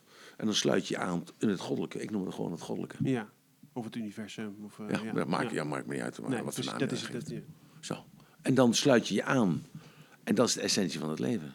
Kijk, want we zijn een geëvolueerd dier, als je dat gelooft. Nou, dieren die zijn alleen maar hier om hun soort in stand te houden en hun plaats in de voedselketen Ja. in, in, te, te nemen, vullen, ja. in te vullen. En wij mensen zijn uh, geëvolueerd, maar wij hebben bewustzijn, Ja. consciousness. Ja. En dat consciousness is de ziel, is God, is het universum, is het licht, is de liefde. Het maakt niet uit wat voor naam je het geeft. En als je dus leeft op die manier, je bedrijf voert op die manier, Ja. hè, dat heeft niks met de Bijbel te maken, hè? Nee. of de Koran of wat dan ook. Maar als je dus dat, die, die, dat, dat handvat hebt, dan komt het altijd goed. Ja. Dan komt het, en het komt ook altijd goed. Ja. Het komt ook altijd goed. Want je hebt wel af en toe een, een flinke knauw gekregen her en der. En dan... eh, Wat denk je met die ja. scheiding van de Ja. laatste keer, zeg? Mijn kinderen afgenomen. Ja. Hè? Dus gewoon, en nu mijn zoon dus asiel aanvraagt. De hele wereld eh, dus eh, op mijn dak. Ja. Je En ziet de, on- zelfs... de, on- de, on- hè? de- ja, de onrechtvaardigheid die er is. en dan denk ik altijd aan... En ik denk altijd, dan overkomt het jou. En dan heb jij nog de verbale kwaliteiten. En je hebt nog de poen in de zak. Ja. Maar je zult maar vijf hoogte je achter wonen. Ja. En ze zullen je kinderen afpakken. Ja. En ze zeggen tegen je... eh, woensdagmiddag om twee uur moet u even komen. Dan kunnen we, willen we even met u praten. En je moet gewoon werken. En je kan niet komen. Ja. Eh, Of je moet gewoon komen ergens achteraf in Utrecht bij het leger des Heils, waar je nog nooit geweest bent. En waar je niet met openbaar vervoer kan komen. En je hebt gewoon geen auto. Maar je bent vier uur onderweg om er te komen van Nijmegen daar. Want het kost twee uur om te komen van het station daar. Ja. En daar denk ik altijd aan. En dan denk ik, wat een beesten zijn het toch. Ja. En dan heb ik het over ambtenaren, eh, belasting, eh, van die belasting wat je nou ziet, van die toeslagen. maar luister, er is niets veranderd in, vanaf 40, 45. Het zijn dezelfde mensen. Het zijn dus, ja, je, ja, je kunt wel lachen. Nee, ja, maar... Maar het zijn dezelfde soort mensen. Dat als morgen de Duitsers zouden komen of de Russen zouden komen, zouden dezelfde soort mensen aan de poort staan. Maar als de kinderen worden 50.000 kinderen, 50.000 kinderen zijn er duizend per week, worden weggehaald bij hun ouders. Er worden in Frankrijk, wat, wat, wat tien keer zo groot is, worden er nog geen 500 weggehaald per jaar. Wij staan als Nederland bekend als een slecht land voor kinderen, voor, de kinder, voor kinderbescherming en de Raad van de Kinderbescherming. Ik, heb, ik, heb, ik zit er middenin. Ja. Het is een schande. Ja. Als je, en als je die mensen aanklaagt, wat kan, dat is allemaal, dat is allemaal geregeld. Je kunt ze aanklagen. Maar de grootste straf die ze krijgen is dat ze zeggen van... we hebben ervan geleerd en dan worden ze vrijgesproken. En daarom staan... Want kijk, en nu hebben we het even over agressie op straat. Hè? Ook even eh, belangrijk. Agressie tegen een politieagent, bijvoorbeeld. Ik keur het niet goed, maar ik begrijp het wel. Ik keur het absoluut af, maar ik begrijp Omdat het het wel. autoriteit is. Niet omdat het een autoriteit is, maar die autoriteit hoeft zichzelf niet te verantwoorden. Je kunt die autoriteit niet aanpakken. Nee, oké, ja. Zo. Dus we moeten dat een systeem bedenken dat iemand die dus kinderen weghaalt bij ouders, dat als dat verkeerd afloopt Ja. voor dat kind, dat die man of die vrouw in privé aansprakelijk gesteld kan worden. In privé, hè? Zoals jij in privé aansprakelijk gesteld wordt. Ja, als jij eh, deze uitzending hebt en daar staat aanstootgevende taal Ja. en een vrouw voelt zich aangesproken of seksueel geïntimideerd omdat jij iets zegt. Ja. Zo, dan word jij privé op aangesproken. Dus een ambtenaar of een, een beschermer of wat dan ook, moet ook in privé aangesproken kunnen worden. Hmm. Want laten we even wel zeggen, die, die man, die, eh, die Arubaan uit de Ruba, hè, die, natuurlijk Arubaan uit de Ruba, die jongen dus die tijdens een demonstratie met de nekklem, hè, dat hij dus gestorven is. Ja. Kijk, die agent had dat natuurlijk nooit mogen doen. Nee. Ik begrijp het wel, in de stress, Ja. maar het is niet te rechtvaardigen, want daar worden ze op getraind. Ja. Als ik jou vertel wat ik meemaak met een leger des Heils, wat ik meemaak met een Raad van de Kinderbescherming, Ja. wat ik meemaak met de rechterlijke macht, wat ze doen, wat ze kunnen doen, wat ze mogen doen, Ja. het is erg, het is schandalig en het kan gebeuren. En niemand verzet zich ertegen. Dus wat gebeurt nu met het OM, hè, dat- ze dus nu ter discussie gesteld worden, eh, dat dus mensen nu ter discussie gesteld worden van de Belastingdienst, dat is eindelijk een opening. Ik hoop dat dat zich doorzet. Maar ik zit er middenin. Ja. Dus als je het hebt over tegenslag, als je het hebt over verschrikkelijk wat je meemaakt, dat je kind afgepakt wordt Ja, en dat je er niets aan kan doen. En ik, en ik moet dan ook nog presteren. Ik moet het podium op. Ja. Ik moet een bedrijf motiveren. Ja. Maar ik moet mezelf motiveren. Ja. Ja? Met iets ben je er daarmee bezig natuurlijk. Nou ja, ik ben daar dagen mee bezig Ja. natuurlijk. Ik wil Ja. mijn zoontje afpakken. Ja. Onrechtvaardig. Ja. Bewij, bewijzen liggen er. Ja. Bewijs liggen dat hij thuis was. Dat hij niet naar school... Hij is een jaar bijna niet naar school geweest. Hij postte... PTSS is tien jaar. Hij is traumatisch. Hij is onderzocht. Hij is traumatisch. En, dat komt, en ik had be- begeleid bezoek. Ik heb 2,5 jaar begeleid bezoek gehad. Dus het ligt niet aan mij. Maar ze zeggen, het ligt aan jou. En toen is, mocht hij bij me komen. Hè, dus hij is nu dan onbegeleid bij mij. En hij, zegt, en hij is teruggevallen omdat hij weer naar huis toe moest. Hij zegt, papa, als ik op school ben, denk ik alleen maar aan jou. En ik ben de kwade genius. Het is schandalig wat er gebeurt. En ze plaatsen hem uit huis. Ze zetten hem zo in een inrichting. Het is on- ongelooflijk. En de moeder werkt gewoon mee. Die moeder zegt, dat is een 1-2'tje tussen een rechter en de Raad van de Kinderbescherming is gewoon een 1-2'tje. Die rechter die besluit niet, die overlegt met iemand van de Raad van de Kinderbescherming. Die overlegt iemand met een gezinsvoogd. En aan de hand wat, wat, wat er dus... En jij denkt dat zo'n rechter dus eh, objectief is. Die rechter is niet objectief. De system sucks. Ik zeg ook altijd aan het eind van elk seminar, zeg ik altijd... De tijd van evolutie is voorbij. Er moet nu revolutie komen. Want de tijden moeten veranderen. Wij moeten dus nu gewoon, wat de brexit is. Hè? Dus die Johnson, die gooit alles omhoog. Je kijkt naar de pers. De pers die schrijft hem nog steeds kapot. Ja, kapot. Om, eh, maar het maakt niks uit, hij wint gewoon. Ja. Want het gezonde boerenverstand overwint. Altijd. En dus daarom, we zitten momenteel in een transitie. En met, ons, met, ons, met onszelf. dus daarom zie je ook allemaal uitwassen vanuit die transitie. En of je dat nou met de gender noemt. Dat is een, een, een totale verandering. Maar onze gedachten dus zijn ook een totaal aan het omslaan. Niet positief, negatief, want goed of fout bestaat niet. Dus je moet kijken, wat is je visie op de toekomst? Hoe denk jij dat het nog gaat? Denk je nog werkelijk dat het vijf jaar goed gaat, zoals het nu gaat? Denk je dat nog werkelijk? Sociaal? Economisch? Denk je dat het goed gaat zo? Blijft gaan? Ik weet het niet. Dan moet je daar eens over nadenken. Dan moet je eens om je heen kijken. Dan moet je eens kijken hoe alles kunstmatig in stand gehouden wordt. Er hoeft maar dit te gebeuren en alles valt in elkaar. Het is te vergelijken met de toren van Babel. En dan moet je dat maar eens lezen. Dat is niet negatief bedoeld, hè? Dat is niet destructief bedoeld. Dat is een kwestie van objectief kijken naar de have-nots en de haves. En de, de gap wordt steeds groter. Ja. Maar mensen worden opgeleid om na te denken. En mensen laten zich niet meer voor de gek houden. Nee. Je kon vroeger mensen voor de gek houden. Vroeger in mijn tijd, toen ik 18, 19 jaar was, werd er een auto verkocht zonder motor op de autobeurs, op de automarkt in Apeldoorn. Dat kan niet meer. Nee. Want iedereen kijkt eerst onder de motorkap. Ja. En kijkt of de, de nummers wel kloppen. Ja, ja. Dus iedereen heeft zoveel informatie. Ja. Dus wat de overheid ons aandoet, dat kan niet meer. Hmm. Bijvoorbeeld kijken naar de bibop. Als je een horecabedrijf begint, Ja. dan moet je door de bibop heen. Ja. Dat duurt twee, drie maanden. Ja. Drie maanden moet je je tent sluiten. Dat kost drie, vierduizend euro. Ja. En en op mijn vraag, als ik dan vraag aan een bibop-ambtenaar... maar waarom moet alleen een horeca Ja. de bibop in? Ja. Waarom niet een textielbedrijf? Of een reclamebureau. postzegelbedrijf of een reclamebureau. En dan zeggen ze, ja, maar een horecabedrijf doet geld witwassen.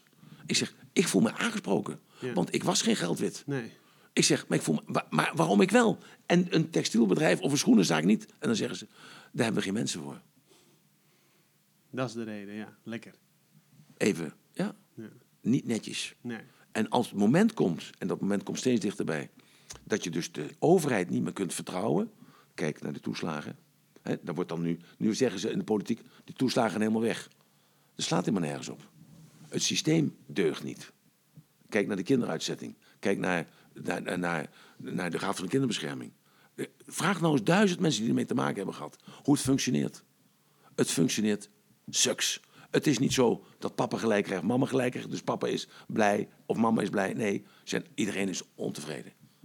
Want de system sucks. Ja. En van binnenuit verandert er niets. Nee. Zo, dus Het dat is is niet de nodig daar. Vanuit hun is het niet nodig. Vanuit hun niet nodig. Want zij kunnen gewoon doen wat Ja. ze willen.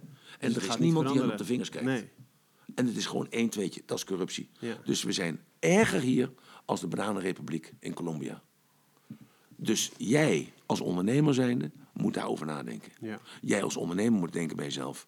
Wat voegt mijn product toe vandaag over vijf jaar? Hmm. Wat voegt mijn persoon toe vandaag over vijf jaar? Ja. Dus datgene wat ik doe, hoe kan dat de wereld verbeteren? Ja. Want het heeft niet alleen met milieu te maken. Het heeft met geestelijk milieu te maken. En, en dat is, de mensen zijn zich veel meer bewust. Want in 1972, dus 50 jaar geleden, hadden we al een autoloze zondag. Ja. Dus toen dacht meneer de Uil en iedereen er al aan... van jongens, we moeten zuiniger aan doen. En met Ja. de grondstoffen verstandig doen. We zijn 50 jaar verder. Er is niks gebeurd. En er is niks gebeurd. Ja, er is wel heel veel gebeurd, maar, Maar- het essentiële is niet gebeurd. Nee. Zo. Maar dat is met, met zoveel dingen is dat noodzakelijk. Ja. Geef het volk brood en spelen. Zo, dus als bedrijf, als ZZP'er, als MKB'er, als ondernemer heb je die plicht, want je bent een stukje in dat geheel. En daarom ben je verplicht om erover na te denken. Want je moet zoveel BTW opdragen. Je hebt zoveel medewerkers, heb je. Ben je verantwoordelijk voor dat Ja. er werk is. Ja. Dat, dat aan het eind van, eind van de maand salaris er is. Dat je sociaal last af kunt dragen. Ja. Dat je de huur kunt betalen, enzovoort, enzovoort. En dat is allemaal fantastisch, dat is allemaal mooi. Maar je moet wel de aandacht krijgen. En het vertrouwen kunnen hebben dat hij of zij die daarboven zit, voor jou zorgt. Ja. Want dat heb je nodig. Zoals Ja. je vader nodig hebt, een moeder nodig hebt, een familie nodig hebt, een netwerk nodig hebt, heb je dat zeer zeker nodig. Het is toch een prachtig einde van de podcast. Oké jongens. Ik weet niet hoe laat het is. Het is 9 uur. Oké, moet ik eventjes appen. Dat ik er zo aankom. Wil je nog wat eten, Emiel? Nee, kerel. Nee? Oké.